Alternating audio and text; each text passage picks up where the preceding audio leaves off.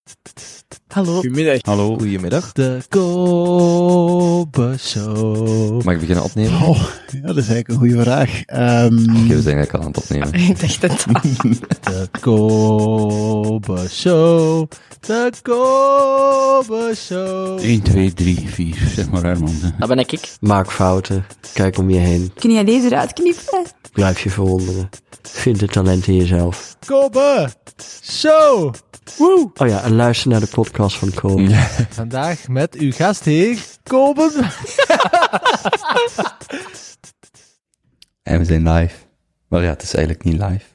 Maar we zijn wel vertrokken. Ik ben helemaal mee. Goeiedag, Jasmin. Hallo, Kobe.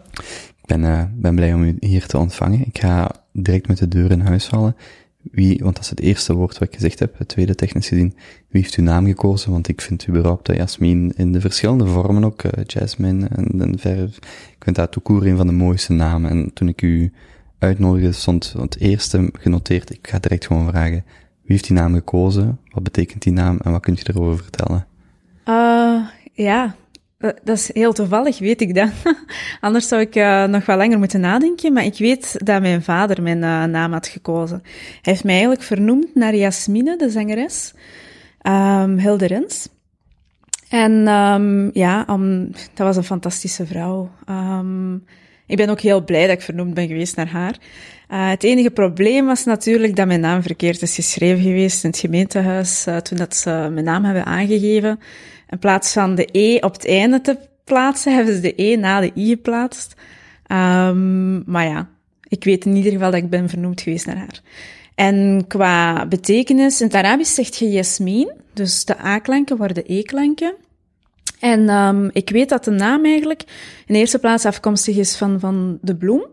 Uh, jasmijn, Jasminum als ik me niet vergis. Uh, ik weet niet of dat je het correct, op die manier correct uitspreekt. Uh, maar tegelijkertijd ook van een Persisch, uh, Persisch woord, als ik me niet vergis. Uh, ik ben eventjes aan het nadenken hoe dat dus juist aan elkaar zat. Maar het kwam erop neer dat het uh, als betekenis had dat je een, ja, een geschenk van God bent. Um, het waren twee woorden in ieder geval. Uh, maar dan moet ik nog eens even factchecken mm -hmm. of zo. Ja. Mm -hmm. Heb je Jasmin toevallig ooit kunnen nog ontmoeten?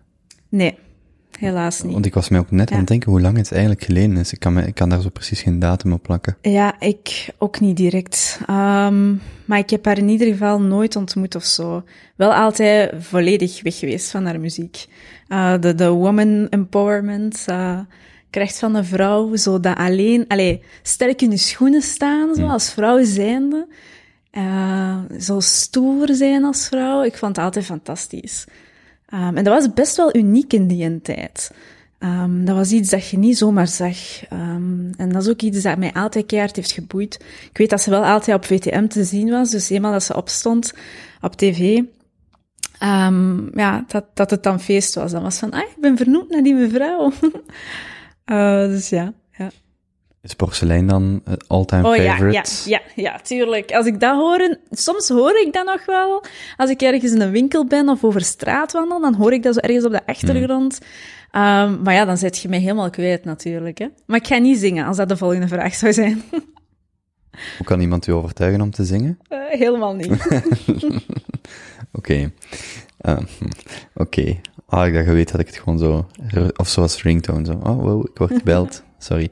Um, uw achternaam, gelijk de meeste achternamen, heeft ook een betekenis? Ja, mijn, ja, in het Arabisch is het natuurlijk een beetje complexer allemaal, omdat heel veel familienamen een samenraapsel zijn van verschillende woorden of bijnamen uit het verleden. Maar ik weet in ieder geval dat Assyri um, afkomstig is van een Arabisch woord dat eigenlijk vertaald kan worden als de helper. Uh, dus iemand die helpt. Um, en ja, waarom dat dat zo het geval is geweest, weet ik niet. Ik weet wel dat mijn voorvoorouders, dus echt in het verleden, um, ja, een vrij diplomatische familie waren. Um, vrij veel te zeggen hadden in Marokko ook. En, en ja, een continu een soort van bemiddelende rol hadden tussen verschillende stammen in Marokko. Omdat ze onder andere zelf ook Joodse roots hadden. Maar ja, uh, de islam dan natuurlijk ook weer een rol speelde. En de verschillende stromingen binnen, binnen de islam. Um, ik weet dat mijn voorouders bijvoorbeeld uh, de oprichters zijn geweest van uh, in die periode in ieder geval de grootste Soefi-beweging van, van heel de islamitische wereld. Wat dat absoluut niet niks is. Dat is echt wel, allee, dat is best wel serieus. Um, was de, was de Soefi-beweging? Ja, dus het Soefisme is eigenlijk een, een mystieke, spirituele stroming binnen de islam. Um, ik kan daar uren over babbelen, maar dat ga ik u besparen. maar het komt erop neer dat het, dat het echt wel ja, de kern van de islam is en, en de focus echt wel zit op, op het interne. Hoe dat je zijt als mens, hoe dat je relatie is als mens zijn, als persoon ten opzichte van alles wat dat leeft. Uh, de mensen, de natuur, de, de dieren rondom u, uh, maar ook uw relatie met God. Um, dus het soefisme trekt zichzelf terug naar het ik, uh, naar uw zijn, um, waardoor dat de nadruk en, en het belang, en misschien is het belang niet de correcte benaming, allee, de correcte verwoording, uh, maar de nadruk ligt echt wel op, op u als persoon en uw persoonlijkheid en hoe dat jij in het leven staat. Um, waardoor dat alle andere zaken, de oppervlakkige zaken, de uiterlijke kenmerken en dergelijke, uh, quasi verwaterd worden ten opzichte van hoe dat je als mens bent, hoe dat je type in je hart bent.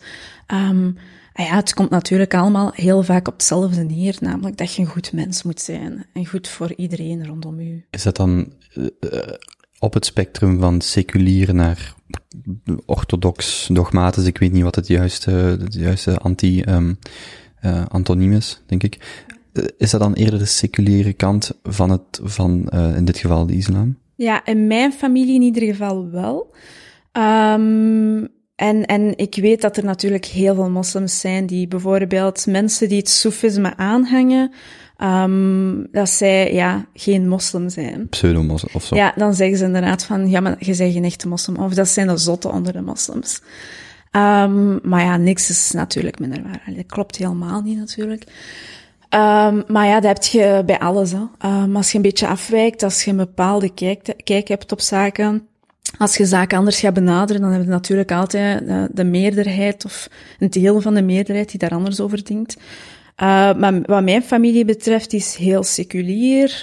Um, als ik kijk, want er bestaan gelukkig ook heel veel boeken over mijn, mijn ja, stamboom, over mijn familie en hun positie in Marokko en de islamitische wereld.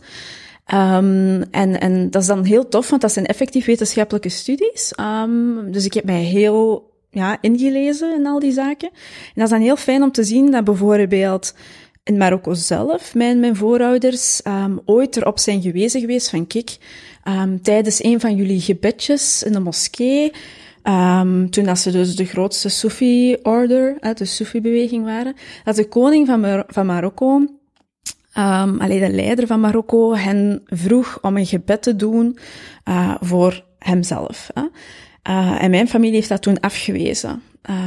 Mijn familie zei van, wij doen dat niet, want wij mengen geen politiek met religie, dan eerst met spiritualiteit, dan in de eerste plaats, maar tegelijkertijd ook, waarom zouden we het voor u doen en niet voor anderen? Wij doen het gewoon voor iedereen, iedereen gelijk voor wet. Het is niet omdat je een bepaalde positie hebt, um, dat jij meer gebedjes verdient of whatever. Mm. Allee, die waren daar kei anti tegen en die hebben dat toen afgewezen. En dat heeft voor heel wat conflict gezorgd, uh, hiërarchische conflicten.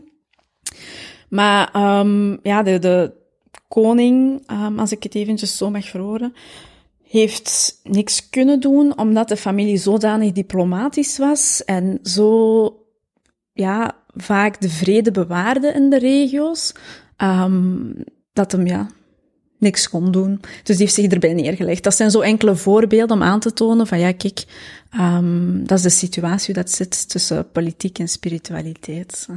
Geeft u een soort rust om te weten dat je een dergelijke stamboom hebt? Of het laatste stuk in die stamboom op dit moment zijt? Of het jongste? Um, het geeft mij geen rust. Ik vind het wel fijn om te weten, te, omdat het alles, ja, het helpt mij om zaken in perspectief te plaatsen. Um, maar ik ben daar niet trots op, of, of het geeft mij geen rust omdat ik er zelf niet aan heb bijgedragen. Um, wat dat vooral het belangrijkste is, is niet wat dat de geschiedenis is van mijn voorouders of de boeken die er al zijn, maar wat dat ik nalaat. Ik vind dat het belangrijkste. En als ik, ik bevind mij, ondanks het feit dat ik best wel veel doe, um, bevind ik mij momenteel nog niet op het punt dat ik zo het gevoel heb dat het genoeg is. Ik kan nog veel beter doen. Ik kan nog veel meer betekenen. En ik denk dat eenmaal dat ik dat punt heb bereikt, dat ik misschien wel de rust ga vinden. Um... Geeft het u dan niet om te aspireren? Het feit dat, dat je uit een dergelijke stamboom voortkomt. En ik bedoel niet louter het instrumenteel als in uw naam moet op X boeken of je moet in de geschiedenis boeken, maar het, dan het idee van kijk eens wie hier voor mij is geweest. En, en ik voel dan, en dat, misschien al het feit dat je zegt, ik, ik, ik, ik ga misschien rust vinden als ik een bepaald engagement verwezenlijk heb of verwezenlijkt heb of wat dan ook, dat dat vandaar, dat, dat je dan een soort, dat u hetgeen wat je probeert te bereiken wel een, een, een materialistisch of een, of een tastbare um, geschiedenis heeft aan de hand van die familiestamboom dan?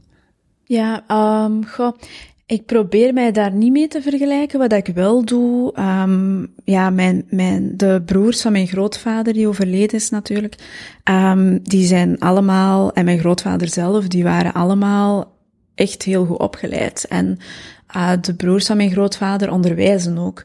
En educatie, ik vind dat wel fantastisch om te zien dat educatie altijd wel een gigantische rol heeft gespeeld in mijn familie. Als ik dan kijk naar die boeken. Um, het feit dat ze tot op heden nog steeds beheerder zijn van uh, een heel oude bibliotheek, met werken van onder andere Pythagoras en zo.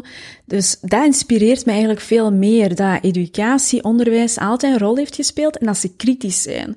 Kritisch zijn geweest ten opzichte van hiërarchie, ten opzichte van politiek, ten opzichte van religie. Um, maar tegelijkertijd ook niet ja, zijn vergeten dat ze ten dienste moeten staan. Allee, moeten is een groot woord, maar dat het heel veel betekent om ten dienste te staan van andere mensen rondom u. Um, en dat is iets dat mij wel inspireert.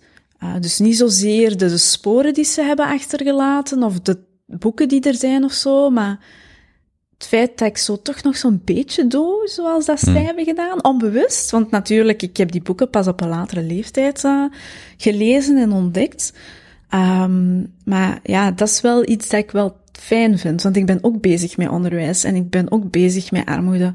En ik onderneem ook. En ik ben ook heel kritisch ten opzichte van de politiek, maar ook kritisch ten opzichte van religie, omdat ik daar, ja, ik heb daar ook mijn kijk op en ik heb daar ook mijn bedenkingen bij.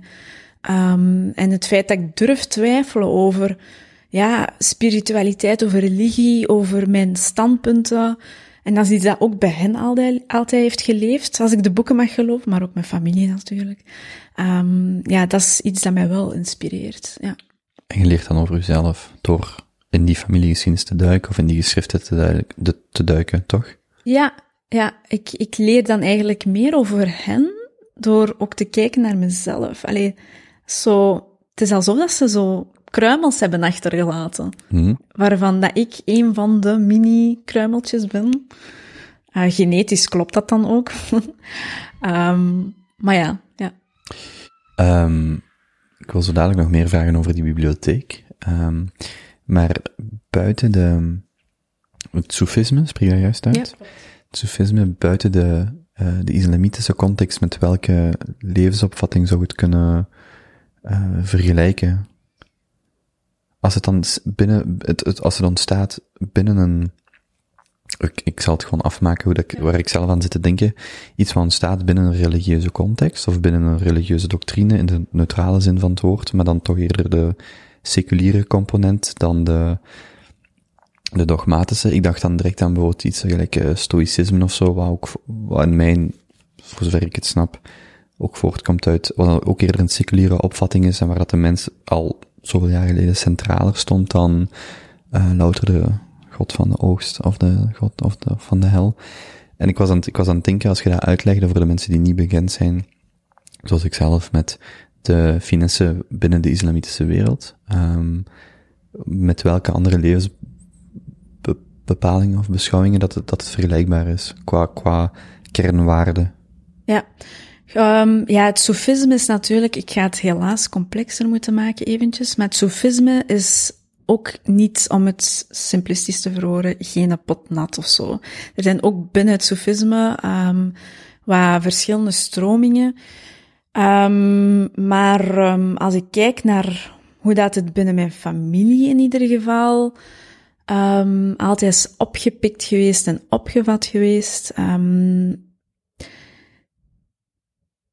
ja, dan, dan zou ik eerder humanisme durven zeggen. Ook al zet humanisme zich natuurlijk af van, van een bestaan van een god, uh, van een religie. Maar um, dan vind ik het eerder daarbij aansluiten, ondanks het feit dat je dan dat verhaal rond een entiteit niet hebt. Mm -hmm. um, maar ik zou, allee, zelfs niet bij boeddhisme of zo, nee. Ja. Een humanist en een sufist wandelen een bar binnen, hoeft dat niet per se begint te zijn van een slechte mop, die zouden ook effectief nog wel uh, vlot overeenkomen. Die zouden overeenkomen en dan plots achter de bar staan. Mm. Ja, helpen. Mm. Ja, want bijvoorbeeld, ik las ergens dat, bijvoorbeeld uw familie, daar wordt een hoofddoek niet gedragen. En dat jij de keuze hebt gemaakt om dat bijvoorbeeld wel te dragen, omdat je net zegt, het is niet gewoon één pot nat. En ik zou eigenlijk eerst moeten vragen, zijt je dan een soefist in, in een bepaalde zin van het woord? Maar ook, daar is wel ook, ook daar die nuance of die vrijheid of die keuzemogelijkheid in de mate waarin dat je uh, je geloof samenstelt of kiest? Ja, alleen de vrijheid daarin, die heb je als mens zijn. Maar je hebt natuurlijk wel altijd bepaalde zaken die vastliggen, waar je niet aan kunt sleutelen. Um, als je dat doet, dan is dat uw interpretatie daarvan. Dus het is niet dat dat dan de waarheid is. En ik denk dat dat wel een gevaar is bij religie heel vaak en bij religieuze mensen, dat ze ervan uitgaan dat ze de waarheid uh, volgen of de waarheid een pacht hebben. En daar probeer ik mij van af te zetten. Vandaar dat ik daar liefst geen antwoord op geef, omdat ik niet geloof dat ik de waarheid uh, in bezit heb.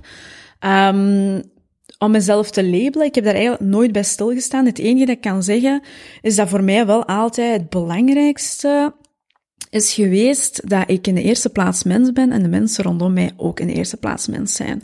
Um, dat religie of spiritualiteit of wat dan ook, um, of atheïsme, vrijzinnigheid, dat dat pas ergens helemaal onderaan uh, aan te pas komt.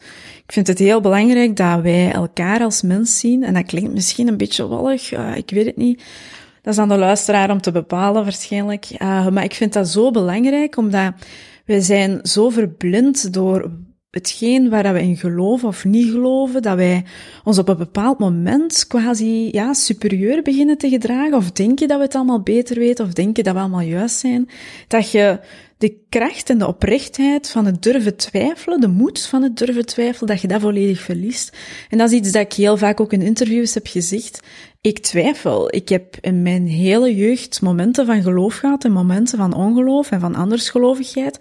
Mijn familie is voor een groot deel ongelovig, dus niet moslim. Um, ik heb van alles in mijn familie, dus ik heb gelukkig ook altijd de vrijheid gehad om te kiezen. En, en nooit, de, allee, nooit veroordelende blikken gehad van, van familieleden of zo. Uh, totaal niet. Ik heb ook altijd van thuis uit meegekregen van dat ik doe wat ik wil, punt. Um, dus, uh, en vooral ook vanuit mijn mama, dat ze zei van, ja, kijk, uh, wat dat de mensen denken, dat boeit niet. Um, en ja, in mijn familie wordt er geen hoofddoek gedragen. Um, ik zelf, ja, ik ben dat beginnen dragen op een moment dat ik zelf aan het zoeken was. Van oké, waar geloof ik nu eigenlijk in? Um, was mij meegegeven wat niet? Ben ik geconditioneerd of niet? Uiteindelijk is opvoeding een vorm van conditionering. En het is pas door onderwijs, door educatie, door veel te lezen, dat je zelf kunt kritisch nadenken.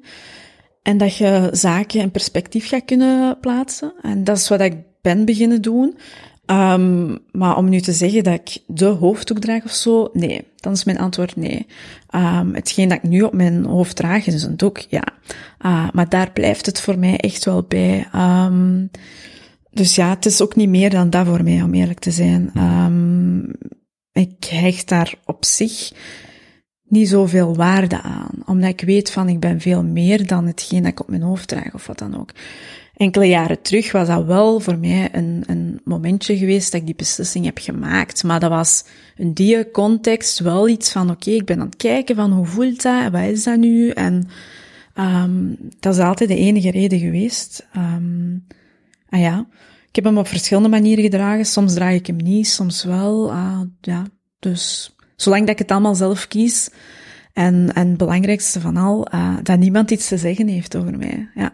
Dat is, dat is iets dat superbelangrijk is voor mij. Dus als mensen zich daaraan ergeren dat, dat, dat, ik iets op mijn hoofd draag of helemaal niet, dan denk ik altijd bij mezelf van, mooi, erger u maar. Ah, ik besta en, en that's it, deel we dit. Ja. Vertel eens over die bibliotheek. Ik ben er zelf nog nooit geweest, uh, want het is beschermd. Um, maar er zitten ongelooflijk veel werken. Er zijn heel wat video's van. Dus als je interesse hebt, wil ik die wel eens doorsturen. Uh, ze staan op YouTube. Hoe vind, Maar- hoe vind ik of een luisteraar die? Ja, dat is in het Arabisch. Uh, maar er is er eentje in het Frans. Maar ik weet niet exact wat dat de titel is, maar ik zal hem eens opzoeken en dan stuur ik ze wel door.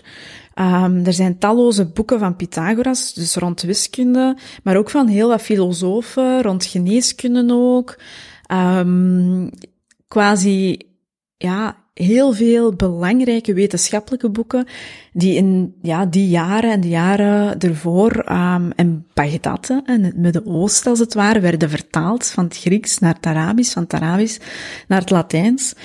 Um, en zo zijn verspreid geweest om kennis te verspreiden natuurlijk. En um, ja, Marokko heeft daar ook een heel belangrijke rol in gespeeld. Noord-Afrika heeft daar een belangrijke rol in gespeeld. Om zaken tot in Europa te krijgen en omgekeerd.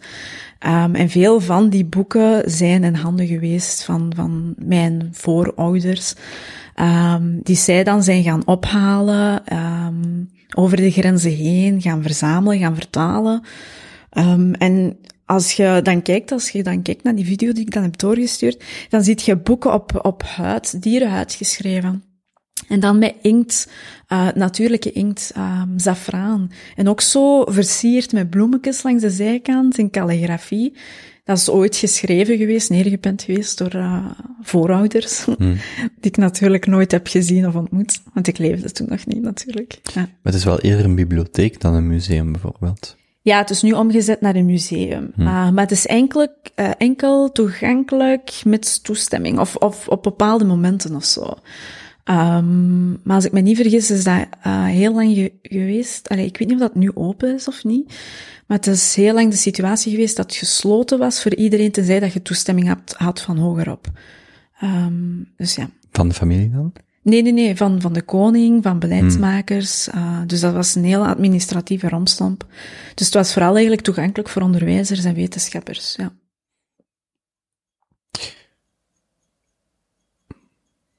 Veel richtingen om, om, om uit te gaan. Um, is, wacht, ik ga misschien, ik ga, ik ga daar zelfs sowieso op, op terugpikken, op, op, terug op inkomen op die, op inpikken op die, die roots en de rol van Marokko. Jij bent opgegroeid in, niet in Marokko, maar in Mol. Ja, geboren en getogen in Mol, de Kempen. Super trots op. Hm, Mol is echt het hartje van de Kempen. Ik vraag, ik stel graag deze vraag. Wat leert iemand over de wereld in dit geval Mol?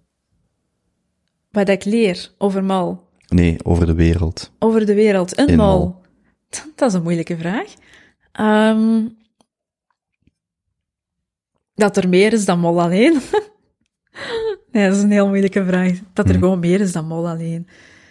Dat is iets dat ik eigenlijk niet zozeer een Mol heb leren kennen, maar pas wanneer ik de grens overstak. Um, pas wanneer ik in de stad terecht kwam en voor de allereerste keer eigenlijk in Brussel. Uh, Mol was voor mij altijd een veilige bubbel. En pas op, allee, er gebeurden ook zo wel wat rare dingen soms, dat ik dacht van, Hm. allee, dat mijn ouders vooral ervaren. Um, maar het is wel altijd een bubbel geweest, omdat ik daar echt heel gelukkig, uh, gelukkig was als kind, Mol. Ik kan me geen betere jeugd beleven, uh, ja, ik kan mij geen betere jeugd inbeelden dan een jeugd in Mol. Wat was er met uw campusaccent gebeurd? Ja, dat is helaas uh, een beetje verdwenen. Sommige mensen horen het soms, maar het komt zo boven water als ik andere mollenaars tegenkom of andere kempenaars en dan schiet het zo'n beetje boven water. Maar uh, helaas is dat ja. Ik mocht ook nooit thuis dialect praten, dus dat was dan altijd algemeen Nederlands. Dat moest, hè? want dat zou mij verder helpen uh, in mijn leven. En dat zou ervoor zorgen dat ik, naar, dat ik een deftige job zou krijgen en het goed zou doen op school. En ook gewoon van mijn leerkrachten Nederlands mocht dat ook nooit. Dus ja, dan schoot er niet veel over. Uh, want met mijn vrienden, die zag ik ook niet vaak, want ik was echt een eenzaad. Um, dus dat dialect heeft er nooit in gezeten. Ik kan het wel als het moet, maar het voelt voor mij heel geforceerd aan. Dus um, ja, en, en aangezien ik dan op een jonge leeftijd, allez, op mijn zeventiende dan naar Brussel trok, dan later naar Antwerpen en dan altijd daar heb gezeten, dus altijd in Antwerpen heb gezeten, uh, voor mijn studies, voor mijn werk, um, is dat nooit, ja, heeft dat nooit vorm gekregen of zo. Ja. Was het wel een mol-mol of ergens in de buurt van mol? Nee, mol-mol, het centrum. Ja. Je zit, uh, zit je de tweede van drie kinderen? Uh, ik ben de oudste. De oudste, Ja. de oudste van drie. Ja, klopt. Mhm. En thuis sprak je dan ook uh, Nederlands? Mhm. Hmm. Het was altijd Nederlands. Um, of een eigen verzonnen taaltje. Uh, dat is het ding, als je meertalig wordt opgevoed, dan ga je op een bepaald moment, allee, je brein wordt zo lui, dat je werkwoorden in het Arabische, Arabische woorden in het Nederlands begint te vervoegen. Dat je dus een verzonnen woord had dat geen Nederlands was, maar ook geen Arabisch. En niemand zou dat begrijpen, behalve mensen die meertalig zijn. Um, dus dat is iets dat, dat wij bijvoorbeeld continu deden. Um, maar het was, ja, het was niet zozeer um, georganiseerd of afgesproken, maar het was heel vaak Nederlands met mijn papa en met mijn mama Arabisch. Um, behalve wanneer dat er frustraties waren, dan was het Nederlands. ja. Wat was de reden dat, dat er voor mol gekozen werd? Um, goh. Ja, mijn, mijn grootouders, uh, mijn grootvader uh, die overleden is, heeft heel lang in de mijnen gewerkt, um, in uh, Limburg. En toen dat de De, mijnen groot, waren... de grootvader is de, deze grootvader is de papa van u. Papa. Papa. Ja. En die is, En- die is uit Marokko vertrokken. Ja, Om- klopt, ja. inderdaad. Um, dus die heeft zijn job in Marokko achtergelaten, zijn familie achtergelaten en is dan in een mijne komen werken met de gedachte van, ik ga daar werken, ik keer terug. Maar dat duurde allemaal veel langer dan verwacht. Um, en dan werd de mogelijkheid, en ja, die had natuurlijk zijn eigen gezin, werd de mogelijkheid aangeboden om uw familie dan naar hier te brengen. Uh, en was dat nog steeds met het idee van, dat is tijdelijk, hè? duurde nog langer dan verwacht. En ja, de kinderen worden hier dan geboren, kinderen gaan dan naar school en kunnen onmogelijk gaan vertrekken. Hmm. Bijvoorbeeld het, het Arabisch van mijn vader is, is allee, zijn Nederlands was altijd veel beter dan zijn Arabisch. Daar kwam het een beetje op neer. Hetzelfde geldt voor zijn broers en zussen. Um, dus, allee, dan spreekt dat voor zich dat je dan blijft natuurlijk. En toen dat de mijnen waren gesloten, zijn heel veel van die gezinnen weggetrokken uit de Limburg. Um, en, en ja, zijn die zo naar de Antwerpse Kempen gegaan. En ik weet dat in ieder geval mijn grootouders een van de eerste gezinnen waren met migratieachtergrond, of toch in ieder geval met Marokkaanse roots, in Mol. Uh, gaat er ook wel een Turkse gemeenschap, um, maar ze waren in ieder geval wel een van de eerste families. Um, en dan hadden ja de omgeving ook, hè, Geel, uh, Tessel, Turnhout. Um, veel van die gezinnen die daar nu nog steeds wonen, hebben ja, hun roots in de Limburg zitten. Ja. En langs uw mama kant? Langs mijn mama's kant, haar vader is overleden, um, dus die heb ik ook nooit ontmoet. En haar uh, moeder, mijn oma, die ontmoet ik wel nog. Uh, en dat is één keer om de twee jaar in Marokko dat ik haar dan zie. Zij is niet gemaakt voor uh, België. Ze is wel hier al een keer geweest, maar dat was echt niet haar ding. Ze heeft ook een eigen boerderij in Marokko en die houdt te veel van haar beestjes. um, om hier in de straten plots... Ik weet... Waarom zou je hier in de drukte komen wonen ja, als je daar... exact. En Mol was dan eigenlijk niet zo druk. Dan heeft ze Antwerpen nog niet ontdekt of heeft zo. ze nog niet in de boemeltrein gezeten? Ja, of ja, inderdaad. Tijdens een piekmoment of zo. Hm. Maar mijn oma, ik weet zo... Dat is super grappig geweest, maar die was zo... Mijn, mijn oma, die staat altijd op bij zonsopgang. Die staat altijd super vroeg op. Uh, in de eerste plaats voor de beestjes, maar ook gewoon dan begint haar een dag. Zij vindt iedereen die na zonsopgang wakker wordt lui. Hm. Dat is zo'n beetje haar redenering. Dus dan begint hij te werken, bakt hij brood, ik weet niet wat nog allemaal. Maar alles leeft en beweegt dan, zelfs op de boerderij, zelfs op het platteland. Um, je hoort op zijn minst de koeien of zo. Hm. Dus toen als ze bij ons was, was hij bij zonsopgang wakker geworden. En ik weet dat ik dan wakker werd van, van zo'n groezemoes en ik weet niet wat nog allemaal. En ik wist, ja, mijn oma is er, dus ik word ook wakker. Ik zag haar plots zo de deur open doen van, van onze voordeur eigenlijk, van ons huis. En die stond buiten in de kou. ehm, en die keek op straat en naar boven. En ik zei tegen haar van, wat aan het doen? Die zo, ik wacht op de verkopers die voorbij gaan komen. Ik dacht van, hier komen geen verkopers langs op straat. Ga maar rustig terug naar binnen. En die zei van, ja, maar er is zelfs geen geluid. Ik zei van, ja, maar dat is normaal hier bij ons. Er is geen geluid, er zijn hier geen verkopers die voorbij komen. Ga maar rustig terug naar binnen. Als je iets wilt kopen, dat is naar de winkel. Um, maar ik vond dat, dat is zo'n moment dat mij is bijgebleven omdat dat een, een moment van verwondering is. Um, en ik vind dat fantastisch, zo mensen die kleine dingen kunnen appreciëren, maar ook zo verwonderd kunnen reageren wanneer zo kleine dingen anders zijn. Um, ik heb dat zelf ook. Ik ontdek dat bij mezelf. Alleen mijn vrienden wijzen erop van, jij ziet details op straat bijvoorbeeld, of jij wordt al enthousiast als je een puppy van op afstand voorbij ziet wandelen of zo. Um, ik vind dat heel mooi om de dingen rondom je te appreciëren. We zijn zodanig gefocust op de grootsheid van de dingen. Uh, en dat klinkt hier nu eventjes allemaal vaag, of ik weet niet, hippie misschien.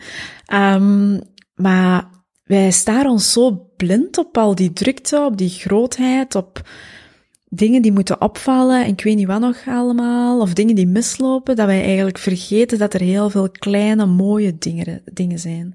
En dat kan gaan van beestjes tot ervaringen, zoals gaan wandelen in de ochtend en, en de mist voelen op je huid of zo, of niks kunnen zien omdat het mistig is. Dat zijn zo ook mooie dingen waar ik kan, alleen waar ik echt van kan genieten. Ja.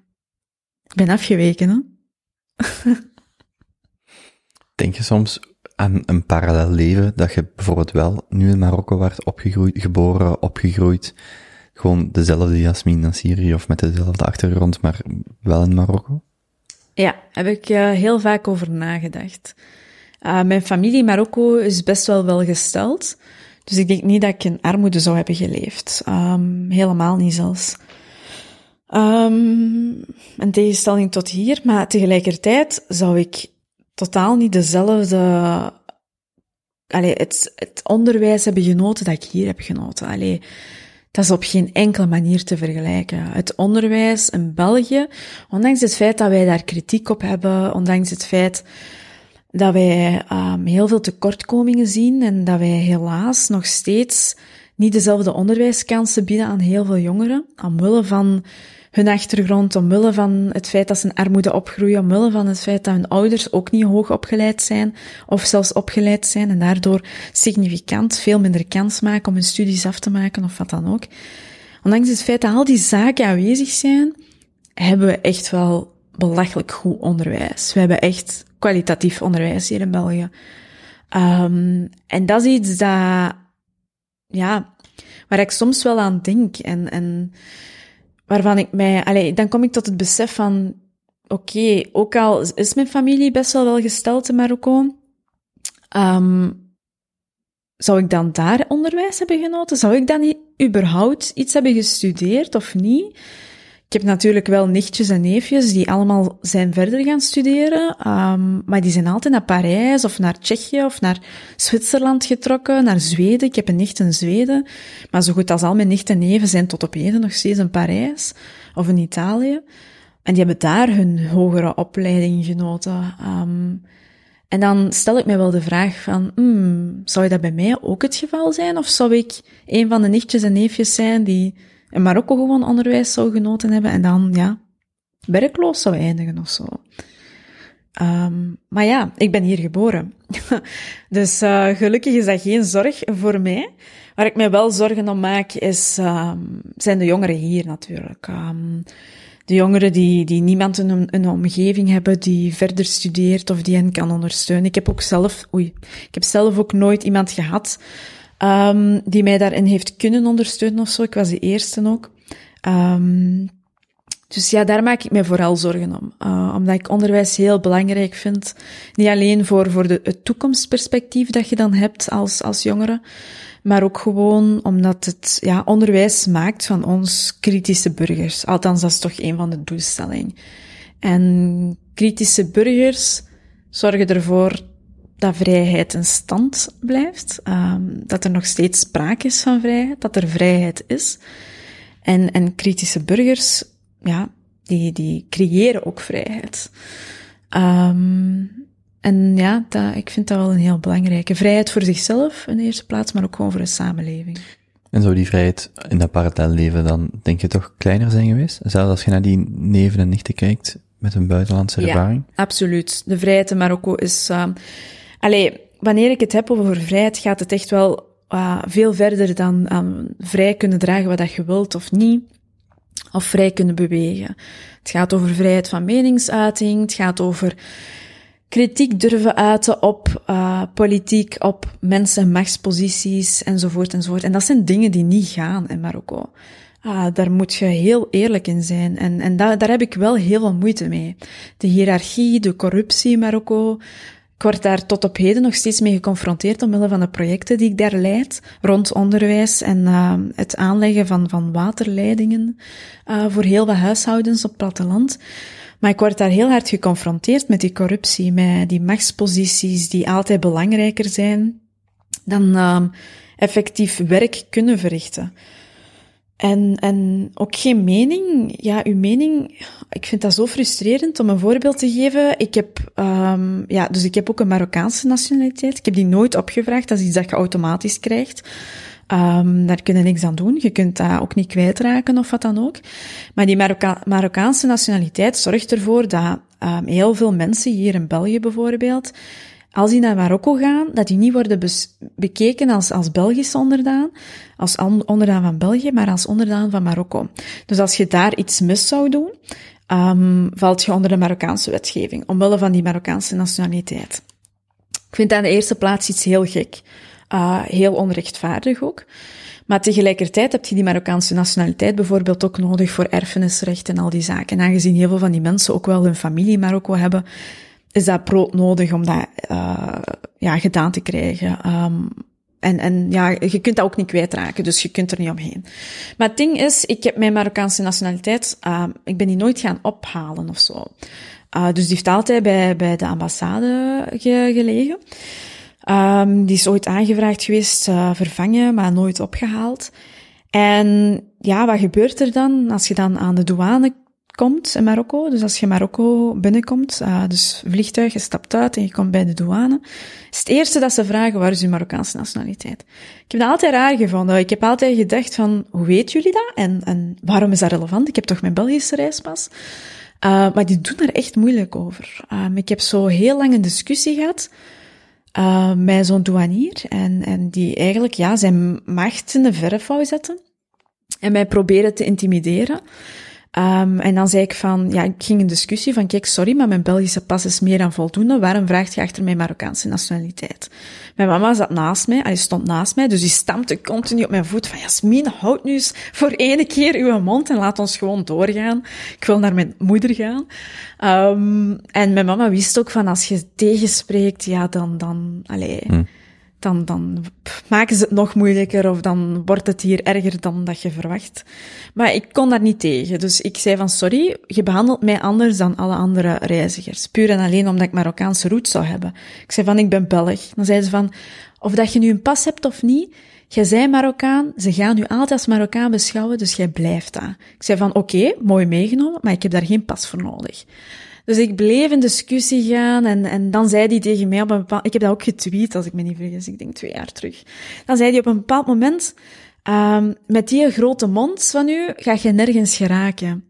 Ik natuurlijk, um, ja, was een beetje arrogant, maar ik was zo geïrriteerd. Ik zei van, ah wel, die grote mond van mij heeft ervoor gezorgd dat ik betaald word voor deze grote mond. Ik schrijf voor een krant. Die keek zo naar mij van, jij durft? jij durft? Dat was in de tijd dat ik nog columns schreef voor de morgen. Maar ik kon daar niet tegen. En het is ook omdat ik, ja, als jonge vrouw daar sta, dat ze zo denken dat ze mij veel meer... Of dat ze mij geïntimideerd krijgen of zo. Of ik had op dat, op dat moment echt geen schrik. Ik dacht van, laat het maar op mij afkomen. Ik schrijf een opiniestuk over jullie. Um, nu achteraf bekeken, had ik misschien niet zo... Allee, ik kon dat echt wel erger eindigen, maar Ja, allee, ik zou misschien, ik zou het niet anders hebben gedaan om eerlijk te zijn. Ik zou het echt niet anders hebben gedaan. Ik vind dat zo belangrijk, dat rechtvaardigheidsgevoel. Ik vind niet dat we daaraan mogen toegeven. Uh, dat we niet mogen toegeven aan onrecht, voor de duidelijkheid.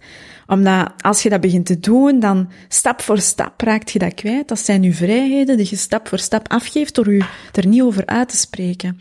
En ik vind zo van die momenten aan de douane bijvoorbeeld, en je kunt dat dom vinden, ik weet dat sommige mensen dat dom vinden. Mijn mama vond dat bijvoorbeeld dom, ze zei van zwijgt gewoon. Um, maar ja, als we allemaal eraan toegeven, waar stopt het dan, denk ik dan? Ja. Dus in principe, als ik terug ga naar de originele vraag, is het op zich niet, voelt jij je niet een, tegendeel, een tegendeel uh, onder negatiever behandeld of in een negatievere situatie dan bijvoorbeeld uw neven en nichten, die, dus wel in Marokko zijn opgegroeid, maar die die buitenlandse uh, scholing of educatie genieten. Het is op zich, als ik over spreken, die, die, die, die keuze van uw grootvader, sorry, ja, van uw grootvader, om, om naar België te komen, want je zegt net, hey, de familie was eigenlijk wel gesteld, heeft die keuze gemaakt en, en, en viel daar, ging daar een ander traject in. Maar dat jij je vandaag wel vrijer voelt dan uh, de, de kinderen, kleinkinderen van, van zijn broers, zonder u ook over hen uit te spreken, specifiek? Ah, wel, ik denk dat eigenlijk niet. Um, dat, dat klinkt nu een beetje raar. Ik voel mij heel vrij. Um, ik doe wat ik wil. Um, ik stamp tegen schenen als het moet. Ik kan mij over van alles uitspreken. Maar ja, ik denk dat mijn nichten en mijn neven in Marokko, alleen mijn familie daar, ondanks het feit dat er beperkingen worden gelegd op bijvoorbeeld vrijheid van meningsuiting en kritiek durven uiten, op politiek en, en, en ja, de koning onder andere enzovoort, het feit dat dat niet publiekelijk kan, heeft er niet voor gezorgd dat zij minder vrij zijn of daar minder, of minder waarde hechten aan vrijheid. Ik denk juist een tegendeel. Um, die hebben er veel meer voor over om voor hun vrijheden te strijden. Um, ik denk dat wij bijvoorbeeld hier in het Westen, in Europa, um, dat wij soms, en niet in Europa, want Europa is ook weer heel groot en je bent niet overal even vrij. Maar als ik eventjes naar België kijk bijvoorbeeld, um, er worden soms bepaalde zaken, bepaalde maatregelen genomen, of als je kijkt naar bepaalde omgevingen, of naar sociale druk of wat dan ook, dan zie je wel heel vaak dat ook daar beperkingen worden opgelegd, wat dat vrijheid betreft. Niet theoretisch, uh, want theoretisch is iedereen zogezegd vrij, maar de praktijk is heel vaak anders. En doordat je in een land woont waar dat iedereen theoretisch vrij is, zijt je je minder bewust van de momenten wanneer dat vrijheden worden ingeperkt. Kun je mij een beetje volgen? Ja, of hoe dat, is een die, beetje chaotisch. Nee, nee, of hoe ja. dat die uh, relatief worden ingeperkt of ja, toegepast. Ja, inderdaad. Dus je staat daar minder bij stil, omdat je weet van theoretisch gezien mogen we dat allemaal en hmm. zijn we allemaal vrij. En, mo en, en in Marokko is dat dan, als ik kijk naar mijn familie, uh, zij weten waar dat, bijvoorbeeld, waar dat bijvoorbeeld de beperkingen liggen, maar dat zorgt er niet voor dat ze zich erbij houden. Zij weten van, je moet ervoor strijden om ervoor te zorgen dat je vrij zijn, vrijer zijn en dat apprecieert en um, ja, allee, ja. Dat was een beetje chaotisch, denk ik. Hè? Wat zegt dat over uw persoonlijkheid? Ja, mijn hoofd draait op volle toeren.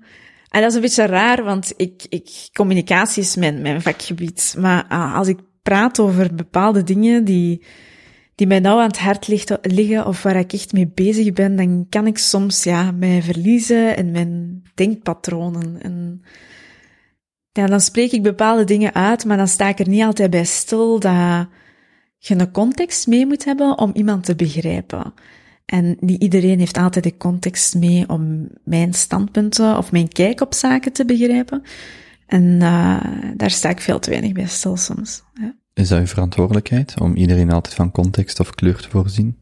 Um, dat is niet mijn verantwoordelijkheid, denk ik, maar ik vind het wel een mooi aspect van menselijkheid en empathie, als je ermee rekening houdt dat hetgeen dat je communiceert, of hetgeen dat je wilt zeggen, dat dat behapbaar is voor iedereen, en dat je zoveel mogelijk ruis in je communicatie vermijdt. Um, ik zeg ook altijd, um, Slim zijn of intelligent zijn wil niet zeggen dat je moeilijke woorden gebruikt of dat je complex bent in je uitleg, maar dat je juist die complexiteit kunt omzetten naar simplisme. Uh, of simplistische verwoordingen, niet simplisme. Um, omdat dat ervoor zorgt dat mensen die de bagage niet mee hebben, waar dat zij trouwens ook niet altijd iets aan kunnen doen, en, en ook gewoon geverschild, ik heb ook niet over andere zaken bagage mee, dat je ervoor zorgt dat je die betrokken houdt en dat je hen, ja, een vorm van, van een gevoel geeft van waardering of zo.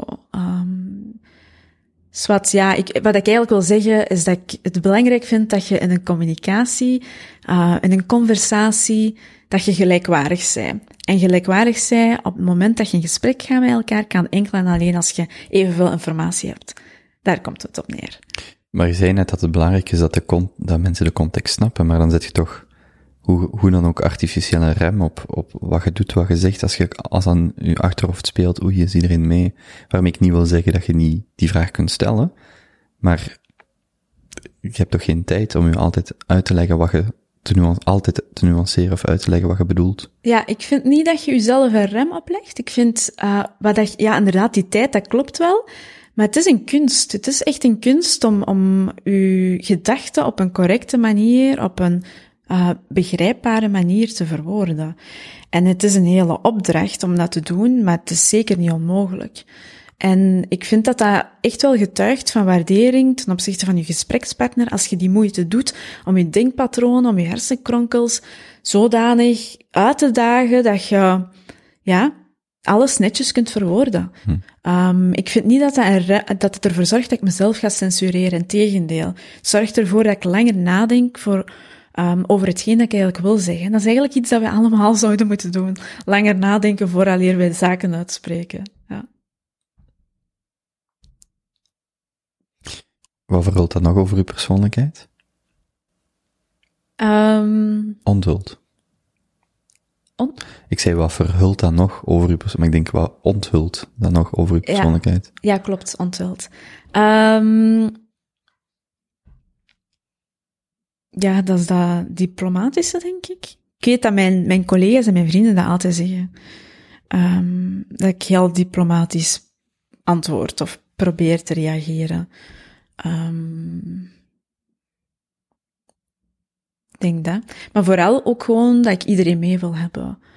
Um, ik vind, ja, in een gesprek, je, je merkt dat ook echt wel. Als je mensen hebt, als een gesprekspartner hebt, die daar geen rekening mee houdt, dan ga je op een bepaald moment merken dat er een soort van machtspositie is tussen u en die persoon. Omdat de informatie zodanig oneerlijk verdeeld is dat je, ja, niet geïntimideerd raakt door de andere persoon, maar dat je uh, overschaduwd wordt of, of zelf minder vrij zijt in het woord dat je wilt uitspreken, in de woorden die je wilt uitspreken. Um, en, en dat wil ik, ja, dat is, ja, dat is, ik weet niet, dat is die gelijkwaardigheid. Hè. Ik, ik weet niet hoe dat ik het anders moet verwoorden, maar dat is die gelijkwaardigheid waar ik naar streef. En dat geldt voor mij ook in gesprekken. Um, ik wil echt ook gewoon met mensen kunnen... Ik wil met Jasmin van, van 20 jaar terug kunnen babbelen, bij wijze van spreken. Of ik wil aan bijvoorbeeld mensen zoals mijn moeder dingen kunnen uitleggen. Um, mijn moeder heeft geen hogere opleiding genoten en al helemaal geen opleiding hier. Um, dus ik wil zaken kunnen uitleggen aan haar. Ik wil zaken kunnen uitleggen aan, aan mijn oma Marokko bijvoorbeeld. Um, maar ik wil ook zaken kunnen uitleggen aan iemand die op een heel jonge leeftijd het onderwijs heeft verlaten, geen diploma heeft behaald. Um, en helemaal niet mee is met zaken, maar wel met frustraties zit ten opzichte van de samenleving of ten opzichte van zijn of haar eigen leven of ten opzichte van politiek. Ik wil met die mensen ook kunnen praten op een niveau uh, alleen niveau is misschien een beetje raar uh, verwoord. Allee, dat is niet wat ik bedoel.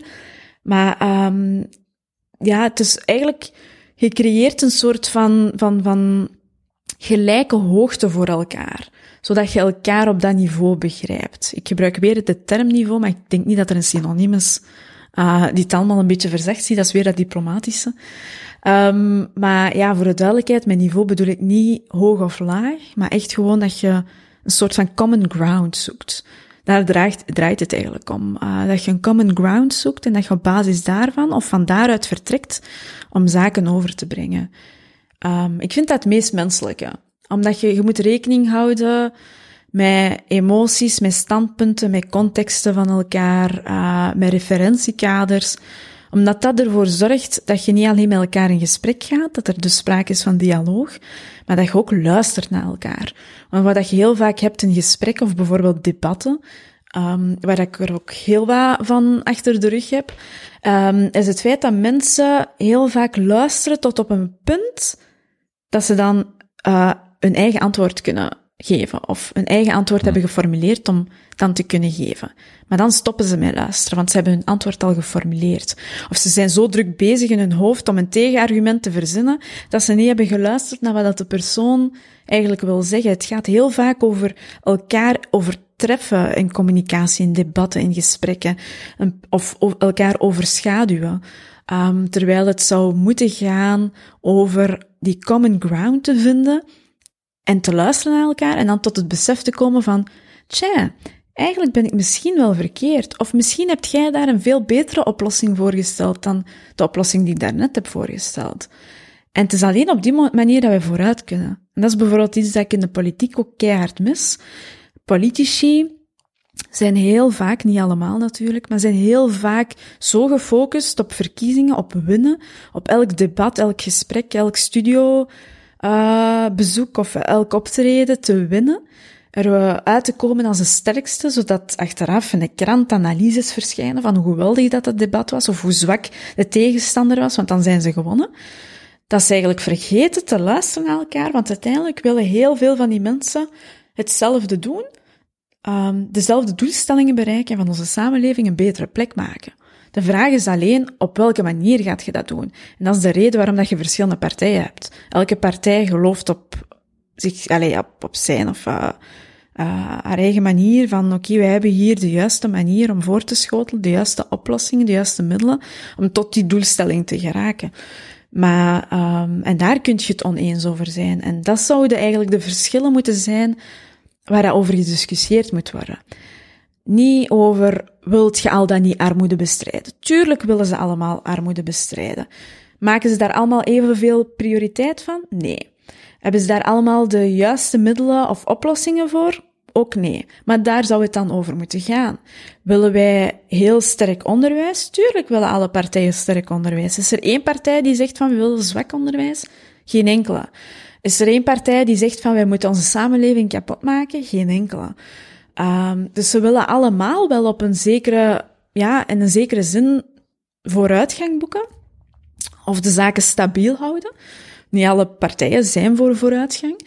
Um, maar het is de manier waarop waaruit de discussie over zou moeten gaan. En die soms, wat ik dan persoonlijk vind, uh, verkeerd is. Uh, ik ben bijvoorbeeld absoluut niet eens uh, met Vlaams Belang, nieuwsflash.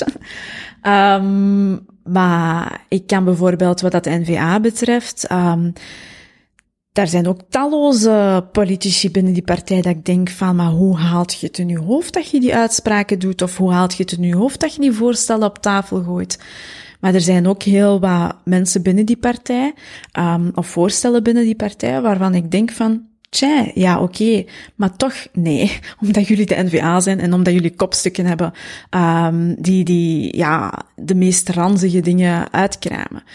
Uh, maar hetzelfde geldt voor de CDMV, voor de SPA, voor uh, Groen, voor de VLD enzovoort enzovoort. Dus ik kan wel in elke partij hier en daar wel wat programmapuntjes vinden waarvan ik denk van, dat is redelijk. Um, maar het is heel vaak, ja, het zijn heel vaak de, de, politici en hun communicatiestijl en heel vaak ook de kopstukken die polariserend uh, aan de slag gaan, die ook niet vies zijn van, van heel uh, extreme uitspraken, um, op het ranzige af, op het bruine af, die het eigenlijk quasi verpesten, want dat is eigenlijk populisme. Um, en pas op, populisme is dan ook weer niet altijd slecht, maar dat is weer een ander gesprek, want ik ben nu al super lang bezig, denk ik. Ik heb op voorhand gezegd dat ik hoge verwachtingen heb. Ja, ik weet niet. En allee, het argument was, ik heb hoge verwachtingen van leeftijdsgenoten, dus... Uh, ja. Dus vertel het gelijk je het ziet. Ah, wel ja, populisme. ehm, populisme is, allee, ik weet dat heel veel mensen meteen denken van populisme is slecht, maar pu- populisme kan ook goed zijn. Hè? Ehm, als een, je kunt dat gebruiken om ervoor te zorgen dat je bijvoorbeeld hoopgevende eh, boodschappen verspreidt. Wat dan Martin Luther King heeft gedaan enzovoort. Ehm, of andere bekende mensen die heel wat verandering eh, in de geschiedenis, voor heel wat verandering in de geschiedenis hebben gezorgd, die heel activistisch uit de hoek zijn gekomen. Activisme is daar ook een vorm van. Dat heeft ervoor gezorgd dat wij de vrijheden en de rechten hebben die wij vandaag hebben. Dus populisme kan ook iets goed zijn. Ehm, maar wat je heel vaak merkt in, het in debatten of, of in gesprekken, is dat mensen denken van je moet populisme bestrijden. Dus wat gaan ze beginnen doen? Ze gaan populistisch uithalen naar populisme aan de andere kant.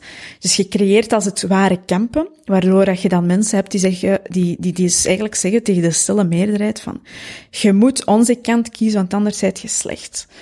Um, dus zowel aan de linkerkant van het politiek spectrum als aan de rechterkant heb je die mensen. Um, en, en het effectief vragen, of dat dan nu direct of indirect is, aan mensen om, om een kamp te kiezen, of ze anders te cancelen als het ware, is een vorm van populisme. En, en daar bestrijd je de, de gevaarlijke variant van populisme niet mee. Um, dat is iets dat volgens mij ook, als ik me niet vergis, uh, filosoof Bart Brandsma um, ook overdenkt op die manier.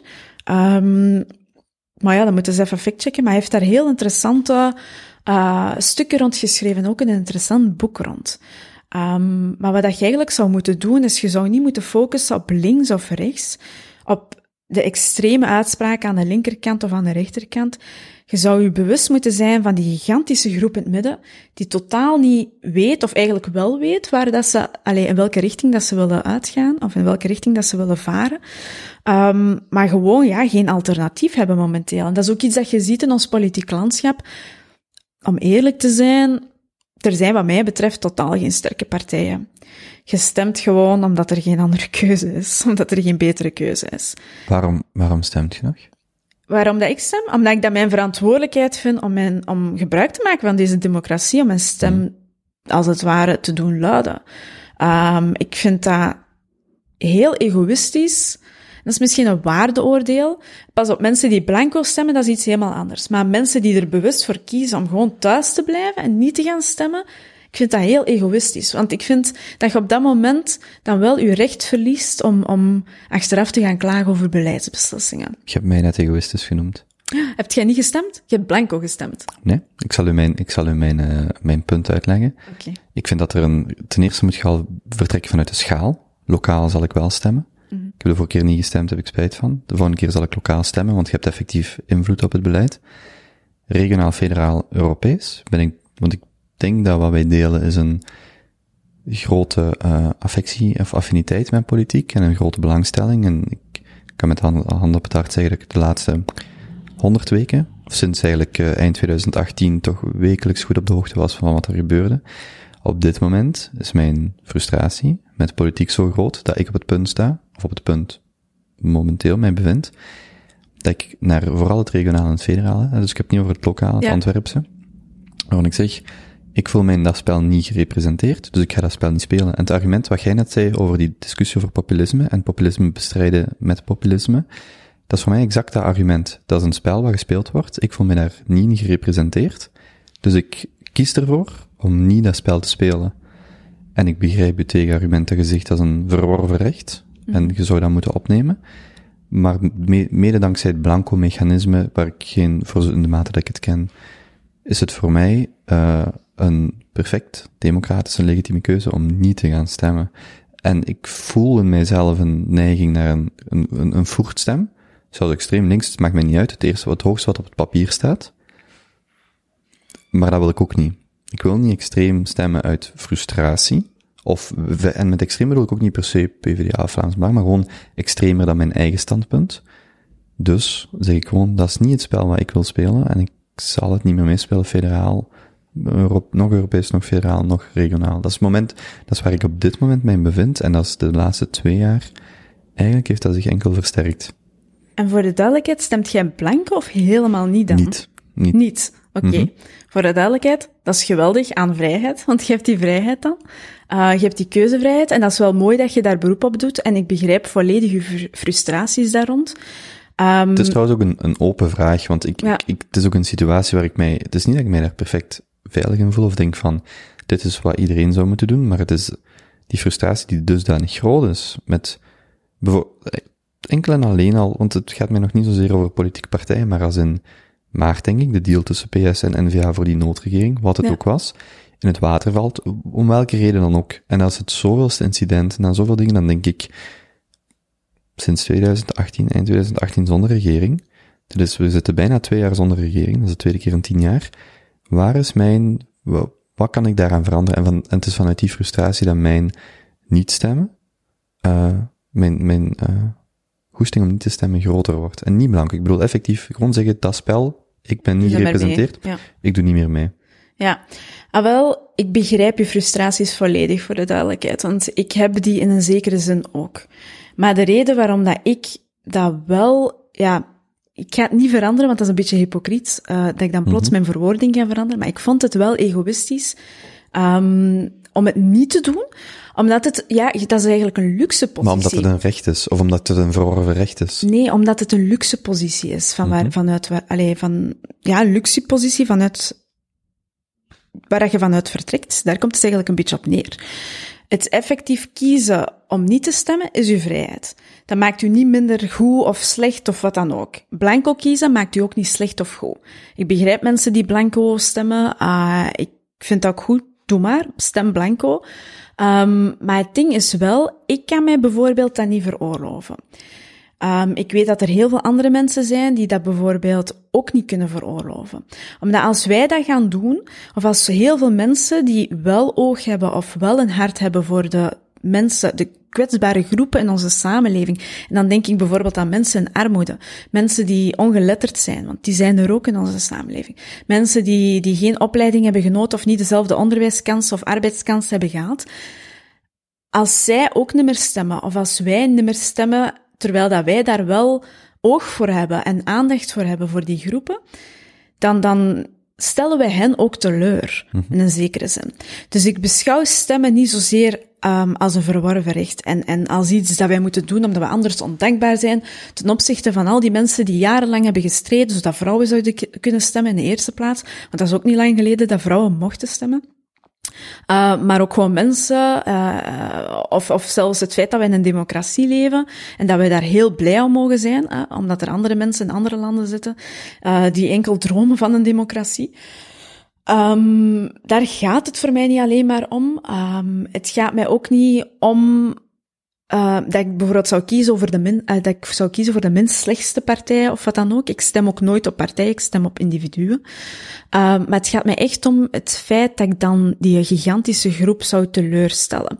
Of in ieder geval mee heb bijgedragen aan mogelijke beleidsbeslissingen indirect, als het ware. Want doordat je kiest voor een bepaalde partij of niet kiest voor een bepaalde partij of bepaalde individuen, Um, heb je indirect, ook al is dat maar een superklein percentage, heb je indirect bijgedragen tot die beslissingen die worden genomen. Maar heb jij dat gevoel die... vandaag? Dat de persoon, en het maakt zelfs niet uit op wie je hebt gestemd, heb jij het gevoel dat je hebt bijgedragen? Ik ben super blij dat ik heb gestemd op de mensen waar ik op heb gestemd. Hm. Uh, ik ga wel zeggen, lokaal heb ik wel ik heb op het, andere ja, ik manieren heb het wel regionaal en veel, ik heb, ik heb nog steeds over dat, ik heb het niet over, ik heb het in mijn discussie nooit over het, of in mijn argumentatie nooit over het lokale niveau gehad, voor de duidelijkheid. Dus Ja. heb jij bijvoorbeeld voor wie je federaal hebt gestemd en regionaal?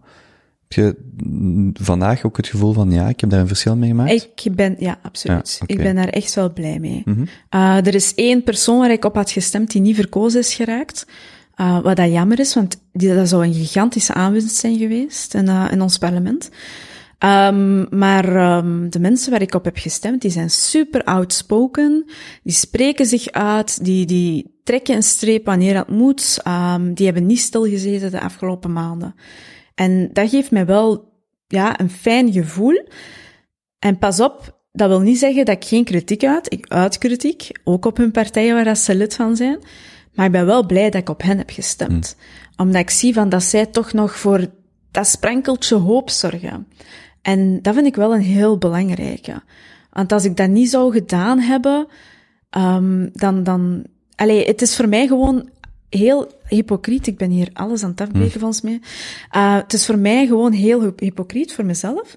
Als ik zoveel engagement zou tonen in onze samenleving, met al mijn organisaties die ik al heb opgericht en die ik tot op heden nog steeds leid, de, be- de bestuurdersfuncties in bepaalde organisaties waar ik op beleidsniveau iets probeer te doen en te veranderen voor jongeren um, in, in Vlaanderen, maar ook voor armoede, mensen in armoede hier in Vlaanderen, dat ik ondanks al dat engagement dan plots beslis om niks te doen op, op dat beleidsniveau. Omdat ik juist weet door mijn engagement dat dat beleidsniveau superbelangrijk is. Dat die politieke beslissingen cruciaal zijn. En het fijne is dat bijvoorbeeld onder andere in deze coronacrisis, ik via die organisaties in verschillende, ja, expertengroepen tussen haakjes hè, uh, heb gezeten en heb gezien dat je via die organisaties wel een beetje impact kunt mm. hebben. En pas op, soms zijn die politici echt wel koppig en je willen ze niet toegeven op bepaalde vlakken of denken ze dat ze goed bezig zijn, terwijl dat, dat niet het geval is. Maar je hebt wel impact. En dan denk ik bij mezelf van, oké, okay, hoe hypocriet zou dat van mezelf zijn? Kan ik mezelf nog wel in de spiegel kijken als ik dat dan wel doe en weet hoe belangrijk politiek is in heel dit spel? een heel, ja, in al die structurele beslissingen en maatregelen die genomen moeten worden, om ervoor te zorgen dat mensen vooruit kunnen. Hoe hypocriet zou dat van mezelf zijn om dan te beslissen van, ah ja, het zijn verkiezingen, nu stop ik. Hm. Um, en, en dat zou aan mij knagen. En dat vind ik van mezelf, dat zou ik van mezelf heel erg vinden.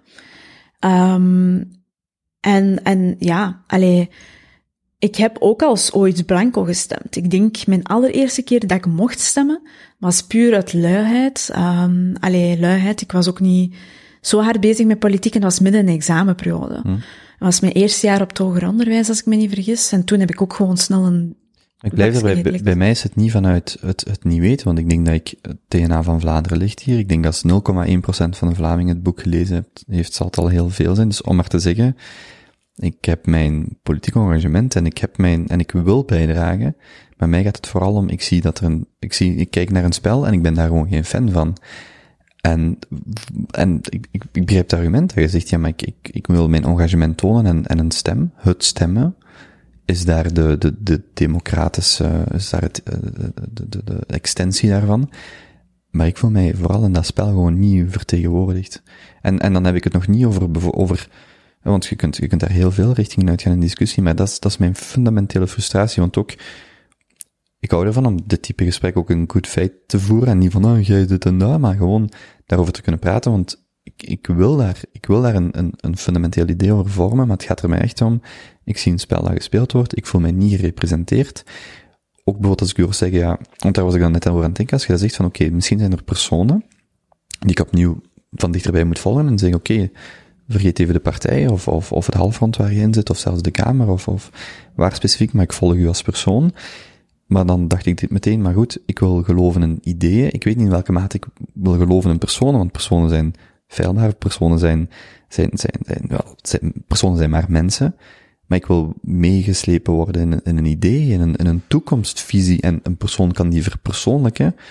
Maar goed, het is één slecht mediaoptreden of één foute uitspraak. En dan, dus daar, voor mij gaat het om, in welke mate kan ik mijn beeld, in welke mate kan ik mijn politiek engagement, wat ik voel, mijn stem, letterlijk en figuurlijk, constructief gebruiken. En op dit moment sta ik op punt dat ik denk, ik weet het eigenlijk niet. Ik, ik, ik voel me niet gerepresenteerd, dus ik ga zelfs niet mee op dat niveau. En, ik, en dat knaagt deels aan mij, want ik wil er iets mee doen. Maar aan de andere kant denk ik dan, ja goed, op wie ik ook had kunnen stemmen. Ik kan talloze voorbeelden geven ik denk, ik voel mij niet door die partij uh, vertegenwoordigd. En dan heb ik het nog niet over de, de, de, de, de mate van één parlementslid ten opzichte van ons particratensysteem en allerlei, en de, de, de, de relatieve stem van een Vlaming versus een Waal en allerlei dingen, systeemfouten of situaties, hoe je ze wilt noemen.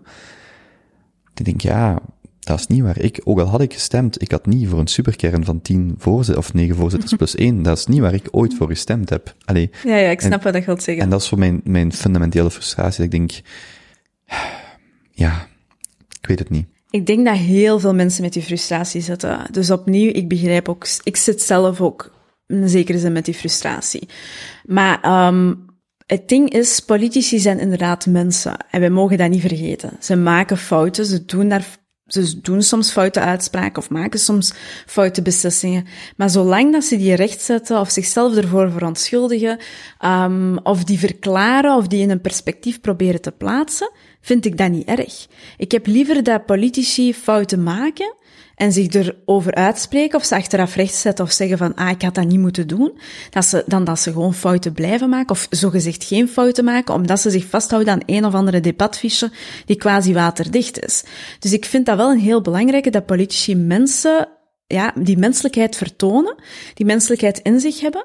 Um, en tegelijkertijd dat wij als burgers ook niet vergeten dat dat mensen zijn. Hmm. Je kunt er kritiek op uiten, Um, maar doe dat dan alsjeblieft op hun daden of het gebrek aan. Um, maar het blijven mensen, en het is heel belangrijk dat we als burgers die politici als mensen blijven beschouwen. Of blijven bezien. Um, maar een ander punt is, de reden waarom ik stem op individuen, is in de eerste plaats omdat ik weet dat dat mensen zijn die engagement ook naast de politiek of voor de politiek hebben geuit. en, en tot op heden nog steeds heel veel engagement tonen in de politiek. Um, die niet altijd geen vertolken waar ik het mee eens ben, voor de duidelijkheid. Die soms standpunten hebben waarvan ik denk van, mm, ik zou het toch nog anders doen, of dat is niet helemaal wat dat moet zijn. En dan gaat het heel vaak over armoedebestrijding, uh, onder andere. Um, maar toch kies ik daarvoor omdat ik weet van, ze zijn wel op, die, op het juiste patje. En, en alleen toch het patje waar dat ik heel graag hm. op zou willen wandelen. Um, dat in de eerste plaats, maar ook gewoon, ze vertolken wel degelijk een verhaal. Er zijn heel wat politici die effectief voor iets staan. Maar je moet ze ook willen zien en, en je moet er ook wel naar willen luisteren. Um, ik ben het er wel helemaal mee eens dat er heel veel politici, politici zijn die die inhoud missen. En dat komt allemaal door die particratie. Omdat ze zich moeten vasthouden aan de van de partijen, aan de debatfiches die worden opgelegd. En ze bestaan voor de duidelijkheid. Die debatfiches, elke partij heeft ze. Ik heb er al enkele gezien, dus ik weet dat ze bestaan. Um, en, en dat is het jammer. Ik vind dat wij in ons politiek systeem, de politici, terug vrijheid moeten geven. Als er, um, ik ga iets, ja, dat is misschien een beetje populistisch, maar als er één groep is in onze samenleving, um, die eigenlijk niet zoveel vrijheid heeft als dat we denken, dan zijn dat heel vaak politici. Hmm die, die mogen niet hun mening uiten zoals dat ze willen. Ze mogen niet kritiek uiten op andere mensen binnen hun partij of buiten hun partij, omdat ze anders op matje worden geroepen. Of omdat ze dat niet mogen, omdat dat de afspraak is, dat is een interne afspraak.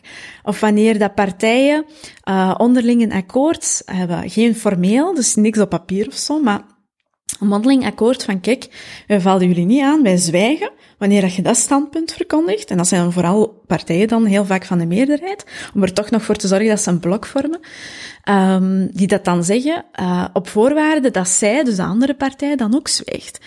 En dat is het jammer. We zouden eigenlijk die particratie moeten in de eerste plaats weg, maar we zouden de politici terug de vrijheid moeten geven om een ding te kunnen zeggen en om uh, de, het volk te vertegenwoordigen zoals dat een titel doet blijken. Hm. En daar zou het uh, op neer moeten komen.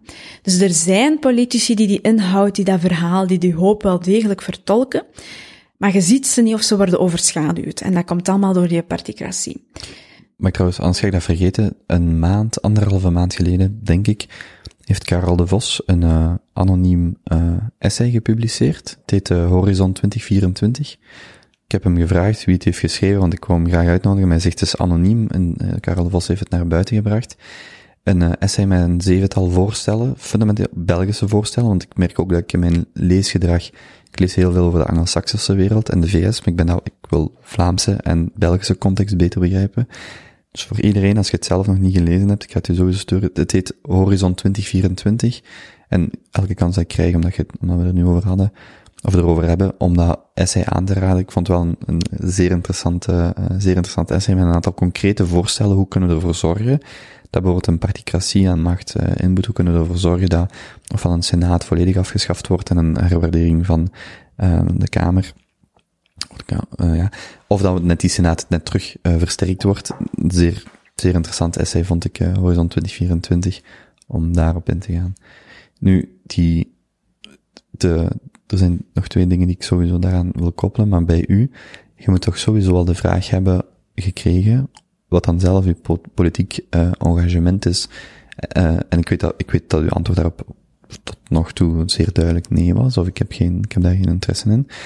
Maar hoe, hoe, hoe denk je daar vandaag over? Ehm, ja, in een ideale wereld zou ik die kans eh, wel wagen. Ik ben door verschillende partijen ge- gevraagd geweest. Ehm, behalve Vlaams Belang natuurlijk. En de NVA. Ehm, maar ik ben gevraagd geweest door heel wat partijen. Ehm, Van welke vraag werd je het meest geflatteerd? ik kreeg een vraag van een partij, ik ga ze niet bij naam noemen om het netjes te houden, die mij de eerste plaats hebben aangeboden. Zowel Vlaams als federaal. Dat ik dacht van, wow, Wacht, wat voor de mensen die het niet zo volgen, wat betekent concreet de eerste plaats Ja, aangeboden dus dat je automatisch, dan zit je automatisch verkozen. Ehm allee, maar dat geldt in principe ook voor de plaatsen. Dan zit je automatisch in het parlement, Ja. totdat je minister wordt. Inderdaad. En het zijn meestal de, de kopstukken die de eerste plaats Mhm. natuurlijk eh, ehm, bezitten. Maar die mensen, die waren bereid om hun plaats af te staan. En dan dacht ik van, wow, wat? Voor mij? Allee, ik bedoel, eh, Wacht, in Antwerpen dan? Of Vlaams federaal. Vlaams of federaal. Ja. Ah, ja, ja, in Antwerpen, ja, absoluut. ja, ja. Ja. Ehm, en ja, ehm, dat was echt wel, allee, dat was even wel een shock. ehm, omdat ik dacht van, oké.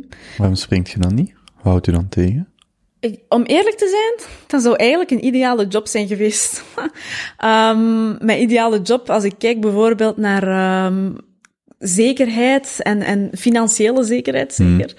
Ehm, maar ook carrière uitbouwen en, en ik weet niet wat nog allemaal. Ja, want ik neem aan dat de vraag ergens eind 18, begin 19 gesteld is, want Yep. toen waren het verkiezingen, dus Ja, je bent dan 6, 27, zoiets. inderdaad. Dat had echt wel ideaal geweest. Allee, ik bedoel, eh, volgens mij zou je... Ik weet niet hoe dat... Mij, allee, dat zou niet onopgemerkt voorbij gaan, zoiets, denk Nee, je, had, je gaat dan eh, nek aan nek met Ries van Langenhoven, het jongste parlementslid, om de titel kunnen... Lol. Ehm, ja, maar ik heb het afgewezen, want ehm, ik vind het heel belangrijk. In principe, ik zou het op dat moment, als ik kijk naar de context toen, zou ik die sprong effectief kunnen wagen. De reden waarom ik het niet heb gedaan, is omdat ik, ehm één, ik vind integriteit superbelangrijk. Ik vind dat superbelangrijk dat ik vasthoud aan mijn principes, ehm, aan mijn persoonlijkheid, aan de doelstellingen, aan de rode draad in mijn leven. Um, en dat houdt dus ook in dat wanneer ik iets heel schoons voorgeschoteld krijg, uh, wanneer ik dat aangeboden krijg, dat ik wel eventjes moet stilstaan bij het feit, uh, ja, bij eigenlijk de vraag of dat ik dat al dan niet voor de juiste redenen doe.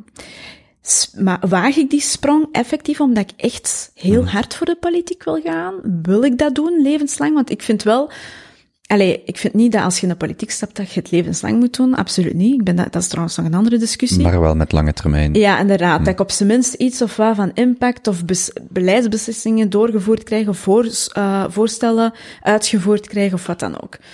Um, maar ja, dat was op dat moment niet... Allee, dat zou in ieder geval niet de reden zijn geweest. Wacht, maar, want ik wil daar wel even bij, want ik heb soms, dan herbeluister ik mijn eigen gesprek en denk, waarom heb je daar niet meer bij stilgestaan?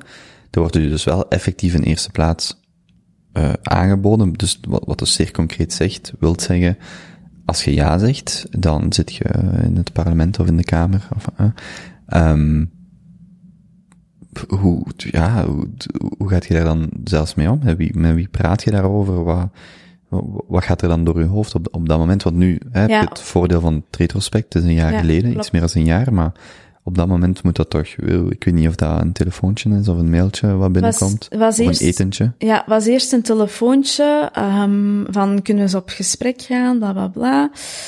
Ik ben daarop ingegaan, maar ik ga altijd in op gesprekken, uh, omdat ik altijd denk van oké, okay, ik wil luisteren, uh, geen probleem. Maar ik verwachtte in ieder geval dat niet.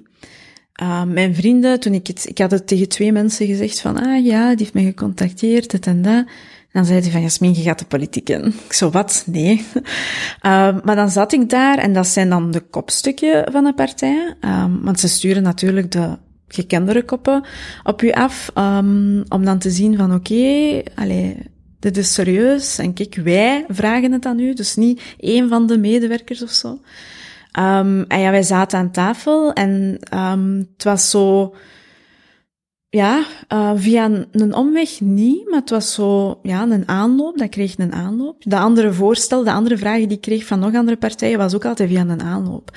Dus ze vertrok altijd via mijn, uh, over, vanuit mijn engagement. En hetgeen dat ik eigenlijk allemaal al deed. Um, en de standpunten die ik vertolk en, en ik weet niet wat nog allemaal. En dan droppen, droppen ze het. En dan zit je daar zo, als een kieken zonder kop, te staren van oké, wat is hier aan het gebeuren? Je begint na te denken, moet je hier meteen een antwoord op, op geven of niet?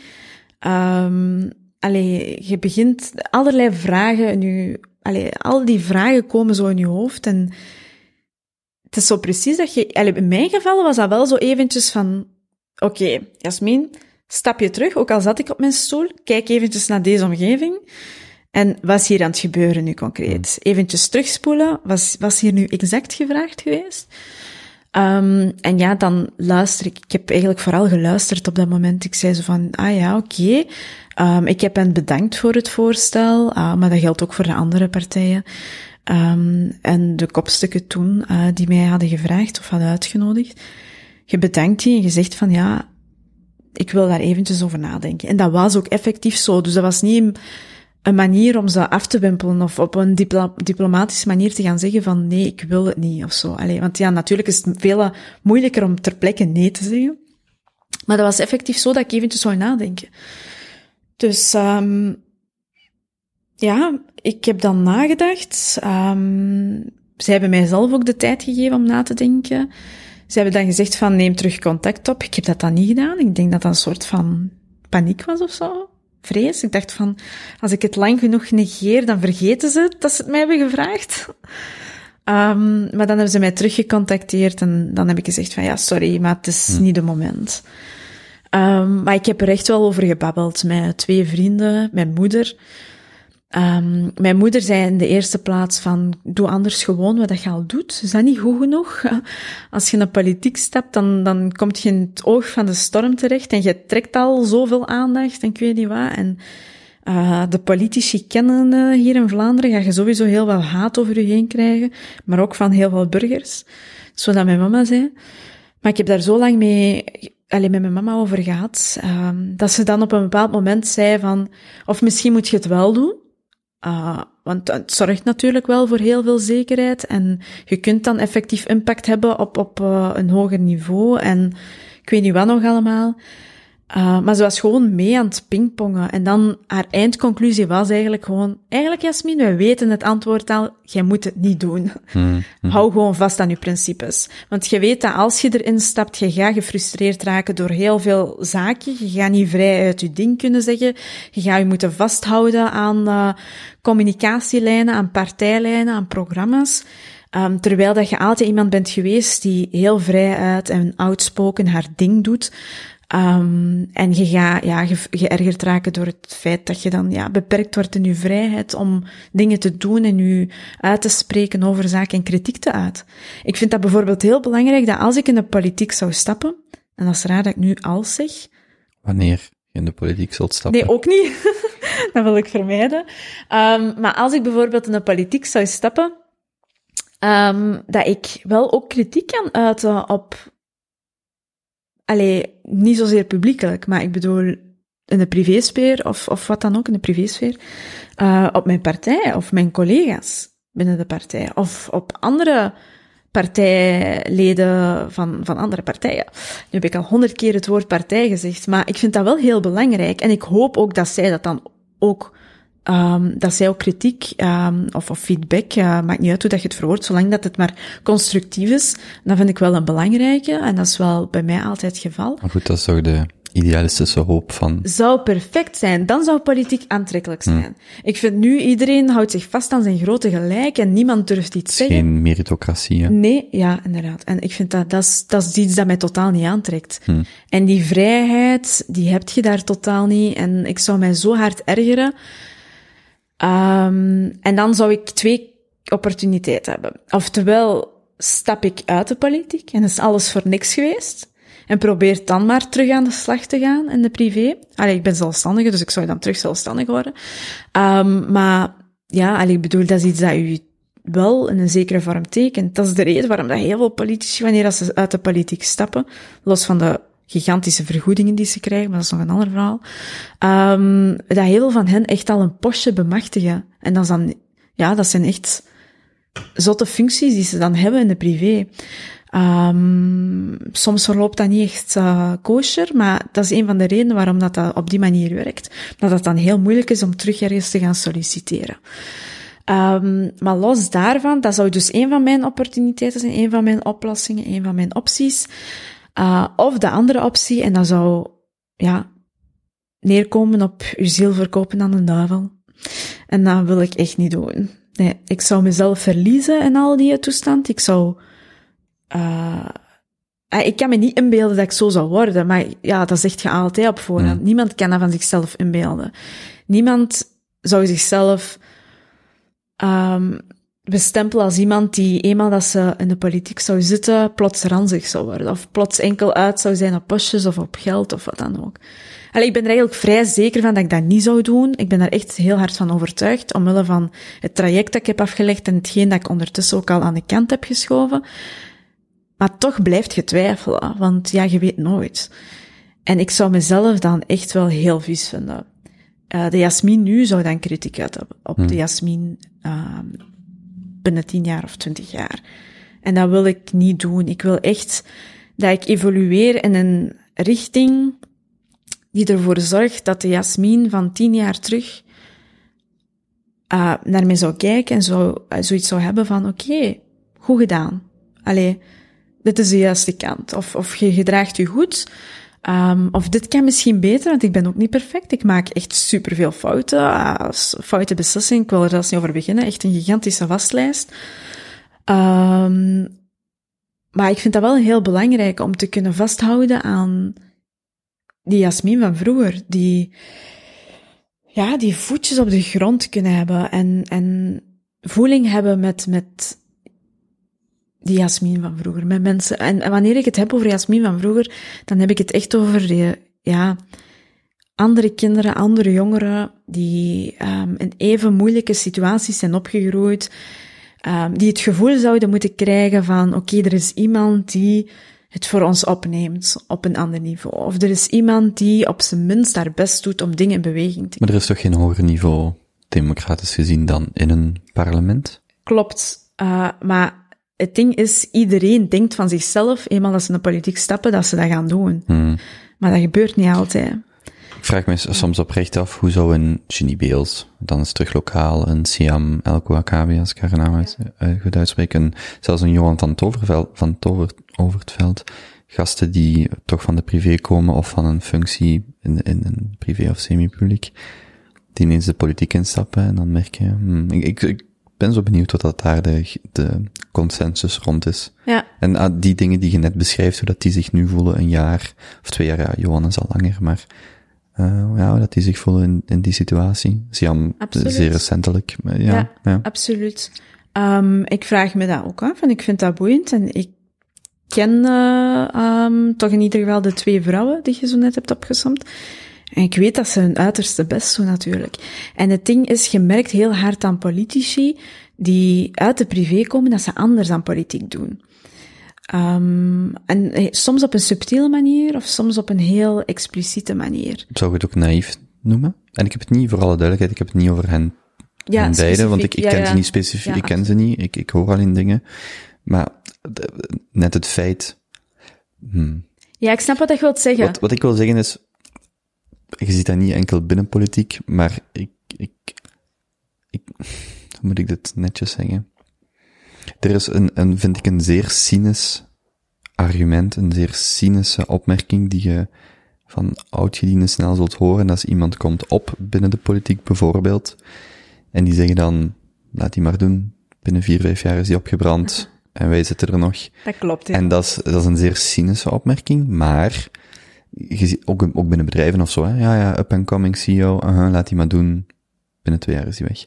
Zo, dat cynisme, maar, maar, wat ook gewoon een realiteit is, en, en dat is wat ik met die naïviteit bedoel, van dan die persoon waar het over gaat, of dat type persoon, zo van, ja, maar het is geen sprint, het is een marathon. En dat is zo, en het is ook, dat, dat is ook het kader of de achterliggende gedachte van, ja, ja, hoe ver gaat je in niet meegaan en afspraken uh, ondermijnen of, of wat dan ook? En, en hoe verhoudt zich dat tot lange termijn perspectieven? Ik vind, dat, ik, ik vind dat een spannende menswetenschappelijke vraag, vooral niet louter binnen die politieke context, maar daar is het zo, deels omdat het publiek is, deels omdat het tot de verbeelding spreekt, deels omdat iedereen het erover heeft of over met politiek bezig is. Dat is zo de, de achtergrond van die, van die gedachte. Ja, ik vind dat een heel uh, interessante um, opmerking en ook gewoon vraag. Want dat is inderdaad de afweging die ze maken. En dat is ook eigenlijk, ik ben het daar volledig mee eens. Want je kunt het inderdaad in het huidige politieke systeem, um, kun je het niet volhouden op die manier. Met die mentaliteit vanuit de privé, efficiënt willen zijn, uh, willen samenwerken, co-creatie, uh, enkele buzzwords droppen. Ik weet niet wat nog allemaal, om ervoor te zorgen dat je vooruit geraakt. Dat heb je niet in de politiek, helaas. Dat is nu eenmaal zo. Dus of dat je nu vooruit wilt of niet, en ik ben er vrij zeker van dat beide dames bijvoorbeeld, um, maar het gaat natuurlijk niet specifiek over hen, maar beide dames gaan dat kunnen bevestigen, dat ze heel vaak zijn tegengewerkt geweest door collega's en door collega's over de partijgrenzen heen. Um, ik ben daar 100% zeker van.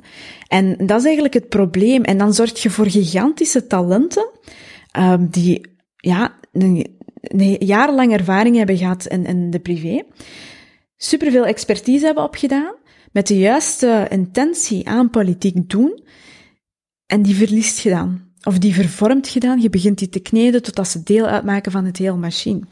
En dat vind ik heel jammer, want zo verliezen wij die politieke talenten. En dat is allemaal, ik ga dat eventjes, allee, dat is niet gemeen bedoeld, maar ik vind dat dat dat allemaal te wijten is aan politici die van politiek een levensproject hebben gemaakt. Ik heb echt zoiets van, allez, je ziet soms generaties van politici, zonen, kleinkinderen en ik weet niet wat, um, in partijbesturen bijvoorbeeld blijven zitten.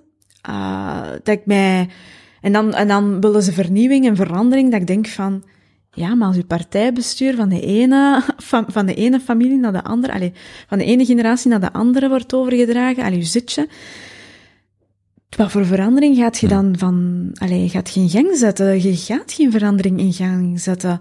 Um, en al helemaal niet als dat politici zijn die recht van de schoolbanken nauwelijks ervaring hebben, allez, recht van de aulas dan, uh, nauwelijks ervaring hebben gedaan op het werkveld, en dan in de politiek stappen. Daar is op, pas op, daar is niks mis mee. Sommige mensen zijn echt geboren voor de politiek, dus ik kan daar volledig in komen dat je dan meteen een stap zet in de politiek en dat dat een succesverhaal wordt.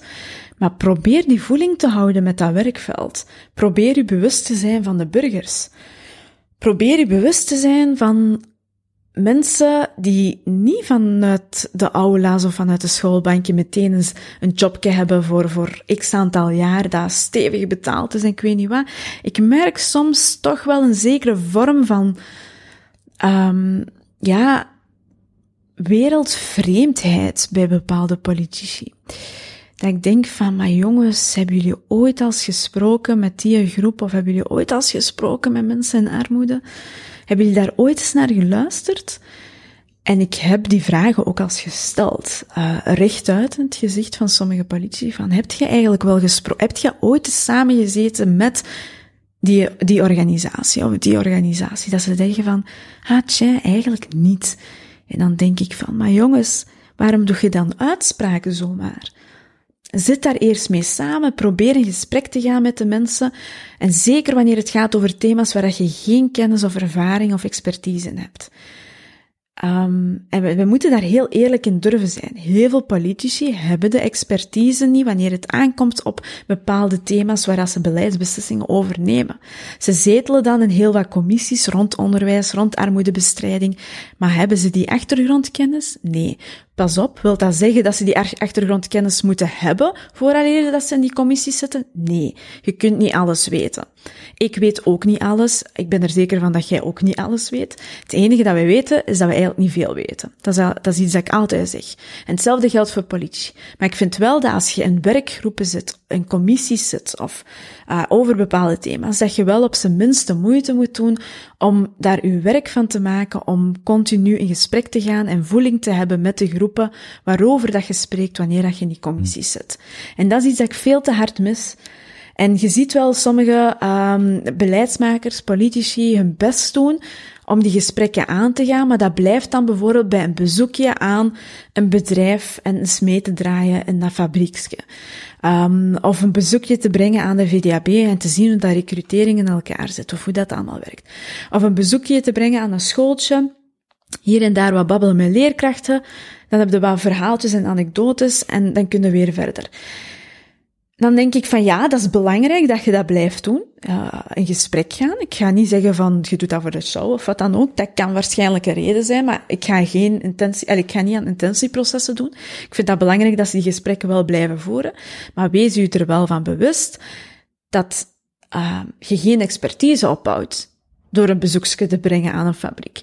Door eens in gesprek te gaan met mensen in armoede. Het is niet omdat je daar eens een babbeltje mee slaat dat het allemaal koek en ei is.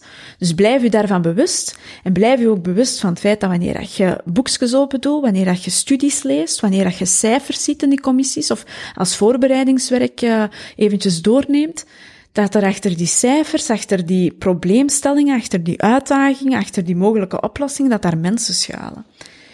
En dat is wel het belangrijkste. En dat geldt niet enkel voor de politiek, want dat is ook zo'n bedrijfsleven, dat je dan mensen hebt achter een bureau en die werken dan keihard, die doen hun best en die vertrekken vanuit de juiste intenties, omdat ze die verandering willen, omdat ze echt hun best willen doen om, om, om dingen beter te maken, dat ze compleet zichzelf verliezen in al die cijfertjes en al die studies en al die theoretische omkadering, dat ze, ja, vergeten dat er eigenlijk mensen achter al die verhalen schuilen. En daarmee wil ik niet zeggen dat je met elke burger gaat moeten spreken. Um, absoluut niet, dat kun je ook niet en dat is ook niet realistisch. En het is ook niet aan politici om fulltime met burgers te spreken. Ze moeten werken, ze moeten beleid maken um, en zich vooral blijven uitspreken over zaken. Um, maar het zorgt er wel voor dat je in ieder geval die voeling, die, die, ja, je verliest de voeling niet. En ik vind de coronacrisis daar het perfecte voorbeeld van dat heel veel beleidsmakers die voeling hebben gemist. En totaal niet hebben dat die afwezig was, maar echt compleet afwezig. Dat was het einde van mijn speech. Dat is heel raar dat ik hier zo'n monoloog hou. Eigenlijk is dit een dialoog, maar jij stelt vooral heel veel vragen. Dat is waarschijnlijk ook de job van een host. Hè? Voelt het comfortabel? Oké, maar als je zo die stiltes hebt, dan probeer ik ze te vullen met onnozele mopjes, die blijkbaar niet zo grappig zijn, maar oké. Was dat net een mopje? Was een flauw mopje. Ah. Ja.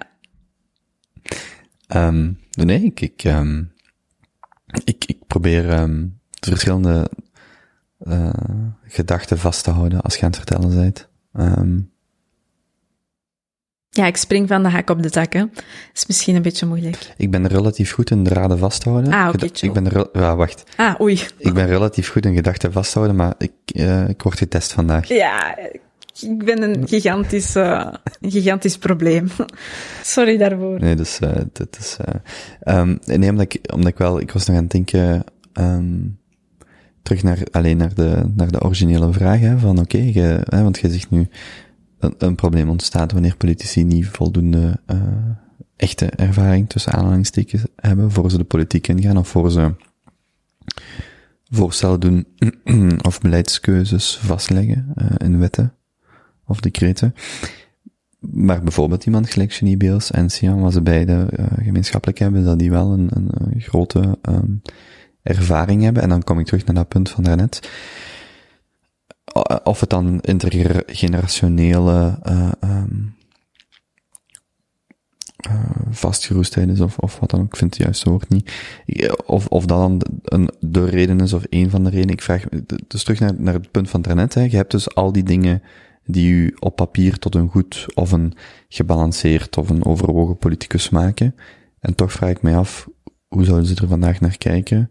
En, en, en ik denk ook niet dat zij representatief zijn voor alle witte konijnen, tussen aanhalingstekens, in de politiek, maar dat dat wel een soort van archetype of een soort van verhaal is wat je regelmatig gaat horen. En wat moest ik um, anderhalf jaar geleden gehoord hebben of gelezen hebben, waarschijnlijk Jasmina Siri krijgt plaats bij partij X of Y, dat dat ook de verwachting is, los van wie je zijt, maar dat daar een, een verwachting is denk ik, die je vaak creëert. En dat is dan, en dan kom ik, en dat sluit terug een beetje aan bij de frustratie, denk ik daar straks uit Mhm. over het, over het niet stemmen, of mijn redenering daarover, van,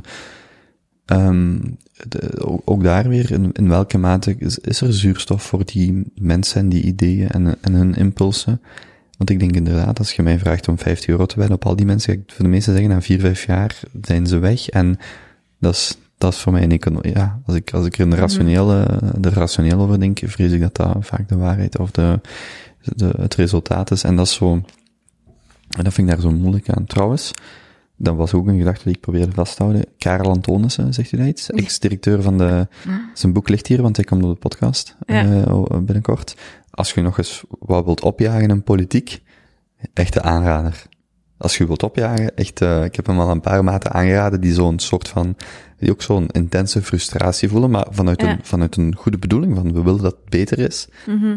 Gewoon eens lezen. En, dan, en, en letterlijk situaties met staatssecretaris voor fraudebestrijding, want het gaat dan vaak over fraude. En dat je gewoon merkt van, van, van de, de, de mate waarin politiek dusdanig uh, op ons leven, want wij hebben het nu over het parlement en de Kamer en Ja, alles ja. wat zichtbaar is. Maar als je dat bijvoorbeeld zegt van die ver- verschillende generaties of bepaalde commissies of diensten, ehm daar zit, daar zit zo'n structuur rond, dat ik opnieuw terug op dat punt kom van oké, je komt van buitenaf naar binnen en toch is het zeer moeilijk om daar fundamentele verandering in te brengen. En die, die, zo, die frustratie of die zwaarheid daarvan vind ik een, vind ik moeilijk punt waar ik geen sluitend antwoord of zo op heb. Ik, ik begrijp u eh, opnieuw volledig. Ehm, en ik, eh, om op uw vraag te antwoorden over ehm, of dat zal dan niet de ruimte hebben, nauwelijks.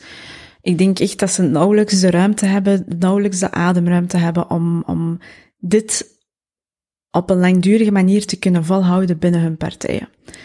Ehm, ze leveren, ik vind dat ze echt fantastisch werk leveren en, en ze doen dat heel goed, vind ik persoonlijk.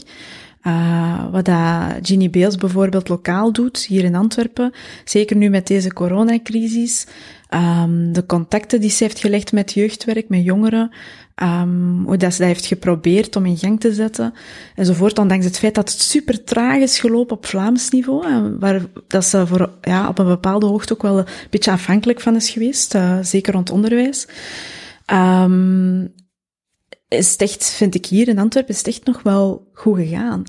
En, en natuurlijk heeft dat ook te maken met de jeugdwerkorganisaties die supersterk zijn.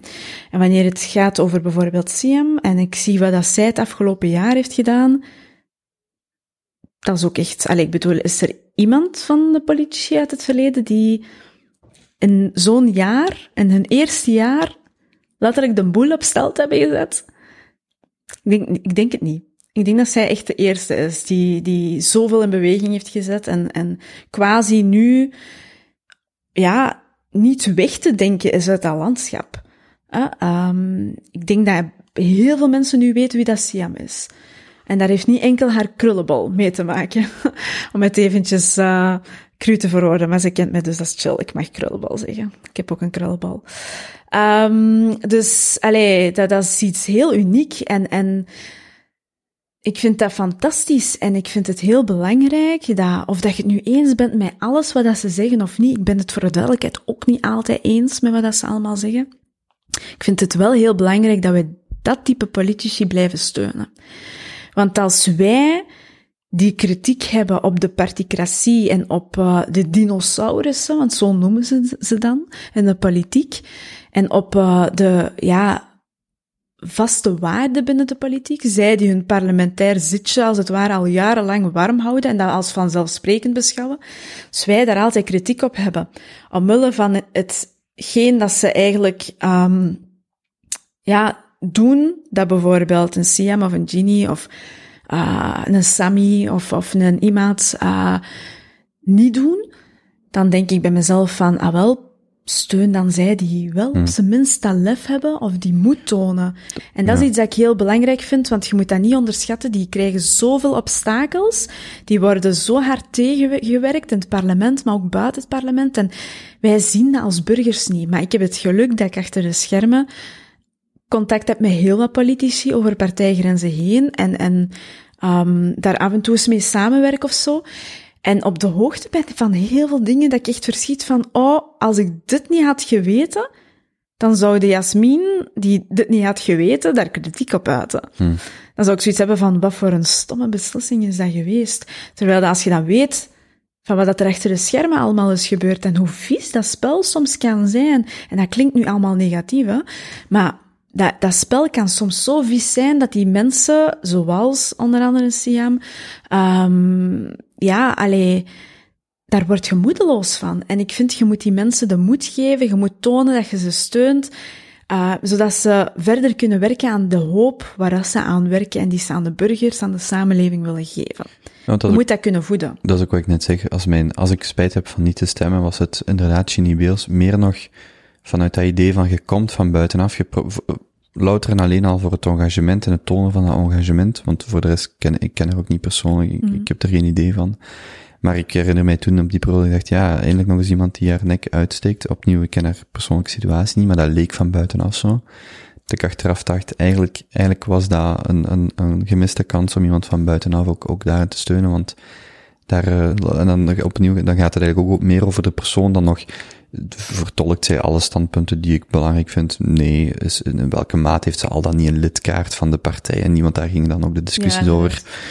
Maar goed, het is iemand die, uh, die, die lef toont in een bepaalde situatie. En dat is, uh, ik denk dat ook naar, tot de verbeelding spreekt van veel mensen. En dan, de mate waarin ze echt lange termijn relevant zijn, is dan, is dan afwachten. Maar ze tonen tenminste lef van buitenaf van, ja, ik ga, ik ga iets wat ik wel in zekerheid laten voor een, voor een onzekerheid. Ja, die politieke moed, die politieke integriteit, ik vind dat zo belangrijk. En dat is echt heel betekenisvol. En ja, als we dat niet stimuleren of niet voeden, dan zal het niet blijven ontstaan of, of blijven bestaan.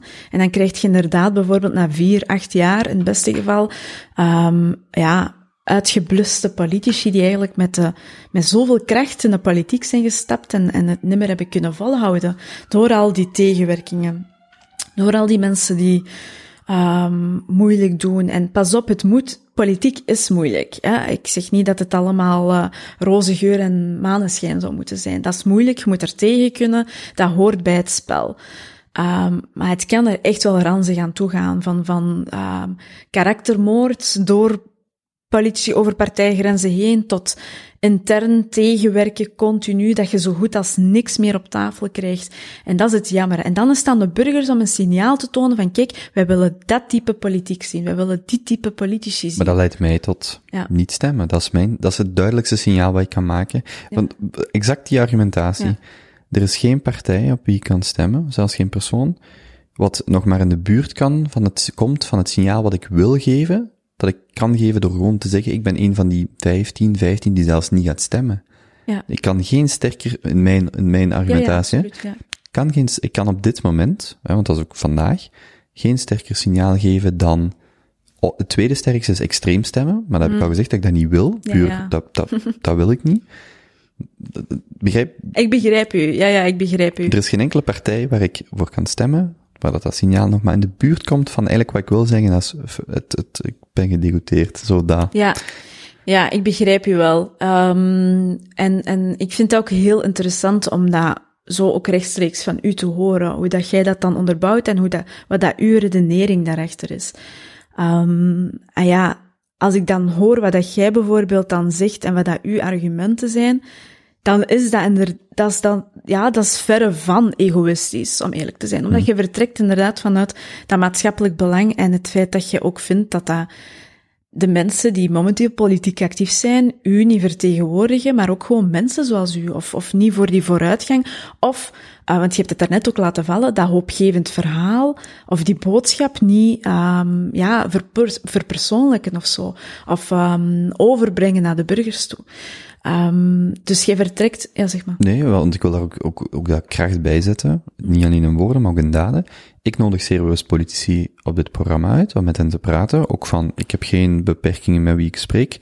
Maar ik, ik, ik praat ook graag met die, dat is, dat is ook, dat is ook, ik heb daar, ik voel voor mijzelf een groot engagement. Ik wil met mensen spreken, ik wil horen waar ze mee bezig zijn. Ik wil die, dat, dat volgen van op een afstand. Ik zal drie kanten op een dag lezen. Als ik echt, allee, de dag dat er een topic in de kranten komt dat mij interesseert, zal ik meerdere kanten consulteren om, dus dat type idee zit er diep in. Het is die frustra die onderliggende frustratie van, ik wil dat mijn stem gehoord wordt en er is voor mij maar de, dui- de, de, niet de enige, maar de duidelijkste manier is door te zeggen, ik stem niet meer. En dat is, Ja. terwijl dat er wel dat engagement is en dat idee, want het is belangrijk dat we die mensen letterlijk aan, letterlijk aan het woord laten en uitgebreid ook nog en meer zelfs. Ik zou zeer graag naar de, dat is iets waar ik publiek nog niet zoveel over spreek, maar binnen de context van dit programma, ik zou zeer graag mensen die op de podcast zijn geweest uitnodigen. Zowel politici als politicologen, als economen. Hoe, hoe cool zou het zijn om eens een, ze zijn nu nog niet hier geweest, maar bijvoorbeeld een Poldergrauwe en, en een Geert Noels. Eerder progressief, eerder conservatief. eh, Ja. ik zeg, een politicoloog, een Bart Maddens en een Karel de Vos. Ja. Of een Sami Medi en een, en een, en een Conor Rousseau. En gewoon met die gasten praten. En gewoon zeggen. Praat nu eens twee, drie uur, niet op ter zake tien minuten. Ja. Gewoon twee, drie uur praten. Waar staat jij voor? En de vraag waar ik mee begin is om elkaar voor te stellen. Niet zichzelf, maar elkaar, want dan is iedereen al veel meer op hun gemak. En gewoon, en daar misschien zelfs een live show van maken, maar dat is echt iets, dus ik voel enorm dat engagement en ik voel een gebrek aan nuance en al die dingen. En ik wil daar actief een rol in spelen. Dat is ook waarom ik bewust de keuze maak om ze hier uit te nodigen, want er zijn andere mensen die zeggen, wij doen dat te koer niet. En dat is voor mij dan, nee, nee, mijn politiek engagement is dat ik het net wel doe. En toch, als het dan op mijn, dat is het macroniveau, op het microniveau, wat ik in het stemhokje doe, is zeggen, deze zondag, ik ga de hele dag, VRT gaat de hele dag opstaan, ik volg het, maar ik ga niet stemmen. Want Ja. ik- uit frustratie. En dat is zo die situatie waar ik in vastzit, of waar ik mij van, vandaag in bevind. Ik vind, dat, ik vind dat wel een fantastisch idee om ze inderdaad aan het woord te laten en een gesprek te laten gaan met elkaar. Geen studio, uh, alleen toch geen tv-studio in ieder geval, uh, geen ter zake of de afspraak of, of de zevende dag. Maar dat ze gewoon een uur of twee uur lang met elkaar in gesprek gaan. Dan ga je plots zien dat al die debatfiches aan de kant worden gelegd en dat nuance gevonden wordt. En dat is het mooie aan dialoog, dat je met tegengestelde meningen, en allee, je gaat merken dat ondanks de tegenstellingen en ondanks de gigantische verschillen, toch een vorm van gelijkheid of gemeenschappelijke meningen Maar wat ons verbindt zijn. is veel groter dan wat ons Ja. scheidt. Wat ons verbindt is, we spreken dezelfde taal, we hebben grotendeels dezelfde waarden en normen, dezelfde, ik kan daar, allee, dat moet ik u niet vertellen. Mhm. Ons verbindt is 95% van ons leven en die 5% lijkt alsof we allemaal anders zijn, maar Inderdaad. iedereen hier gelooft, voor zover ik weet, dat je onschuldig bent tot het tegendeel bewezen wordt. Dat is een fundamentele, Ja. ethische of maatschappelijke keuze die wij maken. Daarop is heel ons juridisch systeem gebouwd. Ik heb nog nooit iemand tegengekomen die zegt, tenzij op social media, trial by media, dat is iets anders, maar ik ben nog nooit iemand op straat tegengekomen die zegt, ik geloof je niet, bewijs jij maar dat je onschuldig bent. Nee, zo werkt ons systeem niet. Dus dat is een fundamentele waarde van onze maatschappij. Dat is, dat e- een stuk van die 95%. Iedereen die morgen bij spoed binnenwandelt, daar doet geen background check. Hoeveel heb jij betaald? Je sluit niemand zijn water af. Dat zijn fundamentele waarden en normen, vind ik. Dat verbindt ons daarover. En daar wil ik, dat vind ik belangrijk dat daar niet alleen via mij, maar dat, dat, dat als je mensen hoort praten, dat dat ons verbindt. Dat wij hebben alle twee, ouders, grootouders, die ziek, en inclusief wij zelf, die ziek zullen worden en, en behandeld moeten worden. Dus we kunnen praten over budgetten en dergelijke, maar de, de, de, de kern die wij delen is, er moet zorg zijn. We gaan die niet gewoon op straat laten sterven, punt. En als je dat kunt, als je van daaruit kunt vertrekken van, oh wacht eens, die common ground of dat wat ons verbindt is zo groot, ja goed, dan zijn we toch eigenlijk al eens, oké, wat gaan we dan doen? Oké, zo, zo, zo, een punt, en we moeten er toch niet te veel over discussiëren Ja. Denk, allee, we moeten daarover discussiëren in de mate dat dat ook het, dat stukje representeert en weg, of dat niet dusdanig in symboliek laten uh, meeliften en dat, dat, dat die 5% ineens 50% lijkt te worden. En dat, ik, dus, ik, dus we vinden nog, dus daarom vind ik die discussie ook leuk, want normaal, ik denk dat het de eerste keer is dat we ook zo lang, dat ik ook zo lang met iemand over politiek praten, over mijn eigen standpunt, want ik, ik ben daar meestal wat terughoudend in, maar ik vind dat ook leuk om, om te merken van, omdat dat er heel veel is wat, denk ik, wat wij in waarde en normen gelijk, gemeenschappelijk hebben. Ja. Toch is de conclusie, wanneer het bijvoorbeeld over dat stemmen gaat, ligt dan zo gezegd, als het een tweet was, Ja. eh ad Schminos, ik ga niet stemmen, eh, fuck it, ik ga niet stemmen. Bijvoorbeeld, dan was zo, ah ja, dat is weer zo een of andere loser, dat gewoon, uit de, whatever. Maar dat dat, dat, dat genuanceerder is, en, en louter al dat je daarover kunt praten. Ja. Oké, nu wil ik gewoon morgen tweeten. Fuck it, ik ga niet stemmen, maar is wat. Voor, de- voor de duidelijkheid, als ik zo mensen zie op Twitter die eh, bepaalde standpunten innemen waarvan ik denk van, wat, eh, of wat zegt jij hier nu? Is mijn eerste reactie, wat, of wat zegt jij hier nu? Of verklaart dat eens, probeer dat eens uit te leggen. Dus ik, zeg, ik zet er niet meteen een streep door. Dus het is wel zo dat als je dat zou hebben gereageerd, dat ik zou zeggen van, ah ja, en waarom? En wat is je oplossing dan? Dat zou ik dan vragen. Bijvoorbeeld, jij stemt dan niet, jij hebt dat nu gezegd, je hebt het volledig uitgelegd en ik begrijp het ook. En ik heb ook echt vrienden die blanco stemmen of gewoon niet gaan opdagen en hun boete betalen. Ehm, maar ja, dan, dan, dan, wat ik soms dan tegen hen bijvoorbeeld zeg van, ja oké, en wat is uw oplossing? Allee, hoe wilt jij dat verschil maken? Want maakt je dat verschil door niet te gaan stemmen? Uh, maakt je dat verschil door wel te gaan stemmen? Um, hoe denkt jij dat je verschil kunt maken dan uh, door je stem al dan niet te gebruiken? Dat is dan een vraag die ik hen stel. En die ik eigenlijk ook uh, wil terugkaatsen, want jij mocht hier ook wat babbelen. Mhm. Ja. Voor mij zijn media en politiek twee zijdes van dezelfde munt. En ik heb beslist voor mijzelf. Ik heb niet, dus wel in mijn eigen stemgedrag, maar ook in mijn eigen politiek engagement. Ik heb niet de, het persoonlijkheidstype om politiek in te gaan, om redenen die jij ook hebt, hebt uh, geschetst, of om zeer gelijkaardige reden. En ik denk dat de verhouding tussen de, de heet dat dan de derde en de vierde macht, of de politiek en de media, um, dat daar een wisselwerking is. En dat is wat ik net, dus ik maak zeer bewust, ik kan perfect straks gaan slapen en het idee hebben van, ik ga niet stemmen op de, uh, ik ga bijvoorbeeld, ik, ik ga niet stemmen, mm. maar ik heb wel politici laten ik aan het woord om een bepaald punt te brengen of om een bepaald idee te delen. Dat is voor mij, maakt dat deel uit van de balans in mijn politiek engagement. En, en als je, als je mij dus die vraag stelt, oké, okay, wat is uw oplossing? Ik wil een gesprek gaande houden. Maar ik wil niet, de, de keuze die iedereen maakt, is die van, is, ze zijn, en mijn argument zal altijd zijn, voor je, het, wanneer je in discussie treedt met iemand over eender wat, opvoeden van uw kinderen, whatever, whatever, politiek, um, dat assumeert dat je al een, een, een overeenstemming hebt in die discussie. Als ik met aan u vraag, um, vind jij het oké okay om je kinderen te slaan, of te roepen tegen je kinderen? Dan assumeer ik al dat jij kinderen wilt, dat jij, en zoveel, daar zitten assumpties in die, in die vraagstelling. Ja. En mijn punt is, voor je meegaat in die discussie, neem een stap terug en, en zijt u bewust van de onderliggende assumpties van die vraag. Ja. Mocht je roepen tegen je kinderen, dan assumeert dat je kinderen zult hebben. En dus bij mij is dat een gelijkaardig punt in, in die politieke discussie. Gaat je stemmen ja of nee, assumeert al dat je het akkoord, dat je akkoord zit met de manier waarop ons, waarop wij onze stem kunnen tonen. En dat is, en dat is mijn argument. Mm. Wacht eens. En dat was ook waarom ik bijvoorbeeld in Antwerpen niet ben gaan stemmen. Ik heb dat, ik denk in mijn vooraflevering met Peter Elias ook gezegd, ik ben zo gedegoteerd in 2016 de Amerikaanse presidentsverkiezingen. Grab them by the pussy. Heel dat gedoe. Ik zie hier in ter zaak, ik, ik weet niet meer wie het was, maar ik zie het nog zo zitten dat die zeggen, maar dat is de VS, dat gaat hier nooit gebeuren. Ja. Twee jaar later, Chris Peters is een transmigrant, die, daar, de, de politiecontrole naar, want voor mij ging het ook vooral over de Vlaamse, de, Mhm. de Antwerpse context. En voor alle duidelijkheid, ik heb alle podcasts van de VRT gecheckt, van alle steden, ik heb alles gevolgd. En hier in, in Antwerpen zat ik letterlijk te kijken en dacht ik, wow, twee jaar geleden zeggen, dat is Amerikaans, dat komt hier niet. En hier zie ik exact, alleen zeer gelijk, niet zo uitgesproken gelijk die presidentsverkiezingen, maar wel dezelfde verzuring, verzuring vooral van de sfeer. En toen heb ik gezegd, ik ga niet stemmen. En, en dat is mijn fundamenteel argument. Mm. Dat is een spel wat gespeeld wordt, dat is die stap die ik wil terugzetten en zeggen, en of dat is, als je mij vraagt, oké, okay, wat is dan uw oplossing? Mijn oplossing is, oké, okay, ik wil dat zoveel mogelijk mensen meer nadenken over de, wat is de context waarbinnen ze participeren voor ze een, uits, een, een, een, een uitspraak doen over hetgeen wat ze willen. Hetzelfde, Mhm. de, ik kan dat zo ook zeggen. Wij kunnen praten over of bijvoorbeeld discussies op Twitter, um, op, nee, sorry, op welke manier je op Twitter best in discussie gaat. Maar dat assumeert al dat Twitter een goed medium is om in discussie te gaan. En dat is heel mijn punt. Dus mijn vraag is niet, geef mij vijf tips om op Twitter op discussie, in discussie te gaan, constructief.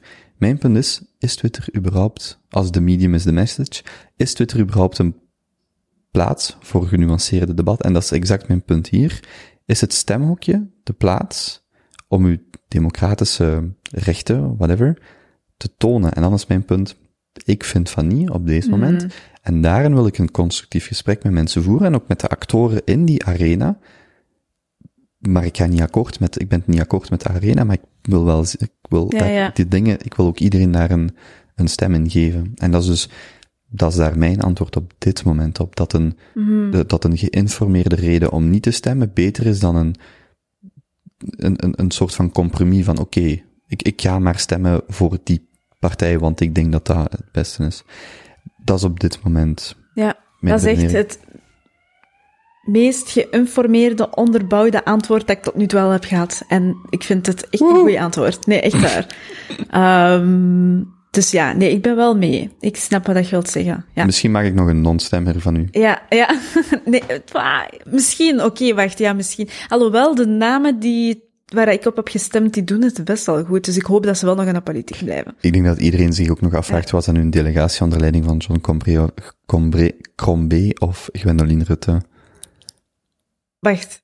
Is dat de vraag die je aan mij stelt? Ik, je je mocht die ook niet beantwoorden, maar dat is, ik denk, toen je dat daarnet zei, ja, ja, we gaan eten, of eh, de, de vraag, oké, was dat dan een deel, dat, daar, daarmee, dat Het was, was, het was in ieder geval niet in het fornuis en ik had geen cola zero besteld. oké, we gaan het gewoon, we zullen het daarop laten. Ik, ik, ik heb nog een heleboel andere vragen. Moeten we, nog, moeten we nog verder gaan over politiek? Dat, Nee, ik vind dat we genoeg politiek hebben. dat mag ook altijd terug. Ik denk dat de lezers, eh, de luisteraars zoiets gaan... Volgens mij heb ik verschillende keren lezers gezegd. Maar Nee, de nee, luisteraars... Ah, oké, chill. Ah, dat de luisteraars zoiets hebben van, oh, politiek. Eigenlijk, omdat ze, ja, het ook beu zijn. Allee. Dat is waar. Ja. Maar dan, dan daar hetzelfde argument. Het feit dat je al gewoon een geïnformeerde discussie kunt voeren, dat alleen al is al, ja, het hoeft Ja, niet, inderdaad. Ja. jij heet zus of zo, dus ik ga er al vanuit dat, nee, je hebt een onderbouwde mening over verschillende dingen en je moet die ook kunnen delen en ook kunnen zeggen. En dat vind ik, ja, vind ik ook een heel belangrijk. Dat je luistert naar elkaar en ehm, dat je ook je mening durft te herzien. Wat ik eigenlijk heb gedaan naar het einde toe. Ehm, toch niet zo namelijk- egoïstisch. Ja, ah, wel ja. dus ik heb het ingetrokken, wat ik eigenlijk heb gedaan. Ja, ik vind uw antwoord echt wel oprecht onderbouwd en heel goed. Dus ja. In uw Instagram bio staat always reading. Ja, dat is een verslaving. Eh, ik zal simpel beginnen. Welk boek zijt je vandaag aan het lezen? Eh, wat dat momenteel in mijn tas zit, is eh, Brief aan de Wever van Bam, we, gaan, we gaan weer terug, terug in de politiek. Ja, dat is weer politiek, dus ja, inderdaad, visieuze cirkel. Misschien niet over boeken, dus... Mm. Jawel, wacht, ik ga, ik ga het gewoon breder... Nee, maar wacht, wel. Ja. Maar, dus, ehm aanrader? Ehm, ja, ja, ja. Lees, lees het vlot. Ja, het leest zeker vlot. Ja, ik vind eh Joël zijn pen ehm, heel vlot. Hij is echt een heel sterke schrijver. Ehm, en ook gewoon, het is heel behapbaar. Ik, ehm, ik vind boeken die begrijpbaar, maar dat is dan weer dat gesprek dat we in het begin hebben gehad. Boeken die begrijpbaar zijn voor mensen zonder een bepaalde achtergrond, informatieachtergrond of studieachtergrond. Ik vind dat de sterkste boeken. En hetzelfde geldt voor literatuur. Ja. Breder, welke rol speelt literatuur of spelen boeken voor u? Want always reading heeft inderdaad niet te maken met het laatste boek dat je aan het lezen bent. inderdaad. Ehm, ik heb boeken altijd enorm belangrijk gevonden. Die hebben altijd een centrale rol gespeeld eh, in mijn hele leven. Ehm, ja, ik ben zelf in armoede opgegroeid, dus wij hadden nooit boeken thuis. Dat kostte geld en ja, allee, dat hadden wij niet. Tenzij dat we het kregen van iemand of wat dan ook. Maar dat waren dan heel vaak zo van die oude boeken waar ik absoluut niet in geïnteresseerd was. En die ook over niks gingen. Dat waren zo van die ehm, rare romantische boeken of zo. Ik herinner me zo heel vaag rare covers van boeken. Ehm, ja, ik denk Am- Amerikaanse boeken die ooit vertaald zijn naar het Nederlands. Wat romans. Ik vond dat niet boeiend. Dus ik heb daar een soort van trauma van. Dus ik heb die altijd aan de kant gezet. Wacht, en dat was, dat was een reeks boeken. Ja, dat zijn zo, ik, wij kregen die van, van een buurman van ons. Ehm, dat waren zo van die pocket readers. Ja, ik, ik weet niet meer, hoe noemt dat zelfs? Dat is zo'n reeks, maar allemaal romantische boeken. Zo, is n- niet zo belangrijk. Ehm, maar ik ben altijd van, van, ik woonde niet zo ver van de, van de bibliotheek. Ehm, en ja, mijn school was ook niet zo ver eh, van bij mij thuis en van, van bij de bibliotheek. Dus mijn traject was altijd in de ochtend naar school vertrekken, van school naar de bibliotheek tot sluittijd, sluitingstijd blijven en dan terug naar huis. Bibliotheek deels als opvang. Uh, niet zozeer, nee, want ik kon perfect naar huis gaan. Tegen dan zou mijn mama al thuis zijn. Maar dat was gewoon mijn traject. Mijn broer en zus die gingen bijvoorbeeld gewoon naar huis. Uh, maar mijn traject was altijd naar de bibliotheek gaan. Ook gewoon, daar hadden kranten en magazines die ik kon doorbladeren en die actueel waren. Want soms hadden wij er ook thuis liggen, maar dat kwam dan van mijn mama haar werk, die ze dan meenam, die dan drie weken oud waren of zo. Uh, want mijn mama was dan poetshulp en dan lagen die daar werden die opgestapeld en dan zei ze van pak dat maar mee voor de kindjes thuis. Ook daar weer, wanneer je zegt kranten die actueel zijn, en magazines, en daar zal het meestal om gegaan zijn, maar kranten die actueel zijn, dan denk je, hoe kranten zijn toch altijd actueel, maar als je die situatie niet kent Ja. of niemand, dan zeg je, ah wacht, er zijn ook situaties waar kranten niet actueel zijn. Ja, inderdaad, dat zijn dan heel oude uh, kranten, hè, Ja, je omdat dan je, ze- omdat je ze Ja. meekreeg of, of Ja, inderdaad, allemaal. ja. Dus dan, um, ja, ik las dan gewoon alles, maar puur gewoon om te lezen. En ik vond het altijd boeiend om te zien wat dat er in het buitenland gebeurt en wat dat er bij ons in België gebeurde, of in Vlaanderen, of in Antwerpen heel vaak, want daar gebeurde altijd van alles. En wij waren mol, rustige bubbel, de Kempen. Um, dus ik heb dat altijd heel boeiend gevonden. En in de bibliotheek vond ik dat fantastisch om zoveel toegang te hebben. Ik denk dat wij daar soms veel te weinig bij stil... Allee, nu heb je het internet. Zoals in mijn tijd had je ook internet, maar volgens mij geen computers. Want ik herinner me in ieder geval dat wij geen computer hadden. En je had dan pas op een later, uh, allee, op een latere leeftijd dat er plots computers waren in onze bibliotheek, waar je een kwartier op mocht, als je biblioth bibliotheekkaart had. Um, en dan ging ik een kwartier soms op MSN. destijds. Ik moet eventjes lachen, MSN. Met denken aan bus. Ja, zo'n busfunctie. Had jij ooit zo een, een, een liefje of zo in de tijden dat je met, op MSM kon um, uh, communiceren? Ah, nee, nee, totaal niet. Maar ik deed wel altijd zo van die quotes, allee, van die citaten, Hmm. als MSN-naam en bloemetjes en hartjes. En dat was dat wel impliciet van, ik heb een lief. Weet je waarom ik het vraag? Omdat Ja. er was zo die passief-agressieve truc om zo online en offline te gaan, zodat je zo... prrr, Ah, die, dat je het kon die zien. pop-up zo rechtsonder, zo... Ja. die is online, om dan zo... Zodat dan je crush dat zou zien. Voilà, dan ja, zag je dat die online was, of, of, of whatever, en zo online, offline, en zo. Ja, ja, nee, absoluut. Uh, nee, dat had ik dus niet. maar ik had wel zo altijd van die, uh, ja, mailige toestand ook. Ik dacht, ja, dat hoort erbij, dat is normaal, iedereen doet dat. Dus dan deed ik dat ook. Maar dat was dan een kwartiertje. wat was uw e-mailadres? Uh, Ah, lovergirl Jasmin underscore... Uh, ik heb, nee, ik heb altijd gelukkig een deftig mailadres gehad. Mm. Um, en dat zeg ik niet gewoon omdat ik hier uh, naast u zit, maar ik heb uh, mijn e-mailadres is altijd Jasmin24 geweest. Um, en met de redenering van, ik weet niet wat ik nu als e-mailadres moet pakken, dus op mijn 24ste zal ik het wel weten. Echt? Dus, ja, dat was echt de redenering. uh, dus dat is altijd mijn mailadres geweest. En ja, natuurlijk Maar wist wacht, ik je zit 12 of zo als je dat e-mailadres maakt? Nee, mijn eerste keer dat ik een e-mailadres had gemaakt... 15, 16? Um, was 14, ja. Ja. ja dus over 10 ja. jaar zal ik het wel weten. ja, ik dacht van, ja, inderdaad 14, want vandaar 24. Hmm. Um, dacht ik van, ja, op mijn 24ste beslis ik sowieso, want dan ben ik afgestudeerd, dan beslis ik sowieso om een ander mailadres te doen voor het werk of zo. Dus ik dacht wel zo ver na. Um, maar ik vond het, bon, ik vond het altijd wel super om te zien hoeveel boeken dat er in de bibliotheek waren. En je moest gewoon maar ingeven in een zoekbalk van ik zoek iets over geschiedenis van Egypte. Ik heb bijvoorbeeld heel lang een obsessie gehad rond de piramides van Egypte. Hoe dat die tot stand zijn gekomen en wat dat daar eigenlijk in zit. Dat heeft mij altijd geboeid. Um, en dan, ja, kon je gewoon naar een rek gaan en dan zag je gigantische reeks aan boeken. Um, en dat vond ik altijd fantastisch. En het enige jammere dat ik vond was, ja, het feit dat geen enkel boek dat ik dan zou uitlenen echt van mij zou zijn. Zo, ik wou zo echt een boek hebben van mezelf. Uh, en het maakte mij niet uit wat dat het boek zou zijn, maar ik wou gewoon een boek voor mezelf. Zo eentje die ik zo op mijn nachtkastje kan zetten of ergens op de grond kan opstapelen of zo. En dat is iets dat ik altijd heel graag heb gehad, maar ik had dat nooit. Uh, toch niet op die leeftijd, behalve dan mijn schoolboeken. Maar die schoolboeken werden gehuurd. Dus die moesten ook dan afgeven. Dus ik had wel mijn schriftjes. Mijn schriftjes heb ik tot op heden nog steeds. Die liggen ergens um, in een tuinhokje bij ons thuis. Uh, maar ik ben daar zo hard aan gehecht geweest. En op een bepaald moment, ik denk ergens op mijn 16, pakt 17e, ja, 16, 17e, want op mijn 17e zat ik al in het zesde middelbaar. Um, had je zo'n bibliotheek waar ze een uitkuis aan doen, alleen een opkuis. Um, en dan hadden ze bepaalde boeken, um, ja, ergens in een boekenkast gezet aan het onthalen en gezegd van wie dat wil meenemen, mag ze meenemen.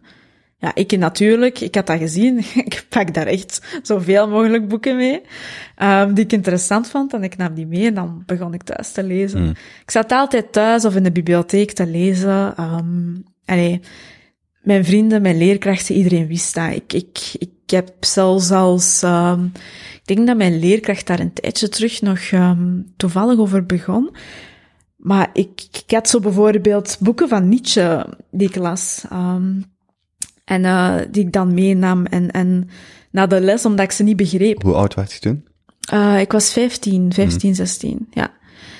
Um, die ik absoluut niet begreep. Uh, ik las ze um, en, en ik probeerde ze te begrijpen. Ze waren heel complex, maar ik probeerde ze te begrijpen. En ik had gelukkig een kei goede leerkracht, uh, waar ik ook vragen aan stelde. En die dan zei van, ja, Nietzsche, dat gaat over dat, dit en dat. En dat is, je hebt ook nog eens Goethe, en Goethe heeft dit gedicht geschreven, en dit en dat en dat. En dat is dan super tof, omdat ik, ik werd onder andere ook dankzij die leerkracht, um, in contact gebracht met een gigantische wereld die ik niet van thuis uit heb meegekregen. Dat was een leerkracht Nederlands? Ja, dat was mijn leerkracht Nederlands-Duits, ja. In het derde, vierde middelbaar? Um, vanaf het derde tot het zesde, dat is altijd ah, dezelfde zalig, leerkracht. dezelfde leerkracht. Ja, de maar, beste leerkracht ooit. Ik heb hem... Maar ja, hoe uh, cool om zo iemand drie jaar te hebben. Ja, ik heb hem ondertussen nog steeds op Facebook. Ik heb hem een tijdje terug ook uh, vernoemd als mijn uh, ja, rolmodel, als het mm. ware. De persoon die de meeste impact heeft gehad op mijn studieloopbaan en ook gewoon mijn kijk. Meneer Sergoris. Ja. Zalig. Ja. Um, en, maar zoiets vind ik altijd heel cool ja. om te horen, van, want dat zijn zo... Je kunt dan, je kunt heel grote antwoorden op zo'n vraag geven, maar dat ja. zijn vaak mensen die gewoon iets in u zien of in u geloven. Nu ben ik het ook aan het traumatiseren, ja. maar dat is op die ja, leeftijd klopt. zo belangrijk om iemand, iemand die u gewoon een beetje al stimuleert van, ah, je zit niet aan het lezen, als je beter wilt begrijpen, ga, spring ook eens naar Goethe en ah, misschien vind je Hegel, allee, om wat te zeggen, dat is zo, wow. Nee, absoluut. En dat was, dat was echt iemand die vooraan in de klas stond met superveel passie, maar ook met heel veel aandacht voor elke Hmm. leerling in de klas. En ik had natuurlijk wel het geluk, en dat is eigenlijk iets, ik zeg dat heel vaak in interviews ook, maar ook op, ik heb het volgens mij eergisteren nog op Twitter gegooid, of de dag ervoor of zo, um, zei ik van, als ik mijn leerkrachten niet had, want ik heb echt altijd fantastische leerkrachten gehad, fantastische docenten, fantastische professoren, één voor één. Als ik ze niet heb gehad, als ik ze niet had gehad, uh, dan zou ik niet staan waar ik nu sta. En zeker niet de leerkrachten van het middelbaar. En zeker niet meneer Sergoris. Die heeft zoveel impact gehad op mij. Um, die heeft ervoor gezorgd dat ik mee kon op studiereis naar Oostenrijk, Oostenrijk, Tsjechië, Duitsland. Ik was de enige in de klas met migratieachtergrond, maar ook de enige in de klas die in armoede leefde. Want al mijn klasgenoten hadden oftewel ouders mijn eigen zaak of ouders mijn manege, met ik weet niet hoeveel paarden of zo. Uh, dat was iets typisch Kempisch. Um, dus die waren super wel gesteld en, en ja, bij mij bijvoorbeeld niet. En die hebben dan heel subtiel en op een heel, ja, um, ja, een heel elegante manier er toch nog voor gezorgd dat ze ja, mij meekregen op studiereis. Dat de helft van de prijs werd afgetrokken. Ik weet niet hoe dat ze het hebben gedaan, maar ze hebben die afgetrokken. En dan hebben ze mij gezegd van dat ik in ruil vrijwilligerswerk moest doen uh, op een open deurdag. Ik heb dat dan gedaan. Uh, maar natuurlijk dekte dat totaal niet die kosten of zo. Um, maar dat is allemaal dankzij hun inzet en hun moeite. En hetzelfde geldt voor bijvoorbeeld de schoolfactuur. We hebben die nooit in één keer betaald, geen enkel jaar. Dat is altijd een schijven geweest. Um, en mijn leerkracht Nederlands slash Duits um, heeft ervoor gezorgd dat ik, allee, alle andere leerkrachten ook, maar vooral hij, dat ik liever op school zat dan thuis. Dat ik echt veel liever op school zat dan thuis. En, en dat is iets dat zo belangrijk is. Wat, wat een prestatie van die persoon. En opnieuw, Ja. het is niet enkel die persoon, maar mij. Ja, Hoeveel, hoeveel leerkrachten kunnen zeggen dat ze die rol voor een leerling spelen? ja, inderdaad, inderdaad. En ik heb het hem zo vaak gezegd, en als dat mij ligt, zou ik het hem continu zeggen bij elke verwezenlijking die ik heb van, dit is onder andere ook dankzij u. Um, Was hij op uw boekenvoorstelling? Uh, ja. Ja, ik had hem uitgenodigd. Oei, ik ben hier enthousiast aan het klappen, maar ik had hem uitgenodigd en hij is komen op dagen. Ik vond dat super, maar echt fantastisch. Ik vond dat, oh, ik kreeg er kippenvel van. Ja, ik vond dat echt superleuk. Hij waarschijnlijk ook. Ja, hij was echt wel trots, denk ik. Ja, um, allee, het feit dat hij helemaal was gekomen. Ik denk dat hij met de trein was gekomen of zo. Um, dus die heeft toch wel een afstand afgelegd, want die is ook eerder vertrokken. Ehm, en, en ja, allee, ik vond dat fantastisch dat hij erbij was. Ja, was echt super. Ehm, maar ja, dat doet mij bijvoorbeeld ook denken als ik dan, ik ben hier nu over bezig, maar ik denk dan bijvoorbeeld aan de andere jongeren nu in deze coronatijden, die ook het liefst op school zitten en niet thuis, maar die nu verplicht thuis moeten zitten. Daar denk ik dan bijvoorbeeld ook aan. En dat vind ik dan, allee, dat is dan ook weer een heel, um, ja, een heel eng gegeven. Um, en dan heb ik het niet enkel over armoede, maar ook echt gewoon kinderen, jongeren die echt ongelukkig zijn thuis, of, of die te maken krijgen met geweld of zo. Um, ja, onderwijs speelt daar een gigantische rol in. En onderwijs kan echt een veilige plek zijn voor heel veel kinderen, waar dat ze zichzelf kunnen ontplooien, waar dat ze zichzelf kunnen ontdekken en waar dat ze soms ook gewoon voor de eerste keer echt met liefde te maken krijgen, omdat ze dat thuis niet zomaar krijgen. En wij staan daar veel te weinig bij stil. Maar ik moest er eventjes aan denken, um, zeker nu met de lockdown en het onderwijs. Ja. Wat is je eigenlijk aan het studeren? Um, ik heb eerst in Brussel gestudeerd, uh, toegepaste economische wetenschappen. Wacht, pauze. Ik, ik ga er zelfs op terugkomen, sorry dat ik onderbreek. Nee, dat is niet. Um, het ging nog over dat lezen. Ik kon nog even afmaken. Ja. Waart jij ook, want uiteindelijk, je schrijft een boek en ik heb u alles horen zeggen, um, dat je ook wel eens een roman zou schrijven. Uh, of zou willen schrijven, of dat dat misschien de ambitie is. En wie weet nog een tweede boek en een derde en een vierde non-fictie. Um,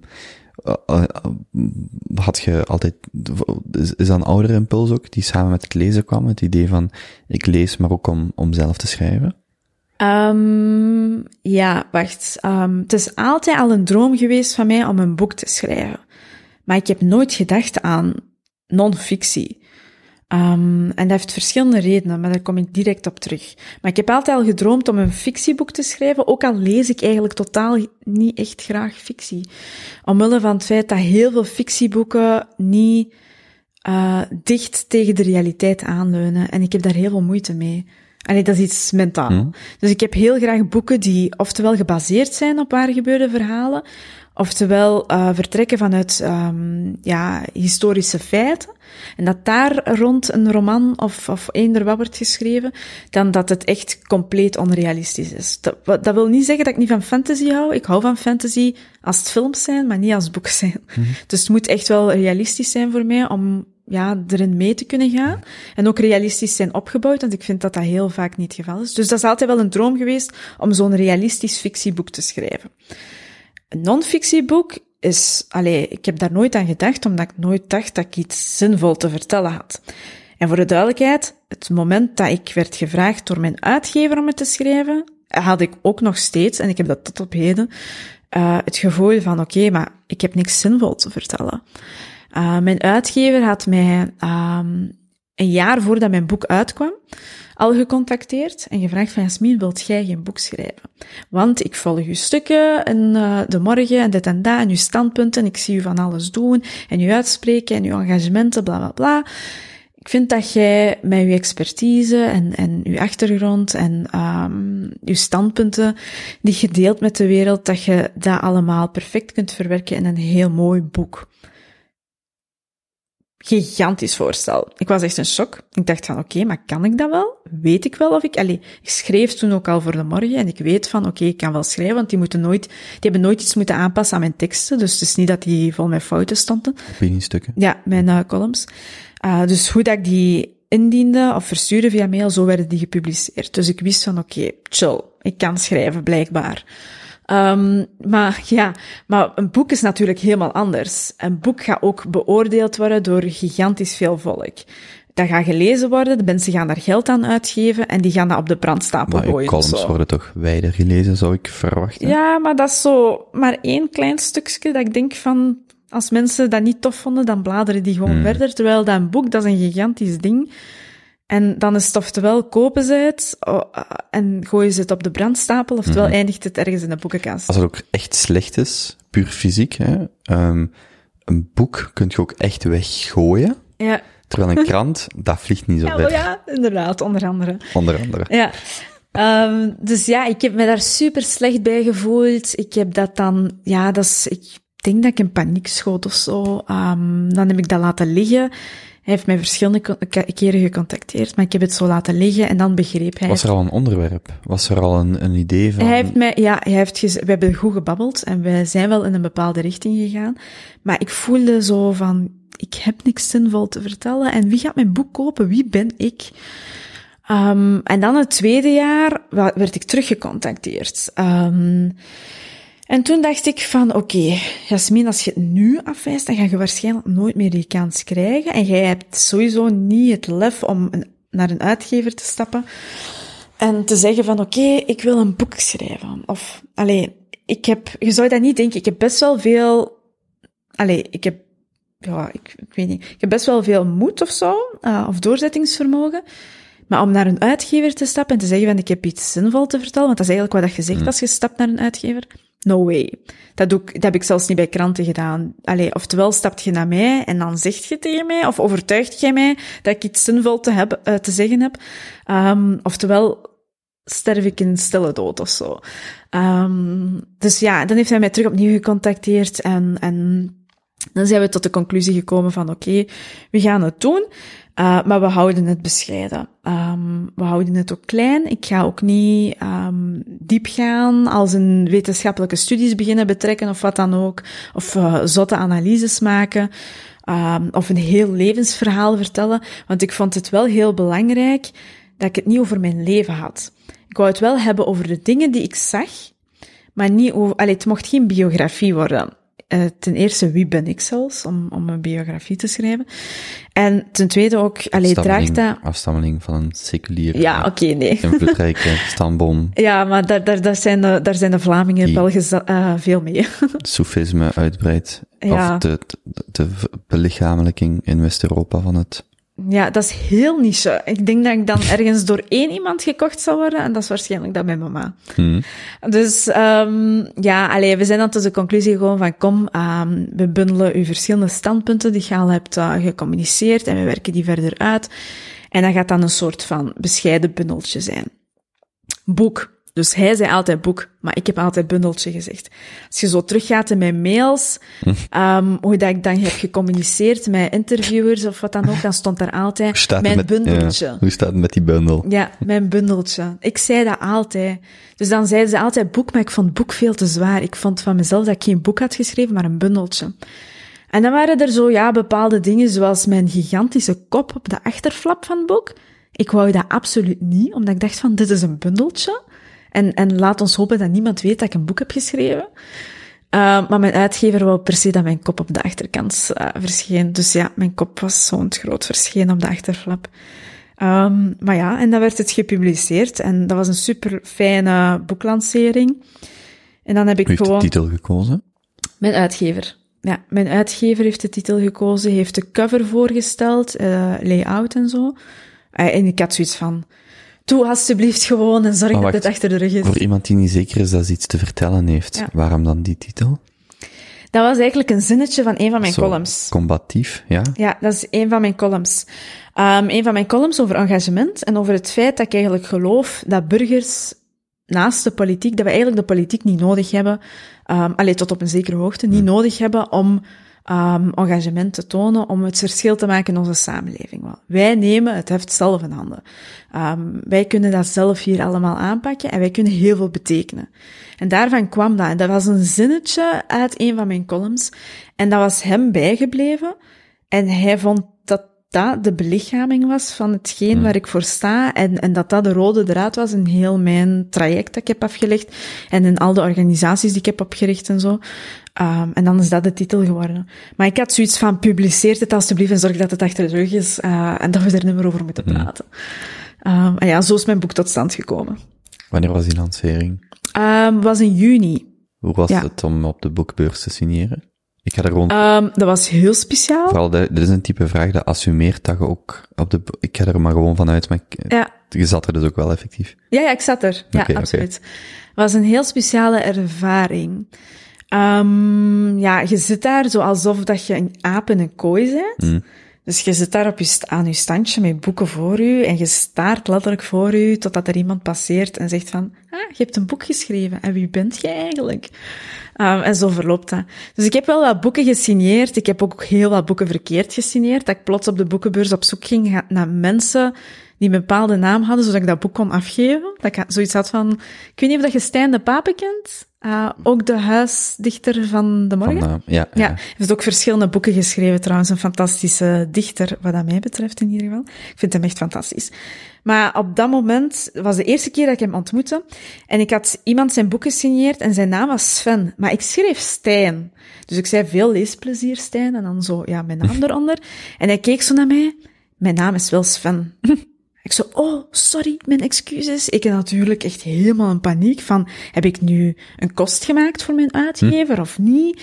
Dus ik, uh, ja, ik riep dan een van de medewerkers van mijn uitgever en die zei van, Jasmin, dat is totaal niet erg, zet het gewoon aan de kant.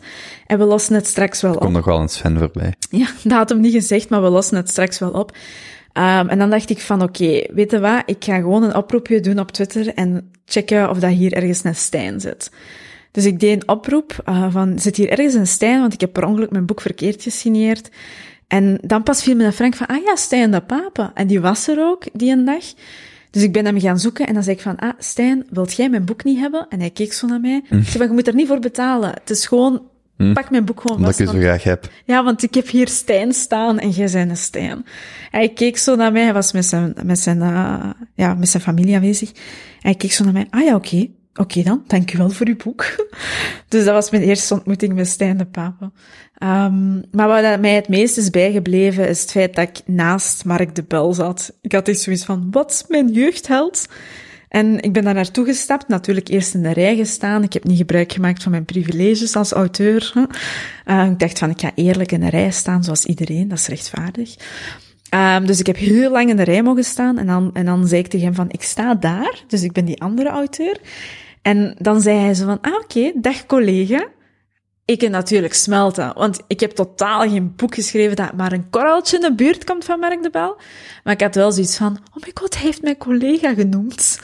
Um, en, en dat was natuurlijk fantastisch, want toen wist ik van, oké, okay, Jasmin van, van 20 jaar terug, die zou echt, of van 10 jaar terug, of whatever, die zou echt zoiets hebben van, wat? Je hebt naast Mark de Bel gezeten, of wat? Op de boekenbeurs. En hij heeft uw collega genoemd. Oké, dat is wel gek. Snel even MSN-status plaatsen. Um, dus ja, allee, dat, is, dat is hetgeen dat mij het meest is bijgebleven. Want het is een heel speciale ervaring. Ik ben er eigenlijk niet zo'n fan van, om eerlijk te zijn. Ik weet het, um, ik ga liever dan een gesprek of zo. Um, je hebt zo op de boekenbeurs ook zo wel wat van die activiteiten.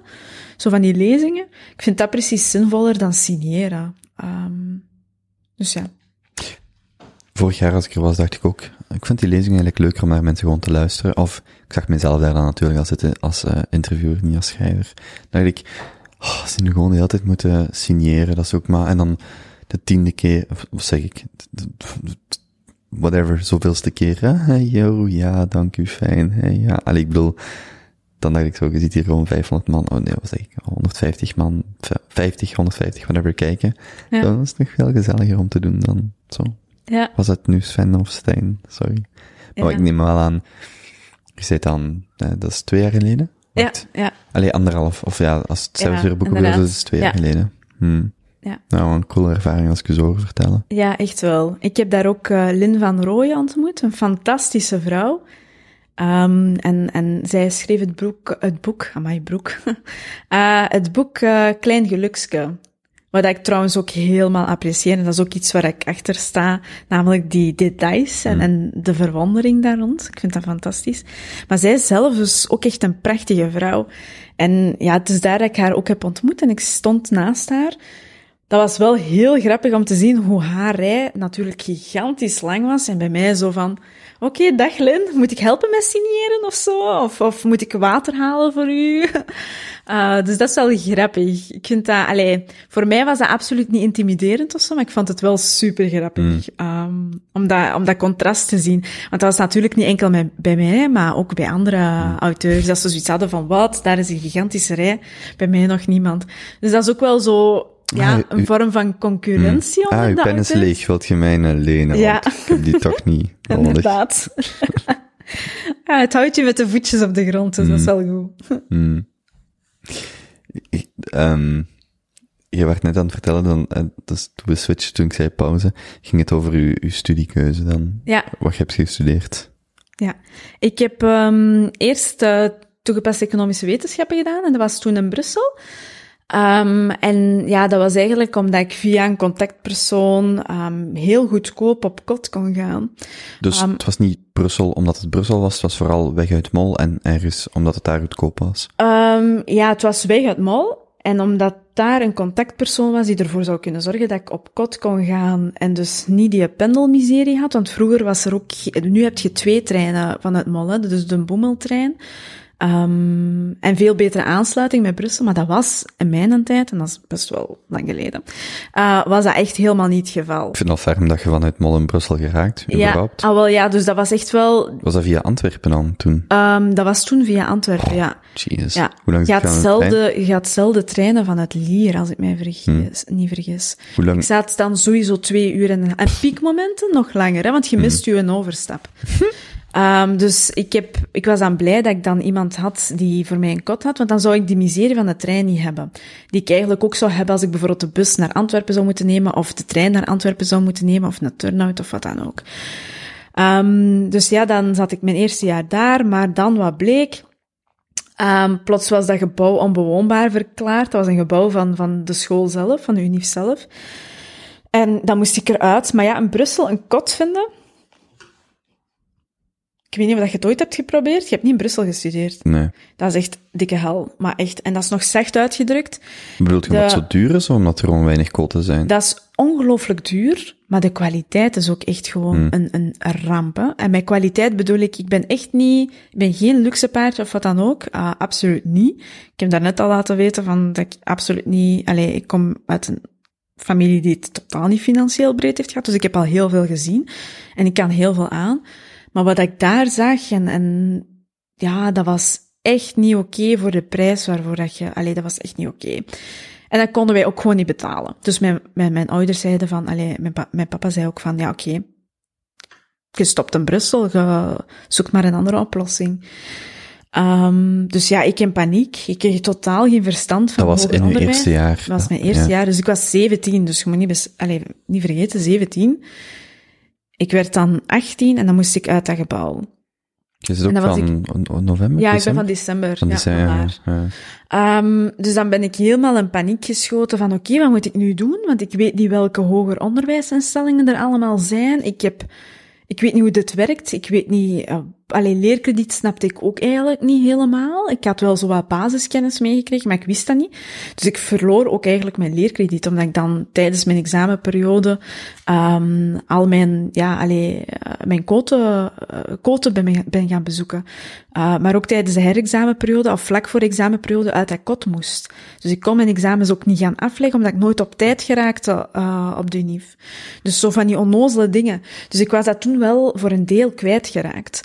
Um, en, en ik natuurlijk, ik besefte dat op dat moment niet. Het is pas twee jaar later dat ik dat besefte, dat ik zei van, ah, oké, okay, dus dat is leerkrediet, dus dat ben ik eigenlijk kwijt. Is het ook niet zo bij, in dat eerste jaar krijg je studiepunten zo Dubbel, dubbel, terug, ja. tenzij dat je op alles buist. Ja, ja. inderdaad. Um, maar het is niet het eerste jaar, het zijn de eerste 60 die je behaalt. Ja. Die krijg je dubbel. Ja, ondertussen ben ik expert leerkrediet. Mm. Um, maar um, ja, dus dat was een heel ding. Dus ik ging helemaal in paniek. Dus wat ben ik gaan doen? Ik heb letterlijk Google Maps gepakt. En ik ben, ik heb alle universiteiten en hogescholen opgegeven. En dan kwam ik uit op hetgeen, de onderwijsinstelling die ik het snelst kon bereiken en waar ik het beste vervoer naar had, was Karel de Grote Hogeschool op uh, de Groenplaats. Um, dat was best bereikbaar. En, en dan zou ik niet de miserie hebben van vertraging in de bus, of misselijk worden in de bus, of een uur lang in de bus, of om het uur of om het uh, anderhalf uur een bus hebben, of whatever. Maar zou ik echt rechtstreeks tram, trein en terug thuis. Dan zou ik echt op tijd thuis zijn, enzovoort. Uh, en ook veilig in de trein zitten, zodat ik mijn huiswerk eventueel zou kunnen maken. Of wat maar daar heb je geen TW, hè? Dat is een hogeschool. Nee, inderdaad. Ja. Dus wat ben ik gaan doen? Oké, okay, Groenplaats KDG, KDG Groenplaats. Ben gaan kijken naar hun opleidingen. Ik vond daar uh, niks dat mij eigenlijk aanstond, om eerlijk te zijn.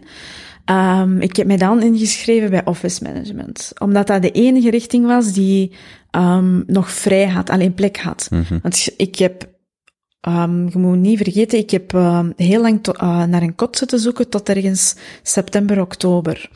Dus ik ben pas in oktober ergens ingeschreven geweest, zo laat, op het laatste nippertje zo bij KDG. Ehm, en dan heb ik mij ingeschreven eh, bij Office Management. Ehm, ik verveelde mij echt, ongelo Allee, maar echt ongelooflijk hard. Dat was echt niet mijn richting. Tot op een bepaald moment dat mijn docenten mij uh, hebben aangesproken, een groep. Dus dat waren drie docenten, die hebben mij aangesproken. En die zeiden van Jasmin, wij zien aan u en aan uw punten en de taken die je maakt en zo, dat het eigenlijk niet uw ding is. Um, wat hebt jij hiervoor gedaan? Of wat wilt je eigenlijk doen? En dan zei ik van ja, ik wil eigenlijk iets economisch of bedrijfsmanagement doen of wat dan ook. Ik wil later een eigen bedrijf, bla bla bla. En dan zeiden ze van, weet je wat, jij schrijft u nu in voor iets anders. En dan zeg ik van, ja, maar plaatsen zijn al op, die zijn al opgebruikt. Want ja, KDG had toen een beperkt um, aantal uh, plaatsen voor de studenten van die opleiding. Um, en ja, die zijn dan samen met mij naar het opleidingshoofd gestapt. Um, en het is niet dat mijn punten slecht waren, maar het omgekeerde. En die zijn dan samen met mij naar, de op, naar het opleidingshoofd Je wilt gestapt. zeggen dat je punten goed waren. Ja, maar niet met die woorden. Maar oké, okay, ja. Ja, ja. ja, het omgekeerde. Um, en dan zijn die samen met mij naar het opleidingshoofd Heeft, heeft iemand u ooit al een seut genoemd? Uh, ja, heel vaak. Hm, Oké. Okay. Okay. Bedankt dat je het nu ook hebt gedaan. Ik heb het gevraagd, ik heb het niet gezegd. Dat is heel diplomatisch. Vertel verder. Um, ik heb me dan ingeschreven, die hebben dan plaats voor mij gemaakt. Um, en dan heb ik letterlijk een maand voor de examens of zo bedrijfsmanagement gedaan. Um, en dan dat was zo, ook op uh, Groenplaats. Ja, heb ik die studie afgemaakt. Um, en ik heb ook altijd tussendoor gewerkt. Dus ik heb altijd mijn werk gecombineerd met mijn studies om die te kunnen betalen. Dat dat anders niet ging. Um, en ja, van het een kwam het ander. En na bedrijfsmanagement had ik zoiets van, ik heb zo het gevoel dat ik eigenlijk nog steeds niet, allee, ik, ik wil bijleren. Um, en dan ben ik naar de universiteit gegaan en heb ik mij daar ingeschreven. Um, voor, uh, Antwerpen. Ja, op de Universiteit Antwerpen, meertalige bedrijfscommunicatie. Um, en heb ik daar dan de opleiding afgerond en mijn master behaald. En ik heb eigenlijk nog steeds het gevoel dat ik nog steeds niet heb bijgeleerd. Allee, dat ik nog, ik heb wel heel wat bijgeleerd, maar ik bedoel, dat ik nog steeds het gevoel heb dat er nog zoveel te leren valt.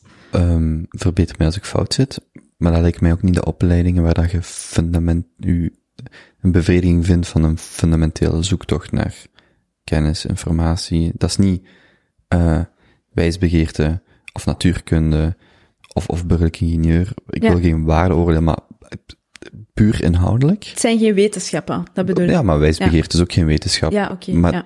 dus, eh, want ik wil daar geen waardeoordeel maken, maar dat zijn niet zo de, gelijk met iemand die veel zwaarder aankon, door omstandigheden daar niet, dat je het niet heeft gedaan of kunnen doen. Um, maar goed, gelijk mij zo'n zo type profiel dat wijsbegeerte doet, dan zegt, ben eigenlijk, ik heb dat gehad, ik ga nog handelsingenieur erbij doen. Of zo, zo dat type. Ja, maar wijsbegeerte of zo, of geschiedenis, of wat dan ook, heeft mij nooit aangetrokken Hm. als opleiding. Um, omdat dat niet breed genoeg is. Ik, ik heb, Psychologie bijvoorbeeld, ja, nooit. ik heb, nee, psychologie heeft mij wel aangetrokken, maar dat is iets dat je niet kon doen in Antwerpen, behalve, Dat was toch in Brussel? ja, behalve in Brussel. Maar ik had economie, dat was altijd mijn Maar waarom, droom. ja, waarom Omdat ik heel graag, ik wil heel graag werk creëren. Dat is echt iets, Maar daarvoor moet je toch niet economie studeren? Dat in mijn hoofd was dat toen wel. Hm, dat ja. je toekom- eh, toegepaste economische Maar je hebt wetenschappen toch moet veel meer studeren. cap capaciteiten dan economie studeren? Goh, dat durf ik niet direct zeggen, maar op dat moment als 17-jarige, Even alle theories aan het schofferen. ja, als 17-jarige was dat Ja. wel de redenering van je moet iets economisch doen om later, ja, iets of wat succes te hebben in het bedrijfsleven. mhm. Dat was altijd de redenering die je maakte. Je moet oftewel handelsingenieur of wou ondernemen net. Ja, ondernemen je- of bedrijfsleven, ja. Of bedrijf, ah ja, Ja, oké. Dan, dan snap ik het al. ja. Ja. want als je zegt, dat zou impliceren dat bijvoorbeeld elke professor economie ook rijk is, want die snapt de economie, terwijl... Ah, nee, nee, Dat nee, nee. zo- Nee, het is sowieso Allee. niet geleerd aan rijk zijn, hè. Nee, nee, maar wat ik wil zeggen is, nee, maar mijn, mijn punt is, um, ik kan me voorstellen dat veel mensen zeggen, uh, ik wil ondernemen, dus ik ga iets economisch studeren, maar volgens die redenering zou elke dokter kerngezond zijn, elke architect het mooiste huis hebben, elke professor Ah, die economie. Ja. rijk zijn, want die snappen, dus wat ik wil zeggen is, het is niet dat je iets studeert dat daarom, Dat je er goed in bent of Voilà, zo. maar als ja. je zegt, ja, maar ik wil ook het bedrijfsleven ingaan, dan is dat iets anders. nee, nee, Want je hebt een master nodig om bij Deloitte of zo te beginnen, Ja. dus dat begrijp Nee, mijn, mijn traject dat ik eigenlijk had uitgestippeld was sowieso economie studeren, bedrijfsleven, ervaring opdoen en dan een eigen zaak Hmm. starten. Dat is altijd de redenering geweest. Het ultieme doel was altijd werk creëren. Omdat ik heel goed besefte hoe belangrijk dat dat was om een stabiele job te hebben, om die zekerheid van een inkomen te hebben, om uh, ja, die, werk is een onderdeel van de oplossing om sociale mobiliteit uh, te, in gang te zetten, te creëren. Um, en omdat ik, ja, ik wist van als ik zoveel mogelijk mensen wou helpen, die niet aan een job geraken of zo, dan moet ik ervoor zorgen dat ik daar werk voor creëer. Zo, dat is een heel naïeve droom. Nee, ik vind dat super cool. Dus er zouden, Ja. meer, er zouden meer studenten politieke wetenschappen en sociologie dat exact eens moeten begrijpen van, als je werk wilt creëren, ja, misschien de overheid, maar misschien moet je zelf een zaak starten en werk geven. Allee, Ja, of- dat is altijd mijn, mijn opzet geweest. nee, ik En vind dat, is- zeer, ik ja. vind dat zeer matuur. eh, Ja. eh, Maar dat is heel moeilijk hier in België en Vlaanderen, uh, om te starten zonder startkapitaal, zeker als je het niet financieel breed hebt gehad. maar het gaat om Dus- de houding die je ja, hebt, hè. Het ja, gaat om klopt, de intrinsieke ja. houding, hè. Ja, nee, dat is waar. En inderdaad, er, zijn, er, zijn er is de realiteit, maar het gaat wel om de intrinsieke houding van als ik, als ik mensen wil helpen, werk verschaffen, is daar eh, de beste of een van de beste methodes voor. Om het zelf te krijgen. Ja, dan denk je, maar ja, ja, inderdaad. Ja. Allee, Dat is dat van, ja, wij nemen het heft in handen. Hè. Ja, mhm. Daar komt dat een beetje van. misschien ziet- misschien Ja. ziet hij dat toch goed gekozen. Ja, inderdaad. Nee, daar geloof ik echt wel in. Ik geloof dat wij zoveel impact kunnen genereren als we actief participeren aan onze samenleving en als wij actief op zoek gaan naar oplossingen voor de uitdagingen waar dat wij mee geconfronteerd worden, maar ook onze naasten. Um, en ja, vandaar, dat kwam van daaruit. En, en ik heb bewust niet gekozen voor die opleidingen die heel uh, diep gaan in... Allee, mijn opleiding, bijvoorbeeld de meertalige bedrijfscommunicatie, was een interfacultaire opleiding. Um, dus dat was een deel uh, dat ik op de faculteit toegepaste economische wetenschappen zat voor bedrijfskunde. Uh, alleen verschillende vakken uh, die ermee te maken hadden. En een deel op de faculteit letter en wijsbegeerte voor taal en letterkunde. Dus dat is een interfacultaire opleiding, maar hetgeen dat mij super hard heeft geboeid in onder andere die opleiding, is het feit dat die zo was. En ik merkte tijdens de opleiding dat ik ook wel op obstakels botste van oké, okay, management en, en ik weet niet wat nog allemaal, en communicatie, tot daar aan toe, dat gaat hier heel vlot, maar je moet helemaal anders studeren als je plots um, grammatica en heel diepgaande grammatica, dan heb ik het niet over de oppervlakkige grammatica die je meekrijgt als, je- als je een taal Hm. aanleert, maar echt over gedetailleerde zinsontleding en alles proberen te begrijpen, dat dat veel complexer is om te studeren dan bijvoorbeeld dingen van buitenblokken. Dus je moest ook tijdens de opleiding telkens een switch maken van oké, nu heb ik een ander vak uit de andere faculteit en nu moet ik op een andere manier studeren. Ik heb exact dat punt gehoord van mensen die twijfelden over de master communicatie wetenschappen of de meertalige bedrijfscommunicatie, die ook dat argument aanhaalden van het is veel specifieker op een bepaalde manier. Ja. En dat die master die, die jij dan ook gedaan hebt, dat daar net dat inter- of multidisciplinair daarin terugkwam en zo van, ah, dat is Ja. op zich interessant van, om dat vanuit dat standpunt ook te benaderen. Ja, en ook vooral voor de talen. Hè. Ik vind communicatiewetenschappen veel te beperkt. Um, dat heeft mij nooit aangetrokken, omdat dat veel te beperkt is geweest. Trouwens, welke taal spreekt jij vlot? Of Ehm, voelt je je comfortabel? Um, toch al wel wat. Eh, Ja, Nederlands in eerste plaats, Arabisch, Maghrebijns-Arabisch, um, Frans, Engels, Duits, uh, maar enkel basis. En daar voel ik me niet helemaal comfortabel in, maar ik begrijp wel alles en ik kan wel antwoorden als het moet. Um, soms komt het een beetje over als Pfafiaans, maar het is verstaanbaar. Um, en Spaans ook basis. Um, en het is Spaans eigenlijk dat ik heel graag wil heropfrissen vanaf uh, september. Dus ik wil me heel graag inschrijven bij Linguapolis. Omdat ik, dat is nog altijd zo die drang van bijleren, bijleren. Um, ja, ik wil niet dat het zo stopt. Ik wil zo echt de eeuwige student zijn. Uh, er valt nog zoveel te leren, al zijn het maar de talen. Um, en ja, een taal aanleren is natuurlijk veel makkelijker dan een hele nieuwe opleiding starten. Hè? Ja. Allee, voor mij in ieder geval. Het, geeft, het heeft niet zo een eenduidig eindpunt, Ja, wat een nadeel is, maar ik begrijp wat wilt zeggen.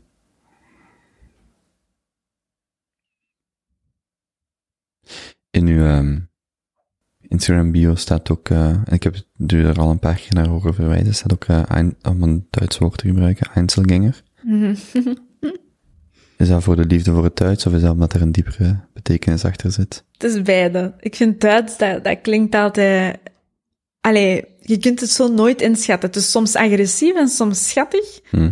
Ehm, ik vind het perfecte woord daarvoor, um, allee, perfecte voorbeeld daarvoor, uh, schmetterling. Maakt niet uit hoe dat je het uitspreekt. Je kunt er iets zacht van maken, omdat het een vlinder is, of je kunt er iets agressief van maken, zodat het overkomt als een scheldwoord. Als ik schmetterling tegen u zeg, dan, dan, allee, en je zou niet weten dat het een vlinder betekent, dan ga je zoiets hebben van, wat? Ja, het is anders Scheld als, uit? het is anders als mariposa of, of, Ja. ehm, of wat zijn de andere woorden voor? Het klinkt gewoon net even iets anders. Ja, inderdaad. En dat vind ik wel, ik vind dat wel een, ja, ik vind dat een toffe taal. Um, en vooral een heel mooie taal. En, en om, ook, ook gewoon omdat er heel veel schrijvers zijn, uh, Duitsstalige schrijvers die mij altijd al hebben geboeid. Maar bo, um, ja, Einzelganger is vooral eigenlijk omdat ik effectief een eenzaad ben. Um, ik ben heel graag alleen. Ik ben ook heel vaak um, de stilste. En je zou het niet denken, aangezien ik hier volledig heb gerateld, maar dat is omdat ik de switch heb gemaakt van oké, nu moet ik praten.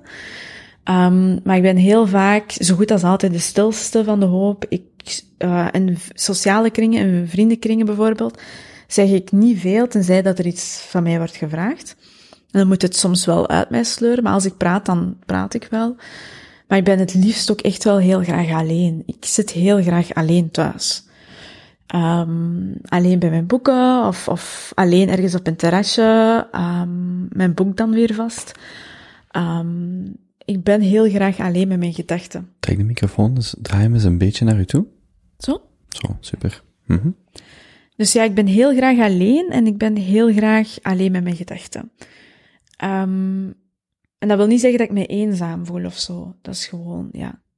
In het wanneer het over taal gaat, ik vind een van de grote gebreken in het Nederlands is dat wij geen onderscheid hebben tussen wat in het Engels uh, uh, loneliness en solitude noemen. Wij hebben daar geen echte, je kunt solitude gebruiken als woord en de mensen gaan het wel begrijpen, -hmm. maar wij hebben daar helaas.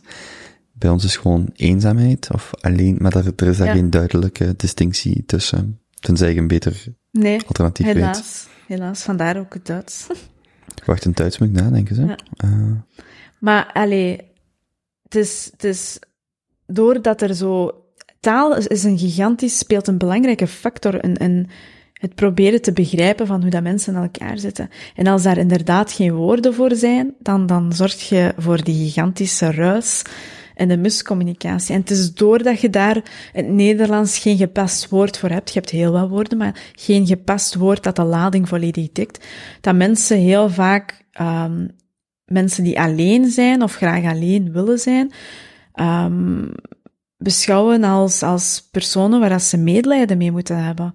Of personen die eenzaam zijn, of personen die marginaal zijn, of raar, of... Allee, hoe vaak dat ik heb gehoord dat ik raar ben, bijvoorbeeld. Ik vind dat niet erg, ik vind mij gerust raar. Allee, raar omdat ik heel graag alleen wil zijn, of niet wil uitgaan, of wat dan ook. Um, ik vind dat niet erg, doe maar, als dat uw mening is. Um, maar het is heel jammer dat mensen die alleen willen zijn, en daar perfect mee om kunnen, dat ze dat niet zorgeloos kunnen. En ik vind eigenlijk dat iedereen wat vaker alleen met zichzelf moet proberen te zijn. Omdat je, als je alleen bent met jezelf, dan leert je jezelf ook kennen. Je gedachten, je lichaam, je gevoel, je geest, je ziel, whatever, you name it. Je leert jezelf veel beter kennen. En als je jezelf veel beter leert kennen, dan heb je veel meer zaken sneller onder controle. Dan begrijpt je ook wanneer dat je een bepaalde reactie hebt op uh, X, Y, Z. Um, en dan kun je ook andere mensen veel beter begrijpen. Als je weet hoe dat je zelf in elkaar zit, dan, dan helpt dat u ook om te beseffen van, tja, misschien zit die persoon tegenover mij ook op een gelijkaardige manier in elkaar. Je beseft van jezelf dat je verschillende lagen hebt, waardoor als iemand tegenover je zit, um, je ook zoiets hebt van, oké, die heeft ook sowieso verschillende lagen, want ik heb die ook.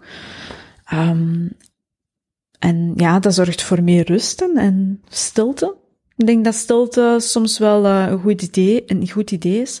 Wij spreken heel veel, wij praten heel veel. Online, offline. Uh, zelfs zoveel, wij communiceren zoveel dat wij soms vergeten dat stilte ook uh, een vorm van communicatie kan zijn. Um, en soms ook broodnodig kan zijn. Ja, dat is dus een heel mooie stilte, die ik eventjes heb doorbroken omdat ik uh, me ongemakkelijk voelde. ik ga even drinken.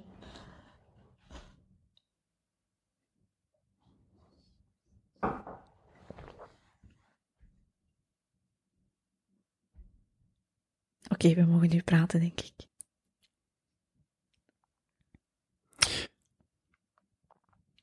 Maar als je iemand ziet die terughoudend is om labels op te plakken, Einzelganger is wel een label dat je zelf durft te plakken. Ja, maar ik vind dat um, heel belangrijk dat wij als, als individu, als mens, zijnde, dat wij um, andere mensen niet labelen. Maar als zij zichzelf willen labelen, als zij zichzelf op een bepaalde manier willen beschrijven, of een bepaalde positie willen innemen, of een bepaalde kleur willen uitstralen, dan doen ze dat. En dan hou ik mij daar bijvoorbeeld ook aan. Als iemand vindt, um, Allee, als, je hebt dat tegenwoordig ook uh, met, met aanspreekvormen, dat je bijvoorbeeld geen mevrouw zegt tegen iemand, omdat die persoon zich niet op die manier identificeert. Um, dan ben ik niet het type dat gaat zeggen van, jawel, ik ga je mevrouw noemen, want je lijkt op een vrouw. Uh, nee, ik heb dan zoiets van, ah, oké. Ik zal dat niet meer doen. Ik zal erop letten. Hoe wilt je dat ik u het liefst uh, vermeld of zo. En, en dan luister ik. Ik heb bijvoorbeeld zo'n tijdje terug een superboeiend gesprek gehad met een, uh, een vriend. En we waren bezig over uh, transpersonen. En um, ik heb bewust het woord transpersonen gebruikt, omdat ik wist van, um, ja, een, een, een schrijfsels van mensen met een andere geaardheid, van mensen um, uit de LGBTQ-gemeenschap enzovoort, um, zag ik dat woord altijd staan. In plaats van, um, wat was het alternatief? Allee, wat was hetgeen dat ze meestal zeggen? Um, trans of zo, zonder de personen erachter. De redenering was in ieder geval van, je moet er personen achter, want het gaat wel nog steeds over mm. mensen. Het humaniseren. Ja, inderdaad. Um, dat je er geen object of whatever van maakt, uh, mensen die eigenlijk geen mensen zouden zijn of zo. Je moet het normaliseren. En ik heb dan een heel interessante babbel gehad met die jongen en uh, hij heeft zelf een andere geaardheid. En uh, we waren er dan over bezig en ik zei transpersonen en hij keek zo naar mij. Jasmin, dat mocht jij niet zeggen. Ik heb liever dat je dat niet zegt. Ik keek zo van, oei, heb ik iets verkeerd gezegd? Want um, ik heb bewust transpersonen gezegd, omdat ik dat heel vaak in schrijfsels lees van organisaties en dergelijke die het opnemen voor deze mensen. Um, allee, deze groep mensen. En dan zei hij van, ja, maar nee, want uh, het gaat over transitie. Dus um, iemand die ooit of geboren is geweest als man, en, en dan een transitie ondergaat en vrouw wordt, um, is op dat moment vrouw. Dus die mocht je niet meer transpersoon noemen of trans, want die heeft de transitie al ondergaan. Je moet die dan beschouwen als volwaardig vrouw. En we hebben daar zo lang over gebabbeld en ik had zoiets van, tja, ik heb dat eigenlijk nog nooit zo bekeken. Voor mij was dat altijd van, oké, iemand is ooit uh, allee, geboren geweest als man of geboren geweest als vrouw, heeft zijn transitie ondergaan en is transpersoon of zo. Allee, of, of dat is een proces dat nog niet is afgerond. Maar ik heb nooit stilgestaan bij het idee dat dat proces wel op een bepaald moment, wanneer dat zij dat willen, dat proces dan is afgerond. En dat je dan wel een bepaald, ja, uh, een bepaald label opneemt of wat dan ook. Of dat dat nu vrouw zijn is of man zijn is of wat dan ook. Dus ik heb daar wel heel lang mee, uh, allee, heel lang over nagedacht en mee gebabbeld, met die jonge man. En um, nu let ik daar bijvoorbeeld keihard op. Um, omdat ik hoop dat ik mensen op de juiste manier aanspreek en ik wil mensen niet het gevoel geven um, dat ik ze in een hokje zou doen of zo. Ik zou dat zelf ook niet tof vinden. Dat is de reden waarom ik mezelf ook niet graag label, wanneer het gaat over levensbeschouwing, wanneer het gaat over uh, politieke voorkeuren of wat dan ook, omdat ik weet van mezelf, maar dat is dan natuurlijk weer iets anders, want dat kunt je kiezen. Maar ik weet van mezelf dat kan op elk moment veranderen, mijn label. Um, wat dat levensbeschouwing betreft, kan op elk moment veranderen. En dat is een proces. Soms voel ik mij zo, soms voel ik mij iets minder zo. Uh, maar ja, dat is dan weer iets dat je kunt kiezen voor de duidelijkheid. Wanneer het gaat over uh, mensen die een transitie ondergaan, uh, is dat helemaal iets anders. Ze, allee, ze nemen de beslissing natuurlijk om dat te doen, maar dat gevoel, dat is er en dat kunnen ze niet veranderen. En dan is het wel heel belangrijk dat je dat doet, dat is het minste dat je kunt doen om aan te tonen dat je die persoon wel als een persoon ziet. En dat je zijn of haar of, of um, wat dan ook, uh, die hun bestaan, een mens zijn bestaan of haar bestaan volledig accepteert en waardeert en um, als gelijkwaardig beschouwt. Uh, en dat heeft dan weer terug opnieuw te maken met hetgeen dat ik daarnet ook heb aangekaart. In, in gesprekken, dat je gelijkwaardig moet zijn vanuit een gelijke hoogte, met elkaar in gesprek moet gaan. En het eerste daarvan is ervoor zorgen dat je de persoon tegenover u op de juiste manier Hmm. aanspreekt. Je hebt natuurlijk mensen die daar moeite mee hebben en moeilijk over doen. Dan denk ik van, sorry, maar als dat een van de, allee, dat is echt het minste dat je kunt doen voor iemand anders. Um, als dat hetgeen is waar je zoveel moeite mee hebt, dan, ja, oké, okay, dan is dat zo, maar valt daar andere mensen niet meer lastig, denk ik dan. Ja, er zijn ook verschillende, gelijk wat je bijvoorbeeld zegt, moeite doen om u aan uw gesprekspartner aan te passen. Als jij morgen naar uw uh, uh, diploma-uitreiking gaat, dan draagt je ook andere kleren als die je vandaag draagt. En dat is een type respect voor wat dat die ceremonie betekent. En als jij morgen in een ziekenhuis staat, draagt die arts ook aan, om maar te zeggen, ja. die aanpassing gebeurt ook, je, kunt je bewust maken in taal, maar dat ziet je in zoveel dingen. Dus het is dan ook vrij arbitrair om te zeggen, in taal pas ik mij niet aan. Ja. Daar ga ik niet met u mee, maar in mijn kledij of in mijn gedraging of in de begroeting Mhm. mm -hmm. uh, of in de stiptheid, wat ook allemaal culturele ja. normen zijn, daar doe ik het wel. Maar in de begroeting of in de taal dan niet. Dat is zo, ja, ik vind dat dan vrij arbitrair. Ja, inderdaad, inderdaad. Hmm. En vooral als je op de hoogte wordt gebracht van het feit dat eigenlijk in heel veel culturen, en vooral in Afrikaanse landen, um, er nooit zoiets heeft bestaan als, als een hij of zij of zo. Dat onderscheid is nooit gemaakt geweest. Um, en, en als je daar dan verder over leest, dan is dat heel interessant om te weten van, oké, vanaf wanneer is dat begonnen? En dat onderscheid is dan gestart ook in taal. En ja, dat wordt zodanig doorgeduwd. En ik heb daar niks op tegen. Ik vind uiteindelijk taal, je kunt u niet gaan, een taal kan zich niet gaan beginnen aanpassen aan elk individu. Als ik nu plots ga zeggen van, oké, nee, ik wil dit of dat, uh, dat veranderd wordt uh, binnen de Nederlandse taal, dat gaat niet. Een taal verandert niet op die manier. Een taal verandert wel wanneer grotere groepen plots bepaalde zaken beginnen te normaliseren. En mensen die, die dat tegenwerken, die beseffen eigenlijk niet goed hoe taal en cultuur doorheen de tijd altijd een verandering, een veranderingproces zijn ondergaan. Mm. Um, taal of cultuur is nooit stabiel of standvastig geweest. Wat dat vroeger normaal was, een, een, een bepaalde culturele gewoonte was, of een traditie, de, rollen, de genderrollen uh, bijvoorbeeld, um, dat is dat nu niet meer. Als je bijvoorbeeld kijkt naar reclameaffiches van, van vroeger, van de jaren 50, jaren 60, als je dan ziet hoe dat de vrouw wordt afgebeeld aan de voeten van de man, die, die schoensmeert, uh, schoensmeer plaatst. Of dat de man dan uh, met een tekstballonnetje boven zijn hoofd dan zegt van, dat is de juiste positie. Um, dat, ik, dus, allee, dat ik zoiets heb van, hoe kon dit normaal zijn? Hmm. Allee, maar dat is nu het ding. Vroeger was dat normaal en maakte dat deel uit van de cultuur, van, van de manier waarop dat je mopjes maakt. Hetzelfde geldt voor racisme. Maar doorheen de geschiedenis is cultuur altijd veranderlijk geweest. En maar goed ook, want er zijn heel veel culturele gebruiken um, waarvan dat wij nu op dit moment zoiets hebben van oké, okay, dat is wel een schending van de mensenrechten. Dat is wel niet oké. Okay. Of, of dat is iemand zijn fysieke integriteit aantasten. Hetzelfde, Denk met, aan... hetzelfde met waarden en normen, die ja. zijn ook in beweging waar wij vandaag als de rechten van de mensen ver, verklaren. Ik zal over honderd jaar van zeggen, zeg, hoe komt dat daar geen rechten voor de robot, ik zeg maar, ja. whatever, bij zaten, gelijk dat ze honderd jaar geleden daar totaal niet over nadachten. Zo'n, ja.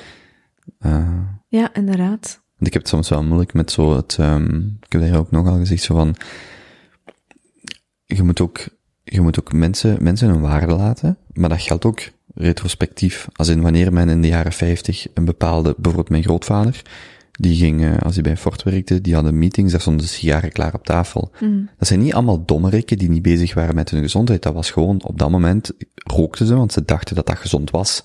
Mm -hmm. Net dat wij misschien vandaag denken dat er, uh, dat je toch ethisch vlees kunt eten waarvan ze over honderd jaar zeggen, zeg, wat massamoord was dat. Allee, om maar te zeggen, Mm -hmm. wij staan, of, of de manier waarop wij de planeet gebruiken, of wat dan ook de dingen zijn die we vandaag voor waar aannemen, aannemen dan hoop ik, oké, okay, ik ga uh, lief zijn voor de geschiedenis, ik hoop dat de toekomst ook lief is voor hun geschiedenis, waar ik integraal deel van uitmaak. Dus dat is zo, dat vind ik soms wel moeilijker als mensen dingen uit de geschiedenis gaan gebruiken. Ja, als, als wapen argument. of als argument. Dat Ja. je zo denkt van, oh, maar wacht eens, die mensen, er was een periode geweest voor de Tweede Wereldoorlog dat de eugenetica, het idee dat er Mhm. echt genetische verschillen waren, dat was een breed dragend wetenschappelijk eh, consensus rond. Mhm. En dan, dan komen er eens de nazi's en dan zeggen ze, wacht eens, oh, dit is niet wat wij bedoelden. Maar om maar te zeggen, dat was een, cons- dat was een consensus rond. Mhm.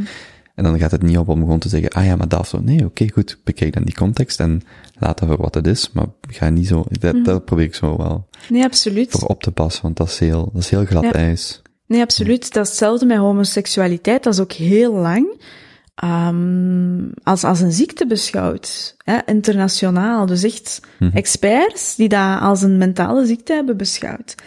Ehm, en dat is ook niet, dat is niet lang geleden hoor. Ehm, en daar moeten we ons ook van bewust zijn. En, en dat niet alleen, dat geldt trouwens ook voor religie eh, en verschillende andere levensbeschouwingen. Ehm, heel veel zaken die toen gebeuren en die vaststaan in, in religieuze boeken en geschriften, zijn zaken die je niet letterlijk kunt toepassen nu. Die, en je kunt zo op dit moment wel een kritische blik gaan beginnen lezen. En je gaat ze raar vinden en je gaat ze absu- absurd vinden en niet oké vinden. Ehm, maar heel veel, allee, puur los van de religie zelf, of dat je al dat niet gelooft, maar dus puur objectief, dat je die dingen leest, dat je zoiets hebt van, wat is dat hier allemaal voor oorlogstaal en ik weet niet wat nog allemaal. Ehm, of was dat hier allemaal voor rare gewoontes?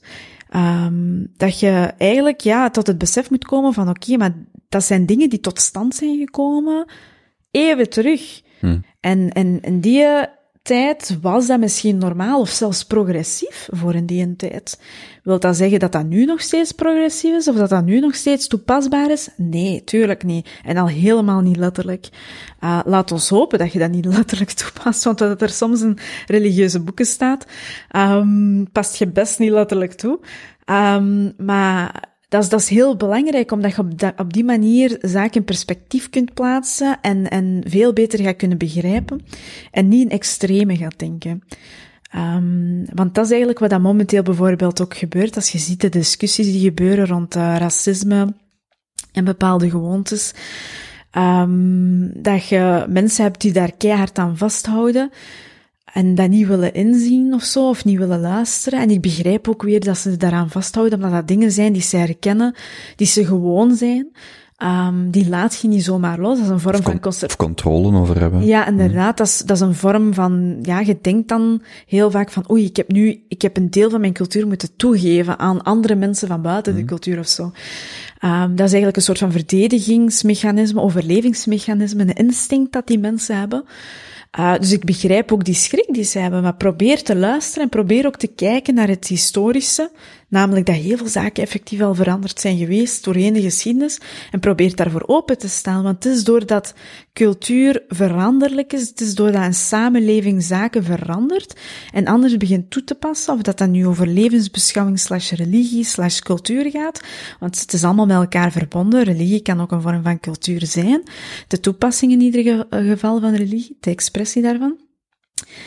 Um, dat dat ervoor zorgt, het feit dat dat veranderlijk is, zorgt ervoor dat onze samenleving vooruitgang kan boeken. Als je ervan overtuigd bent dat die zaken niet mogen veranderen en dat die standvastig hetzelfde moeten blijven, dan kan uw samenleving nooit vooruitgang boeken. Maar wie dat betwijfelt zoiets, vraag ja. mij dan af. Dat is zo gelijk, ik zag dat eens voorbij komen, dat is mij altijd bijgebleven. Er is niks meer immoreel dan een vaste moraliteit. En ik dacht, ja, uiteraard. Mhm. Want wat wij geloven vandaag is het, het, dus het summum of het, het resultaat van millennia lang aan het ontwikkelen van ethische waarden en normen. Maar dat kan morgen, kan daar een, een, een, een aanpassing in zijn, of, of gewoon al de escalatie van geweld. Ja, in een tijd van stenen en messen, savan nog, maar in een tijd van atoomwapens, wow, hebben we wel even andere, want daar is de schaal veel om wat te zeggen, ja. de realiteit verandert. En, en, en ik, dus ik snap niet wie betwist dat die dingen vast zijn. Dat, ja, dat, daar kijk ik dan naar en denk ik, voor alle duidelijkheid, want ik, gelijk de hele Zwarte Pieter discussie, ik, ik volg, ik heb geen kinderen, dus ik ben er al sowieso mm-hmm. verder van betrokken. En ook, ik, ik, ik, dat is iets wat ik elk jaar zie voorbij komen en ik, ik heb er geen geïnformeerde mening over. Ja. Maar ook daar kun je, je moet het zelfs nog niet over de inhoudelijke discussie hebben, maar je kunt heel goed zien, oké, okay, dat is een kamp, hoe je het wilt noemen. Die, die traditie, om welke reden dan ook, uh, vasthouden, een stukje daarvan controle en, en dat niet willen afgeven.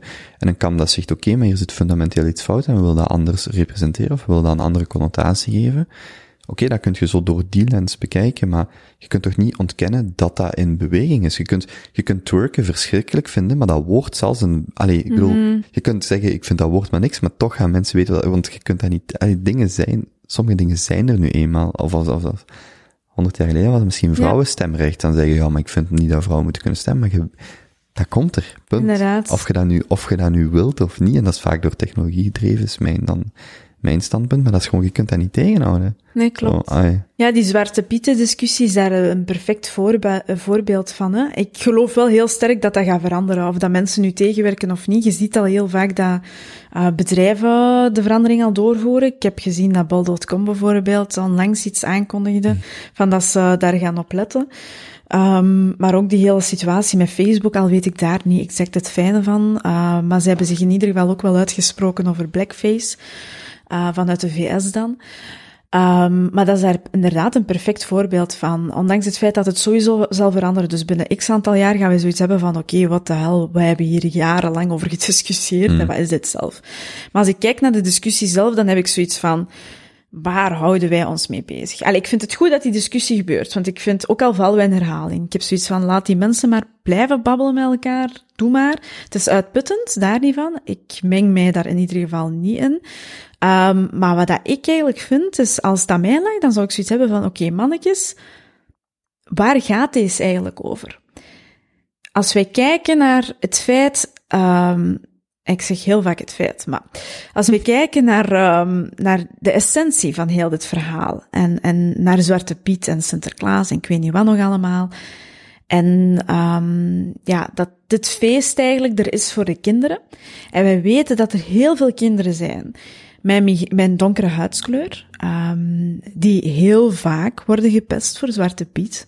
En ik denk dat wij daar allemaal al uh, iets van hebben gezien of hebben iets van hebben gehoord als kind zeiden. Ik in ieder geval wel. Ik heb dat al heel vaak gezien.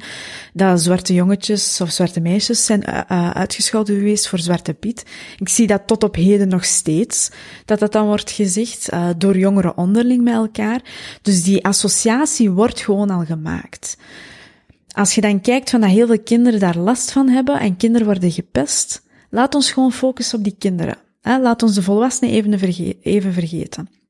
Laat ons focussen op die kinderen. Hoe kunnen we ervoor zorgen dat dat kinderfeest elk kind blij maakt? En er zijn natuurlijk kinderen die daar geen last van hebben, of die nooit zijn geconfronteerd mm. geweest met uh, mensen of andere jongeren of andere kinderen die hen zouden associëren met Zwarte Piet. Tuurlijk zijn die er ook. En gelukkig maar dat ze niet worden getraumatiseerd op dat vlak, want dat is echt wel een gigantisch trauma dat je oploopt als je continu met die racistische uitspraken te maken krijgt. Maar als er zo van die kinderen zijn, probeer dat feest dan toch op zijn minst iets aangenamer te maken voor de kinderen, want daar gaat het eigenlijk over. Het moet een plezant feest zijn voor de kinderen, niet voor de volwassenen. En als je dat kunt doen door een mens die zwart is geworden, want dat is het verhaal, die zwart is geworden door door een schoorsteen te kruipen, iets realistischer te maken, door daar roetvegen aan toe te voegen en ervoor te zorgen dat die ook soms blank kan zijn, maar met roetvegen, uh, roetvegen. Doe dat dan. Hm. Waarom zouden we dat niet doen als we daar alle kindjes mee gelukkig kunnen maken? En daar gaat het voor mij vooral over. Ja, maar dan denk ik, oké, okay, mensen die vooral die discussie in de realiteit omzetten, wel, het zijn vooral mensen met kinderen, want mm -hmm. die denken daarover na. Wij zijn bijna dertigers. Onze generatie heeft kinderen, dus wij weten toch, ah ja, ik ga dat niet meer doen. Ik ga dat hoogstwaarschijnlijk niet meer doen, gelijk dat dat bij ons thuis was, twintig jaar geleden. Dus geef dat nog 10, 15 jaar, en sommigen zullen zeggen, dat is niet snel genoeg in dit of wat, maar goed, ik ben geen activist op dat vlak, of op Ja. die discussie, maar dat gaat er gewoon, allee, dat, Dat gaat gaat er, verdwijnen. ja, geef dat Ja, nog, en misschien absoluut. is dat inderdaad nog 15 jaar en is dat niet snel genoeg, maar het punt is, dat gaat weg. Ja, dat gaat zeker Of de- weg. en, en zo Ja. kunt je discussiëren over of, eh, of eh, en is, want ik wil dat onderwerp, want ik wil dat wel de aandacht geven, maar dat is even goed te discussiëren over dieselwagens en verbruik en dit en dat, dat gewoon zegt, dat gaat eruit, punt. Of je dat nu wilt Ja. of niet, eh, verbrandingsmotoren gaan eruit. En sommigen zeggen, ja, maar dit, ja, maar Mhm. nee, dat gaat eruit en je kunt daar lang over palaveren, maar dat, dit, dat is de richting die, die, die we uitgaan. Ja, mee eens. Ik ben er ook van overtuigd. Ik, um, allee, geef dat wat tijd en dat is sowieso weg. Of dat is veranderd. En als je kijkt naar andere landen, is dat ook helemaal anders. Ik weet bijvoorbeeld, in Marokko wordt Sinterklaas ook gevierd. Daar heeft Sinterklaas in plaats van een paard een kameel soms. Allee, uh, en daar zijn soms ook foto's van. En dat is ook hilarisch, dat je dan plots Sinterklaas in Casablanca over de straten ziet. Uh, uh, ja, allee... En daar is Sinterklaas dan ook iemand met een, een tintje. Allee, dus uh, ik heb zoiets van, laat ons gewoon kijken naar de essentie, want we zijn hier en we gaan het nooit met elkaar eens zijn. Want dat is eigenlijk duidelijk. Die mensen aan de ene kant van het spectrum en de andere kant, die gaan nooit met elkaar eens zijn. Daar komt het een beetje op neer. Laat ons kijken naar het gemeenschappelijke. Wat willen wij allemaal en wat roepen zij allemaal? Uh, zowel langs de ene kant roepen zij van, je moet van ons kinders, kinderfeest afblijven. Hè, dan is plots ons kinderfeest. Ik weet niet wie dat ze bedoelen met ons, want we zijn allemaal Hmm. ons, maar bo. Ik weet eigenlijk wel wie dat ze bedoelen, maar bo, ik Wel, mij een en beetje... je begrijpt de nuance, want Ja. het is ook niet bijvoorbeeld mijn offerfeest. Het is, allee, ik Ja. wil maar zeggen, Inderdaad. er is nuance, maar ik- dat is nogal arbitrair in deze kwestie. In deze kwestie heb ik zoiets van, iedereen viert Sinterklaas en, en Sinterklaas zou er voor iedereen moeten zijn, punt. Dus wanneer het gaat over ons, gaat het over ons allemaal, als samenleving. Maar dat is wat dat zij roepen, en wat dat de andere mensen aan de andere kant roepen, is van, ja, inderdaad, zorg ervoor dat ons feest er is voor alle kinderen. Dus eigenlijk willen ze beide hetzelfde. Uh, er is een common ground. Ze willen dat dat feest een feest blijft voor alle kinderen. En daar zou het eigenlijk om moeten gaan. En je kunt natuurlijk die discussie ook nog blijven houden rond racisme en het koloniaal verleden en ik weet niet wat nog allemaal. En dat is een discussie die je moet blijven voeren, want dat heeft historisch ook heel veel zin. En uh, structureel ook, want dat zorgt voor heel wat impact. Dat is een gesprek dat gevoerd moet worden, zoals de gesprekken over de nazi's werden gevoerd en over de straatnamen die Maar ik heb een vraag. Ja. Ik heb een vraag. Wilt jij u hier mee be- Nee, ik ga het anders vragen. Hoeveel van uw mentale capaciteit wilt je aan dit soort, dit soort, niet enkel deze, maar dit soort symbooldiscussies Mhm. Nul. geven? Ik Wel, steek daar geen daar heb je tijd toch geen tijd voor? Nee, ik heb Allee, dan, dan, en, en al die discussies, hè, dan denk ik Ja. echt, als ik naar het kijken en denk, maar hebben jullie niks meer productief of gewoon iets liefdevol? Allee, weet ik veel over wat gaat en ik wil niet mensen schofferen en zeggen dat dat niet waardevol is, wat hen nou aan het hart ligt, maar dat importeren van alle problemen uit de wereld, van overal en, en alle, dat is zo, ik heb daar gewoon, zo, ik probeer gewoon in mijn, op mijn niveau, hier in deze ruimte met mijn vrienden, mijn familie, een goed mens te zijn en ik heb niet over alles een mening. Ik heb, ik heb niet de tijd. Ik snap niet waar je al die ruimte en mentale moeite haalt om, en, en dat is dan toch iets als ik dat over vertel, dan denk je, maar, oké, ergens zeg je gewoon, dat is aan mijn, dat is ook wat ik daarnet zeg, de tijd gaat dat oplossen en ik begrijp dat mensen zullen zeggen, het gaat niet snel genoeg of dit of dat, maar dat is niet mijn gevecht. Sorry, ik heb daar geen, ik heb andere dingen die ik belangrijker vind. Ja. Dat wil niet zeggen dat dat niet belangrijk is, dat is gewoon, ik vind sommige dingen belangrijker, ik heb daar geen tijd voor. Maar dat is, dat is bijvoorbeeld wel een goed ding dat je zo net hebt gezegd, dat is niet mijn gewicht. En het is inderdaad bij mij het geval dat ik die discussies aan de kant laat liggen, omdat dat, ik, ik vind dat, los van het feit dat ik die superbelangrijk vind, en die moeten gevoerd worden, maar ik heb zoiets van, um, ik steek daar gewoon algemeen mijn tijd Ja, in. Hetzelfde geldt niet, voor, ja, nee, dat weet ik. Maar hetzelfde geldt voor bijvoorbeeld de discussies rond uh, moslima's, of dat ze al dan niet, uh, of, of uh, Joodse jongens um, die aan de slag zouden gaan, of dat ze al dan niet hun keppeltje mogen blijven dragen, of wat dan ook. Ik moei mij zelfs niet in die discussie. Ik heb zoiets van, blijf maar discussiëren. De, in de overheid, voor overheidsinstellingen, voor heel veel overheidsinstellingen mag dat niet. Bij de overheid mag het niet als het zichtbaar is. Achter de schermen zijn er heel veel mensen die wel werken bij de overheid en het mogen. Um, en dat is misschien wel zo, maar de privé zal sowieso meegaan met de markt. Hm. Um, en, en je ziet dan nu dat dat keihard aan het veranderen is. En dat uh, heel veel bedrijven inclusief zijn. En effectief daar werk van maken, zowel in hun communicatie als uh, in hun beleid, hun personeelsbeleid. Dus dat verandert sowieso, dus ik, ik steek daar sowieso mijn tijd niet in. Maar het is tegelijkertijd, los van het feit dat dat mij eigenlijk ook wel aangaat en mij indirect in het verleden ook heeft geraakt, um, daar niet van. Maar wanneer het gaat bijvoorbeeld over de Zwarte Pieten discussie of zo, of eender welke discussie, is het vaak ook gewoon een luxe positie dat je je er niet mee hoeft te bemoeien of zo. Omdat bijvoorbeeld de mensen die zich er wel over uitspreken, um, en die ik ook ken, ehm, heel vaak wel kinderen hebben.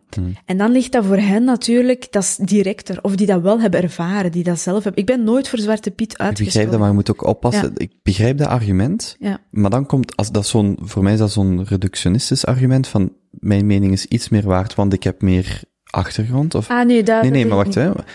Dus die gaan zeggen, het is belangrijker ook dat je er een mening over vormt, want kijk eens naar mijn onrecht. Maar dan komt de volgende en die zegt, jullie hebben makkelijk spreken, jullie kunnen tenminste krij- kinderen krijgen. En dan komt de volgende die zegt, ik had kinderen, zijn gestorven toen ze drie jaar mors doodgereden. En dat is zo, dat vind ik in die discussie heel moeilijk, wanneer iemand naar mij komt en zegt, jij moet daar een mening over vormen, want anders zit je deel van het probleem. En ik heb dat hard gevoeld bij Black Lives Matter protesten, dat, dat ik Ja. een tweet zag of een, een story zag voorbij komen van, het gaat niet, racisme is niet enkel wat je verbaal zegt, het gaat ook over u, en dat vond ik er moeilijk aan, want het openen en ik dacht, oké, het is niet enkel over dat wat je uit, het gaat ook over uw gedachten, uw vooroordelen. En ik las die tekst en ik dacht, wauw, zelfs in mijn eigen hersenpan ben ik niet meer veilig, want eigenlijk word ik van racisme verdacht of benoemd, omdat ik gewoon een gedachte heb.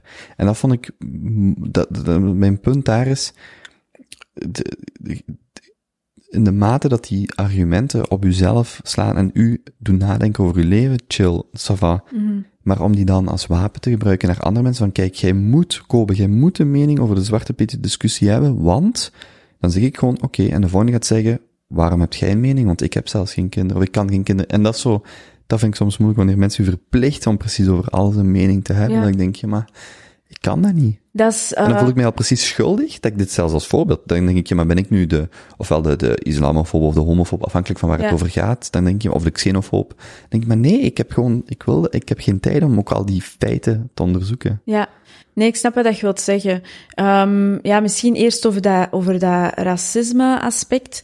Het is wel zo dat iedereen racistische gedachten heeft, of in ieder geval vooroordelen in zijn gedachten heeft. Dat is heel onbewust, dat is iets dat in ons zit, eh, dat is heel vaak instincti- instinctief ook. Ehm, dat is gebaseerd op je instinct. ehm, ehm, en, en dat is iets dat je je gewoon bewust van moet zijn. Dat er bestaat zoiets als unconscious bias, daar heeft dat mee te maken. En ik vind dat wel sowieso belangrijk dat we ons daarvan bewust zijn. En dat we daarvan op de hoogte zijn. Hè.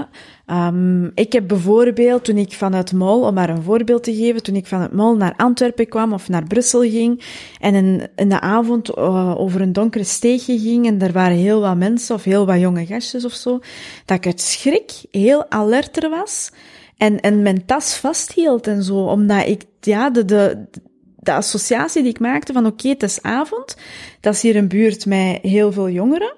Ehm, dat is hier een buurt in Brussel. Brussel en Antwerpen zijn alle twee steden die heel onveilig zijn, waar dat mensen je tasjes stelen, waar dat je straks ergens in een gracht ligt of whatever. Allee, dat hebben ze niet in de stad, maar bon, ergens in de goot.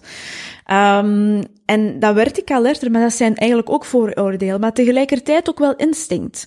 Omdat alert zijn, er is niks mis mee om alert te zijn. Maar het is wel heel handig om te weten dat je eventjes bewust moet zijn van de vooroordelen die je hebt in je hoofd. En je merkt ook heel vaak dat je aan tafel zit met mensen uh, die je voor de eerste keer ontmoet.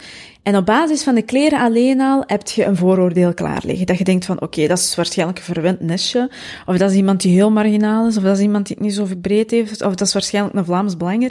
Allee, dat zijn zo, of een PvdA. Dat zijn wel dingen die wij allemaal doen. En mm. dat is heel onbewust. En vaak is dat ook wel onschuldig. Maar het is wanneer het wordt omgezet naar het structureel uitsluiten van mensen, dat je dan wel in de problemen komt.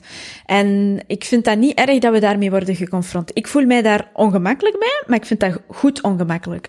Als je begrijpt wat ik bedoel. Dat in de eerste plaats. Um, en, en ja, wat dat de mening betreft, ik heb dat daarnet ook gezegd. Um, dat heeft met dat populisme te maken. Hè?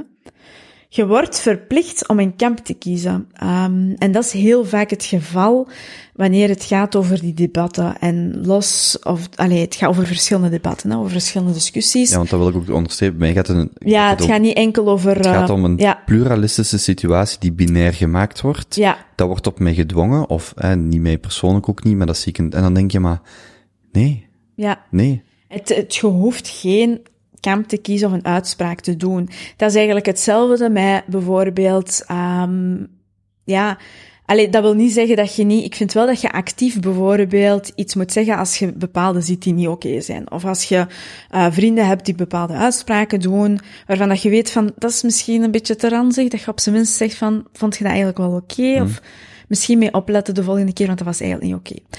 Ik doe dat op een heel diplomatische manier. En als je vrienden, ja, als je daar een goede band mee hebt, allee, dan, dan vinden die dat helemaal chill. Hetzelfde met die jonge man die tegen mij zei van Jasmin, uh, transpersonen, eigenlijk heb ik liever dat je dat niet gebruikt. Terwijl dat hij helemaal uh, geen persoon is die de transitie heeft ondergaan of zo. Hij heeft gewoon een andere geaardheid. Um, maar toch heb ik daar naartoe geluisterd en heeft mij daarop kunnen aanspreken. En omgekeerd doe ik dat dan ook. En ik vind dat wel belangrijk, omdat je dan groeit, omdat je dan jezelf verrijkt. En dat wil niet zeggen dat je het altijd eens moet zijn. Het kan perfect zijn dat je soms wordt aangesproken door iemand en dat je zoiets hebt van, nee, eigenlijk ben ik het niet eens. Oké, dat is dan nu goed recht en dat is helemaal oké. Okay. Um, maar wanneer het aankomt op, op bijvoorbeeld die debatten, dat je altijd een kamp moet kiezen, dat is eigenlijk populisme. Je hoeft niet altijd een kamp te kiezen en al helemaal niet als je niet geïnformeerd bent. En ja, je kunt informatie gaan opzoeken en ja, je kunt je informeren, maar je kunt dat niet gaan doen voor elk thema. Hm. Wij moeten ons daarvan bewust zijn. Je moet niet over elk thema een mening hebben. Dan voel ik me al bijna slecht dat ja. ik er geen mening over heb. Dan denk ik, maar ik Nee, dat hoeft absoluut niet. Ik heb, dat, ik heb heel lang columns geschreven en dat is een van mijn voornemens geweest toen ik was begonnen. Ik ga echt niet over alles een mening hebben. Waar ik wel een mening over ga hebben, dat zijn de thema's waar ik actief mee bezig ben, los van mijn columns. Dus ik spreek mij ook niet uit uh, hetzelfde gaat over mijn boek, hetzelfde gaat over uh, mijn tweets. Ik ga mij nooit uitspreken over dingen waar ik in het professioneel leven niet mee bezig ben. Jeugdwerk, armoede, onderwijs, politiek, communicatie, dat zijn dingen waar ik allemaal mee bezig ben, actief ondernemerschap. Um, van dat studentondernemerschapstatuut dat ik mee in gang heb gezet en mee heb voorgesteld destijds aan minister Muiters, tot mijn ondernemerschap nu, zowel hier als in het buitenland. Zo, dat zijn allemaal dingen die ik professioneel doe. En met professioneel bedoel ik gewoon als, als werk, als job. En dat zijn dingen waar ik mij wel over wil uitspreken of kan uitspreken, omdat ik daar tot op een zekere hoogte, dus niet altijd, tot op een zekere hoogte voldoende over geïnformeerd ben. En dan nog zal ik mij nooit uitspreken op een manier dat ik geen ruimte laat voor twijfel. Ik vind dat heel belangrijk dat wanneer dat je zaken, uh, of wanneer dat je standpunten inneemt, dat je altijd ruimte laat voor twijfel. Omdat je moet beseffen dat je de waarheid niet in pacht hebt. Ja, en dat is ook gewoon te dogmatisch, om zo is de wereld, ja. Ja, nee. inderdaad. Dus je moet de ruimte laten, je moet de ruimte laten voor het feit dat je gaat kunnen bijleren, dat je misschien verkeerd bent. Um, maar dat moet ook langs twee kanten. Ja. Want ik wil toegeven dat ik ruimte moet laten en daar ook een bewust punt van maken. Maar de andere partij moet ook begrijpen dat er ook, ook daar een ruimte moet gelaten worden om iemand zo, ah ja, oh, wat jij net zegt, ah, ik vind dat standpunt egoïstisch, oké, okay, je, je praat met elkaar en dan, ah, oké, okay, wacht, misschien is er meer nuance. Dat, maar dat moet ook van twee kanten komen. Dat ja. je niet gewoon, ik vind dat egoïstisch en ik ga gewoon ingraven. En wat jij ook zegt, nee, nee, nee, dat blijft, ja, maar oh nee, dan zit je niet, dan zit je niet aan het praten, dan zit je gewoon, ja, Inderdaad. ja nee. Nu, ik, ik merk ook wel bij dat type discussies, die onderwerpen, hoe meer ik op social media zit, hoe meer ik op Twitter zit, hoe meer ik ook denk dat dat effectief is waar iedereen van wakker ligt. Mm -hmm. Wat tot een bepaalde hoogte waar is, maar eigenlijk, ik heb dat, ik denk, ik heb dat beeld vaak in mijn straat, dat ik hier in straat, niemand spreekt mij op dat type onderwerp aan, ze spreken mij aan op de avondklok is terug in gang, of mijn vrouw ja. is gestorven, of whatever, zo. Daar zijn mensen nog, dat is opnieuw, was die 95% realiteit, en en, en Sinterklaas is letterlijk, want ik wil ook, ik bedoel, dat is één dag en dat symboliseert meer dan dat, maar er is, dus, er is meer, of er zijn meer discussies, dus die ook weer daar, dat proberen in, in, in de juiste context te zien. Um, ja, nee, mee eens. Ja. Maar Twitter is eigenlijk een bubbel op zich, hè. Um, ik denk dat wij heel vaak, en veel twitteraars, twittergebruikers, um, ja, doordat ze mee, je, je wordt eigenlijk, ja, opgeslorpen door al die informatie en al die tweets en al die discussies en ruzies en debatten die Feit, daar worden en die feiten. Ja, inderdaad. um, dat je eigenlijk bijna vergeet dat je in een bubbel zit. En een Twitterbubbel, er bestaat echt zoiets als een Twitterbubbel. Um, en, en... Voor iemand als u die nuance zoekt, allee, dat, dat zegt je. Ja. Wat doet je dan op, allee, die mate? Is dat dan puur gewoon omdat je, ik bedoel niet vervelen vanuit ik heb niks beter doen, maar gelijk Nassim Taleb, favoriete auteur, all-time, die zegt, ik zit op Twitter gewoon om wat een beetje, dat is gewoon mijn tijd, dat, zo, daar kom ik tot rust, en die gaat dan gewoon mensen provoceren. En, maar ik begrijp dat. Dat is echt gewoon, dat is gewoon het uurtje per dag dat hij gewoon even chill, gewoon mensen aan, het- aan het jennen is. En vanuit dat standpunt begrijp ik dat. Maar echt, heel veel, als je, als je, dat is toch gewoon een, een straatje zonder einde. Ja. Ik ben al heel lang geleden Twitter begonnen en dat was eigenlijk oorspronkelijk met het idee van, alleen vanuit het idee dat ik eh, actualiteit wou volgen en vooral buitenlands nieuws, omdat heel veel journalisten uit het buitenland heel actief waren op Twitter en nog steeds. Eh, het is pas de laatste jaren dat eh, Vlaanderen, ehm, om het eventjes te veralgemenen, sterker aanwezig, allee, Vlamingen sterker aanwezig waren op Twitter. Maar ik zelf zit ook op Twitter eigenlijk enkel en alleen wanneer ik pendel. Ehm, dus wanneer ik in de trein zit, wanneer ik in de bus zit, of wanneer ik ergens in een wachtzaal zit. Ehm, als ik weet dat ik s- 15 minuutjes of een uur eh, onderweg ben of wat dan ook, of ergens in de auto, ehm, dan twitter ik, alleen dan tweet ik. En dan gaat het heel vaak over actualiteit, of dan spreek ik mij over bepaalde dingen uit. Of dan deel ik nieuws over mijn organisaties. En daar blijft het meestal bij. Ik ga ook wel in gesprek met mensen. Vroeger ging ik veel vaker in gesprek. Ehm, dat was continu dialoog. ehm, en, en echt met de meest extreme stemmen. Eh, dan ben ik daarmee gestopt, omdat ik besefte van eigenlijk willen die geen dialoog. Eh, Die willen aandacht. ja, die willen aandacht. Eh, het werd heel ranzig voor mij, dat dat zelfs tot op een punt kwam dat ik ehm, ja, voor een rechtbank eh, kwam en een troll veroordeeld kreeg, omdat hij heel stalkerig... Echt? ja, was de eerste veroordeling ik in België. Niet, eh, vooral de, ik Ja. lag om de, omdat dat gewoon echt, ja, zo dichtbij komt. Ja, dat is echt, stel was echt, uh, allee, het werd heel ranzig. Ik, ik had echt te maken met stalkers. Um, dat was echt heel vies. Heel eng.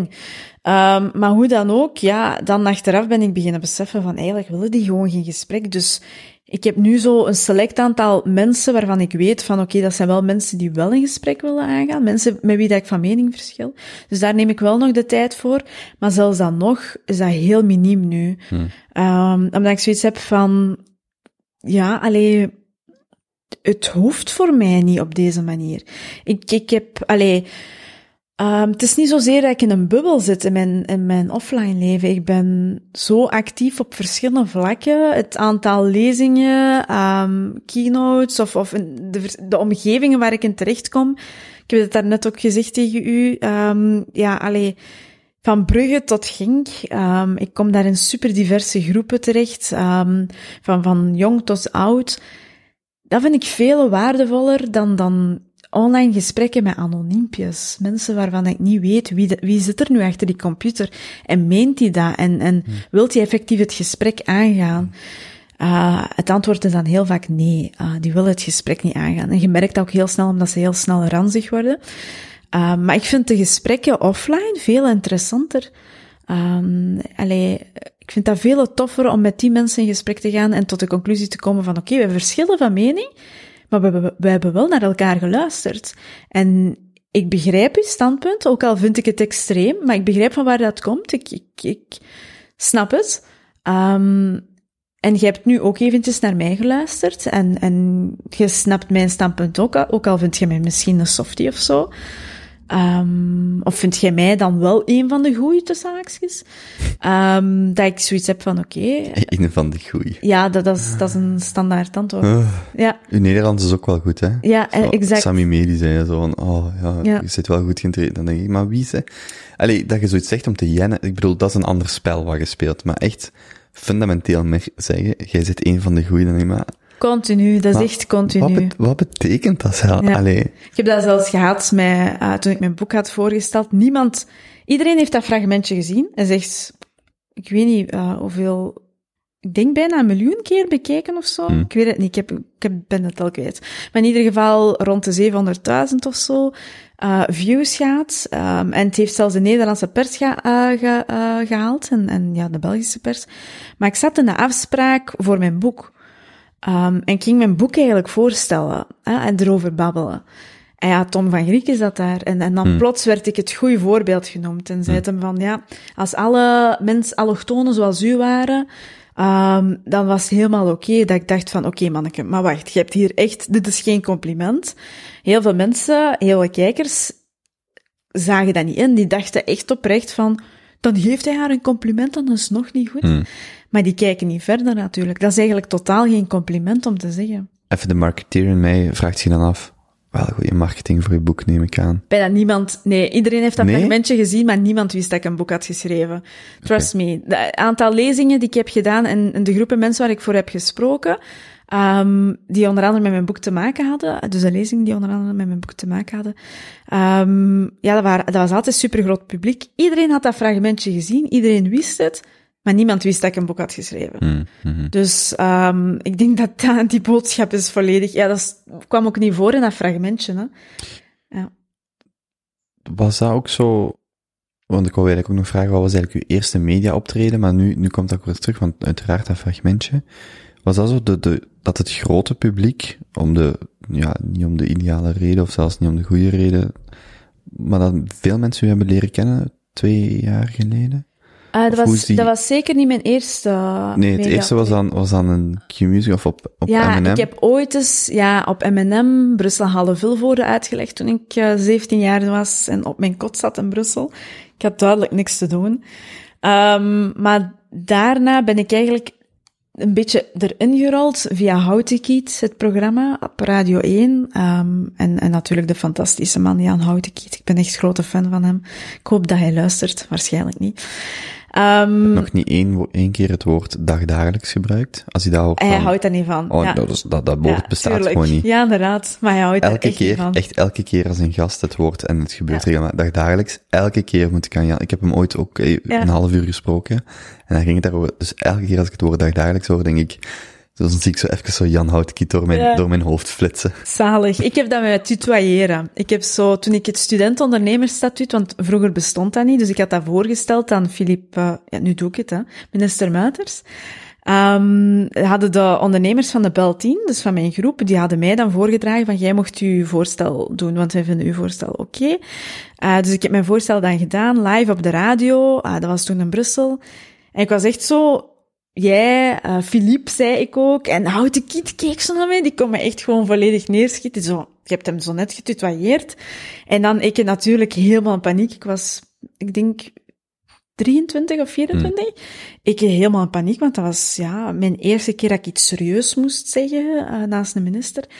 En gelukkig was dat een kei vriendelijke minister die dan zo keek en zei van, jij mocht Philippe zeggen. Dus dat, dat, dat brak zo wel het ijs. Ehm, maar ja, Jan Houtenkiet keek echt zo naar mij van, wat is deze?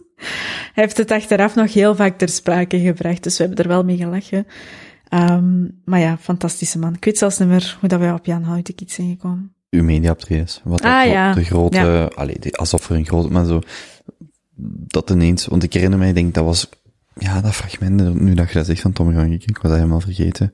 Maar je deed daar, je deed dan al met Houtkiet een, een aantal dingen daarvoor al. Ja, ja, dat Hmm. was echt al. Ik was heel vaak te gast op zijn programma om het over ondernemerschap en social media vooral te hebben. Ja, vanuit mijn, allee, ik was toen uh, marketeer. Ehm, en ja, het was vooral van daaruit en omwille van uh, dat student-ondernemerschapstatuut natuurlijk. Ja. Het ging net over uh, Einzelganger, um, en over jij die graag alleen bent. Um, waarom zit je single? Goh, um, ik denk omdat je... Goede vraag eigenlijk. Waarom ben ik single? Ik weet dat niet. Misschien omdat ik dat nooit als doel heb bezien of zo. Van, ik heb een partner nodig of zo. Ik heb nooit die behoefte gehad in het begin. Uh, alleen nu eigenlijk ook niet echt de behoefte, maar ik heb wel zoiets van, oké, prins op het witte paard, ik weet niet, of zelfs al zit je te voet of zo, een pendelaar, helemaal oké. Okay. Um, allee, kom maar af, hè. Ik bedoel, hallo, ik ben hier nog. um, maar um, ja, allee, goh, dat, dat is nooit een doelstelling geweest of zo. Ik had zoiets van, ik leef gewoon van dag tot dag, ik probeer gewoon mijn ding te doen en ik zie wel wat dat er op mij afkomt, ja. Ja, want ik heb u gezegd, ik vraag het ook voor een maat van mij, hè. um, nee, maar ik zag bijvoorbeeld die story voorbij komen, waarin je schreef, ik heb het zo druk, ik werk 7 op 7. Ja. En dat kan ik omdat er niemand thuis zit te wachten. Of ik ben aan het parafraseren. Ja, klopt. Maar toen ik die story las, dacht ik, dat lijkt, dat lijkt mij zo, het, los, ik wil dat niet aan een leeftijd koppelen, maar dat lijkt mij, als het over een transitie of een proces gaat, van iemand die inderdaad zeer zwaar focus of louter focus op werk, en dan iets wat ik anekdotes in mijn omgeving zie van, ah maar wacht eens, wat betekent dat dan om succesvol of veel dingen voor buiten te doen, hoe je dat ook wilt definiëren, als ik voel dat er zelf zo aan, er ik, ontbreken is niet het juiste woord, maar er is een onvervuldheid, een onvolledigheid die ook niet per se afhankelijk is van die andere persoon, of die je in een ander gaat vinden, maar het gaat eerder om de, misschien een situatie dat je voor jezelf creëert met z'n tweetjes. Zodat, zo gelijk, ik kan, je moet met twee zijn om te knuffelen, gelijk sommige dingen moet je gewoon met twee doen, allee. Je kunt ook met knuffel knuffelen of zo. Maar ja, inderdaad. Als je dat op dezelfde hoogte wilt zetten, be my guest. Of met maar- katten en honden, dat doe ik heel graag. Dat is niet hetzelfde. Kijk, Ja. ik zag een tijdje geleden op Tinder iemand, ehm ehm dogs of, of, of, of kiddies before babies.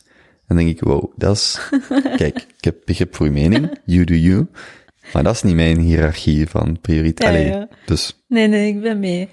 Ja, ja, allee, bij mij, ik werk wel zeven op zeven, maar voor mij, uh, allee, onder werk valt ook mijn vrijwilligerswerk. Ik doe heel veel vrijwilligerswerk. Ehm, ik heb het, ehm, ja, allee, ik heb het er eigenlijk nog niet over gehad of zo, maar de organisatie die ik heb opgericht op mijn twintigste, die onder, ondertussen dorpsschooltjes renoveert. wacht. Want ik wil wel bij de vraag, waarom zit je single blijven? En dan wil ik daarop terugkomen, nog op je werk, maar ik wil wel daar, want anders ga ik dat vergeten. Oké, wacht, want dan ben ik de vraag eigenlijk. Oké, waarom bent je single gebleven? Ehm, ja, dat is eigenlijk onbewust. Dat is echt wel onbewust. Ehm, je moet daar ook sociaal voor doen en zo, en buiten komen. Ik kom buiten, maar niet in die context. In werkcontext kom ik buiten. Ik heb deze vraag al heel lang niet meer op de podcast gesteld. Ehm, hoe ziet een romantische avond bij u eruit? Met mezelf. Met mezelf. Nee. Ja, oké. Ehm, ja, je weet nooit, hè? Alleen, ja, met alleen bij de knuffels. Nee, ik bedoel, Goh, ehm, dat, dat weet ik eigenlijk niet. Alleen niet specifiek. Niet specifiek. Een romantische avond, dat kan perfect ehm, gewoon samen eten of zo. ehm, en heel diepgaande gesprekken hebben. Ik vind dat wel super belangrijk dat ik zo eh, mijn partner diepgaande gesprekken kan hebben. Dat je echt over iets kunt babbelen. Ehm, en dat hoeven, allee, dat moet geen interessegebied zijn dat je alle twee deelt of zo, maar dat je gewoon even kunt babbelen over bepaalde dingen of over persoonlijkheidskenmerken of hoe dat je voelt of, of wat dat je denkt over bepaalde zaken of zo, of hoe dat je in het leven wilt staan of Ehm, niet alles moet politiek zijn of actualiteit of zo. Je kunt bijvoorbeeld ook, allee, het klinkt misschien een beetje donker of duister, maar over de dood babbelen, ik vind dat bijvoorbeeld superboeiend. Ehm dat zijn zo van die thema's waar iedereen wel iets over kan zeggen, of waar dat iedereen wel eens even over kan nadenken. Ik vind dat wel belangrijk in een partner dat je daarmee ja, kunt nadenken over het leven en zo. Ehm ja, dat kan perfect tijdens het eten of na het eten of zo. Ehm, en ja, wat is romantisch? Ehm, ik vind een stilte naast elkaar zitten ook romantisch. Ehm, vooral als het aan het water is. Ik zit bijvoorbeeld, maar dat is dan op mezelf.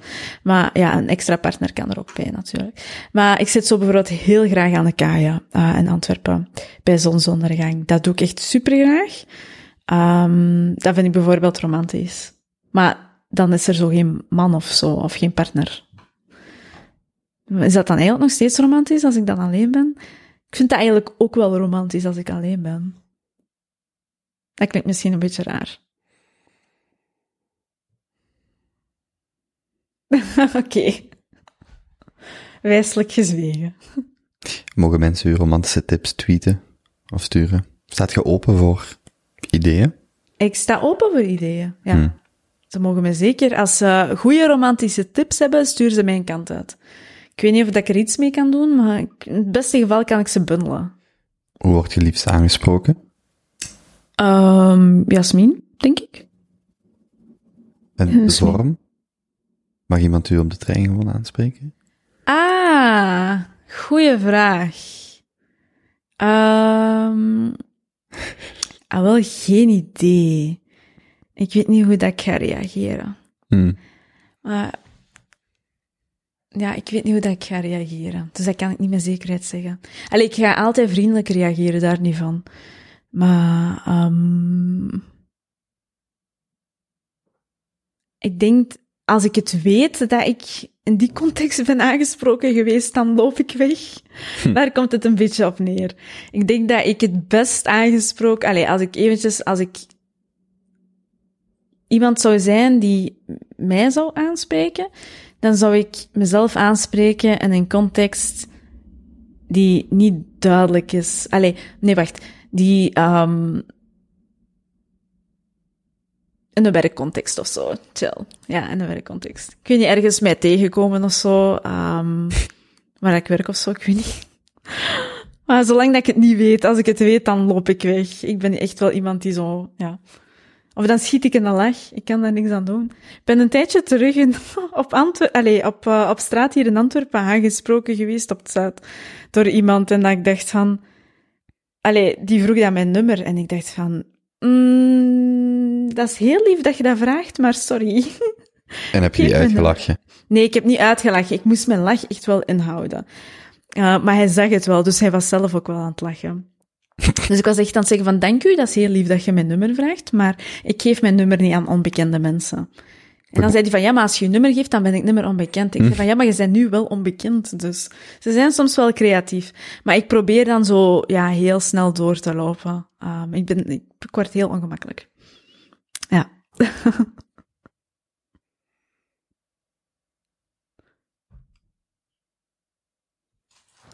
Checkt u DM's nog? Mijn DM's op uh, Twitter? Mm -hmm. Ja, of Instagram. Hmm.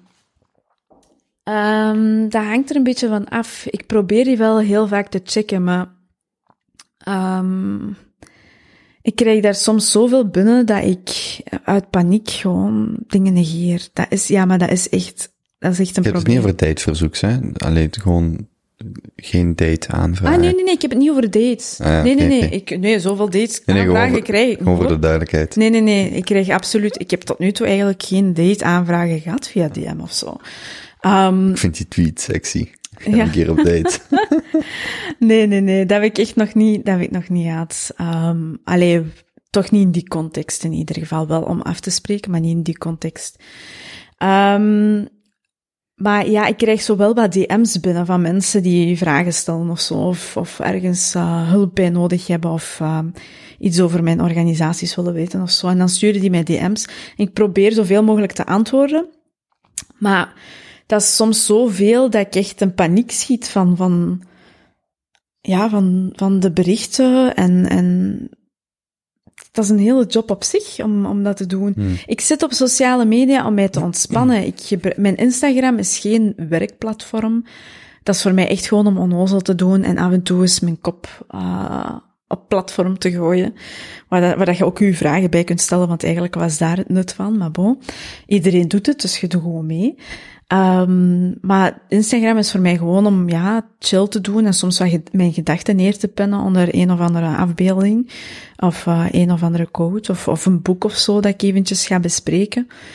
Um, Twitter is om, om te reageren op actualiteit. Facebook gebruik ik al heel lang niet meer. Um, ik heb wel even mijn Facebook-pagina gebruikt, maar meestal om updates te doen als ik bijvoorbeeld ergens ging spreken, omdat dat dan het is via Facebook dat heel vaak heel veel van de boekingen uh, binnenkwamen. Maar ik gebruik eigenlijk Facebook al heel lang niet meer. Um, dus ja, dat is altijd zo'n ontspannende context. En wanneer het dan ook werk wordt, en ik weet dat het heel vaak ook gewoon, ja, weinig zin heeft of zo. Um, en ik, ik word al zo overrompeld door al mijn werk. En pas op, ik vind dat niet erg. Allee, soms vind ik dat wel een beetje erg. Maar ik doe het graag, uh, daar niet van. En dan is dat zo'n beetje te veel van het goede. Hmm. Ja, ik kan daar niks aan doen. Maar ik probeer echt op alles te reageren.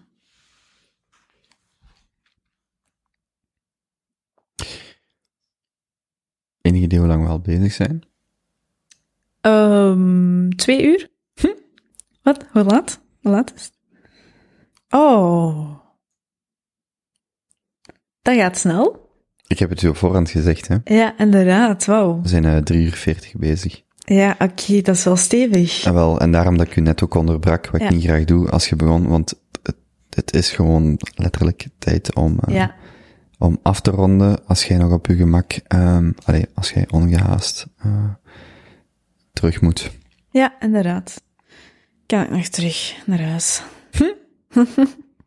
Amai, ik had niet gedacht dat het eh, zo snel... Ik dacht van, oh ja, bij de andere gasten waarschijnlijk, maar... eh, En wel, en weet je wat ik zei? Het is beter om geen afspraak, want ja, ja, dat kan nog alles ja. vlot gaan. Ehm ja, ehm wij hebben nog wel een paar minuten daar niet van, maar is, is er iets wat, wat we nog zeker moeten zeggen of delen of vragen, iets wat ik over het hoofd heb gezien? Er zijn een aantal onderwerpen waar we gewoon toekoeren niet over hebben gepraat. Ik, ik, op voorhand dacht ik, ik moet sowieso vragen, niet enkel welke organisaties en, en wat concreet daar werkt, maar ook wat je vandaag doet, omdat je zei, omdat je vertelde voordat we begonnen op te nemen van, ehm ja, het is wat onduidelijk misschien voor mensen of niet helemaal duidelijk wat ik nu concreet doe. Volledig niet over gesproken. Ik denk dat er nog wel zo'n paar dingen zijn. Ehm ik zou zeggen, altijd welkom om terug te komen, want inderdaad, eh, het is eh, voorbij gevlogen, alsof het niks is. Ehm maar ik, zeg, ik vond, ja, ik vond het super interessant. Ehm ik vond het heel leuk om, eh, om, om gewoon ook wel te kunnen luisteren. Ja. Je praat heel vlot, je vertelt heel vlot.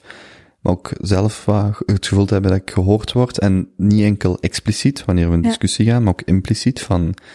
ik denk dat het heel leuk is om te horen dat je bepaalde waarden en normen deelt, als ik u hoor vertellen. En ik denk dat dat voor veel, want ik spreek ook niet lu- in eigen naam zo, ik denk wel, veel gasten ook delen een bepaalde, een bepaald idee over de wereld en dat is leuk om dat ook impliciet te horen in, in, in uw verhaal en iedereen heeft zijn of haar eigen verhaal en je brengt op uw versie of, een, of, of gewoon eh, gebaseerd op uw leven en uw ervaringen. Ik vind dat heel mooi en aangenaam om naar te luisteren. Zo van, ah ja, goed, we vertrekken vanuit een bepaald standpunt, een bepaalde, eh, een bepaald idee over het leven en, en dit is wat jij daarmee doet. Ik heb het gevoel dat je dat nu in, die, e- in deze eerste beknopte babbel, eh, ja, op een mooie manier hebt kunnen brengen. Manier hebt kunnen brengen of op een manier hebt verteld dat, dat gewoon, ja, dat de tijd doet verdwijnen. En dat is altijd een, voor mij een leuke, ook impliciete eh, bevestiging van dat is wat een leuke babbel is, wanneer dat je de tijd een beetje uit het oog verliest. Ja. Dat is helemaal wederzijds. Ik vond het een fijne babbel. En ik vond het ook leuk dat je actief mee in het gesprek aanwezig waart en dat je niet enkel de vragen stelde. Ehm, ook al heb ik heel veel gebabbeld, maar ik heb het daarnet gezegd, ik, ik ben stil, maar ik kan de switch maken eenmaal dat ik in een context zit van nu moeten babbelen, ja, dan, dan ga ik ervoor. Ehm, maar ik vond het super aangenaam, ook heel boeiend. En ja, luisteren, dat doe ik sowieso heel graag. Al was dit niet echt de context waarin ik vooral zou moeten luisteren. Ehm, en ja, het is super snel voorbij gegaan. Eh, dus ja. ja. Dat is echt heel veel over, over jezelf ook. Hè? Allee, dat je een goede host bent, want anders zou dat niet het geval zijn geweest. Ja, Dank u wel. graag gedaan. Ik ben aan het denken, als er, stel er komt een tweede boek of een andere eerste plaats op een lijst, of ik wil zeggen een grote aankondiging, mag ik u nog eens vragen om terug te komen, om verder te komen vertellen? Ja, dat is goed, tuurlijk. Alright, Ja. sorry, nu zet ik u zo, dit is eigenlijk wat ik niet graag doe, zo iemand on the spot zetten als je aan het opnemen. Eigenlijk is dat type vraag Nee. wat ik liever achteraf of vooraf stel. Nee, nee, nee, dat is helemaal oké. Ja. Oké. Goed, dan eh zou ik zeggen, veel eh plezier op de terugrit. En eh dank u wel voor de toffe babbel. Ja, insgelijks. En jij bedankt voor het ontvangst en uh, ja, voor de babbel.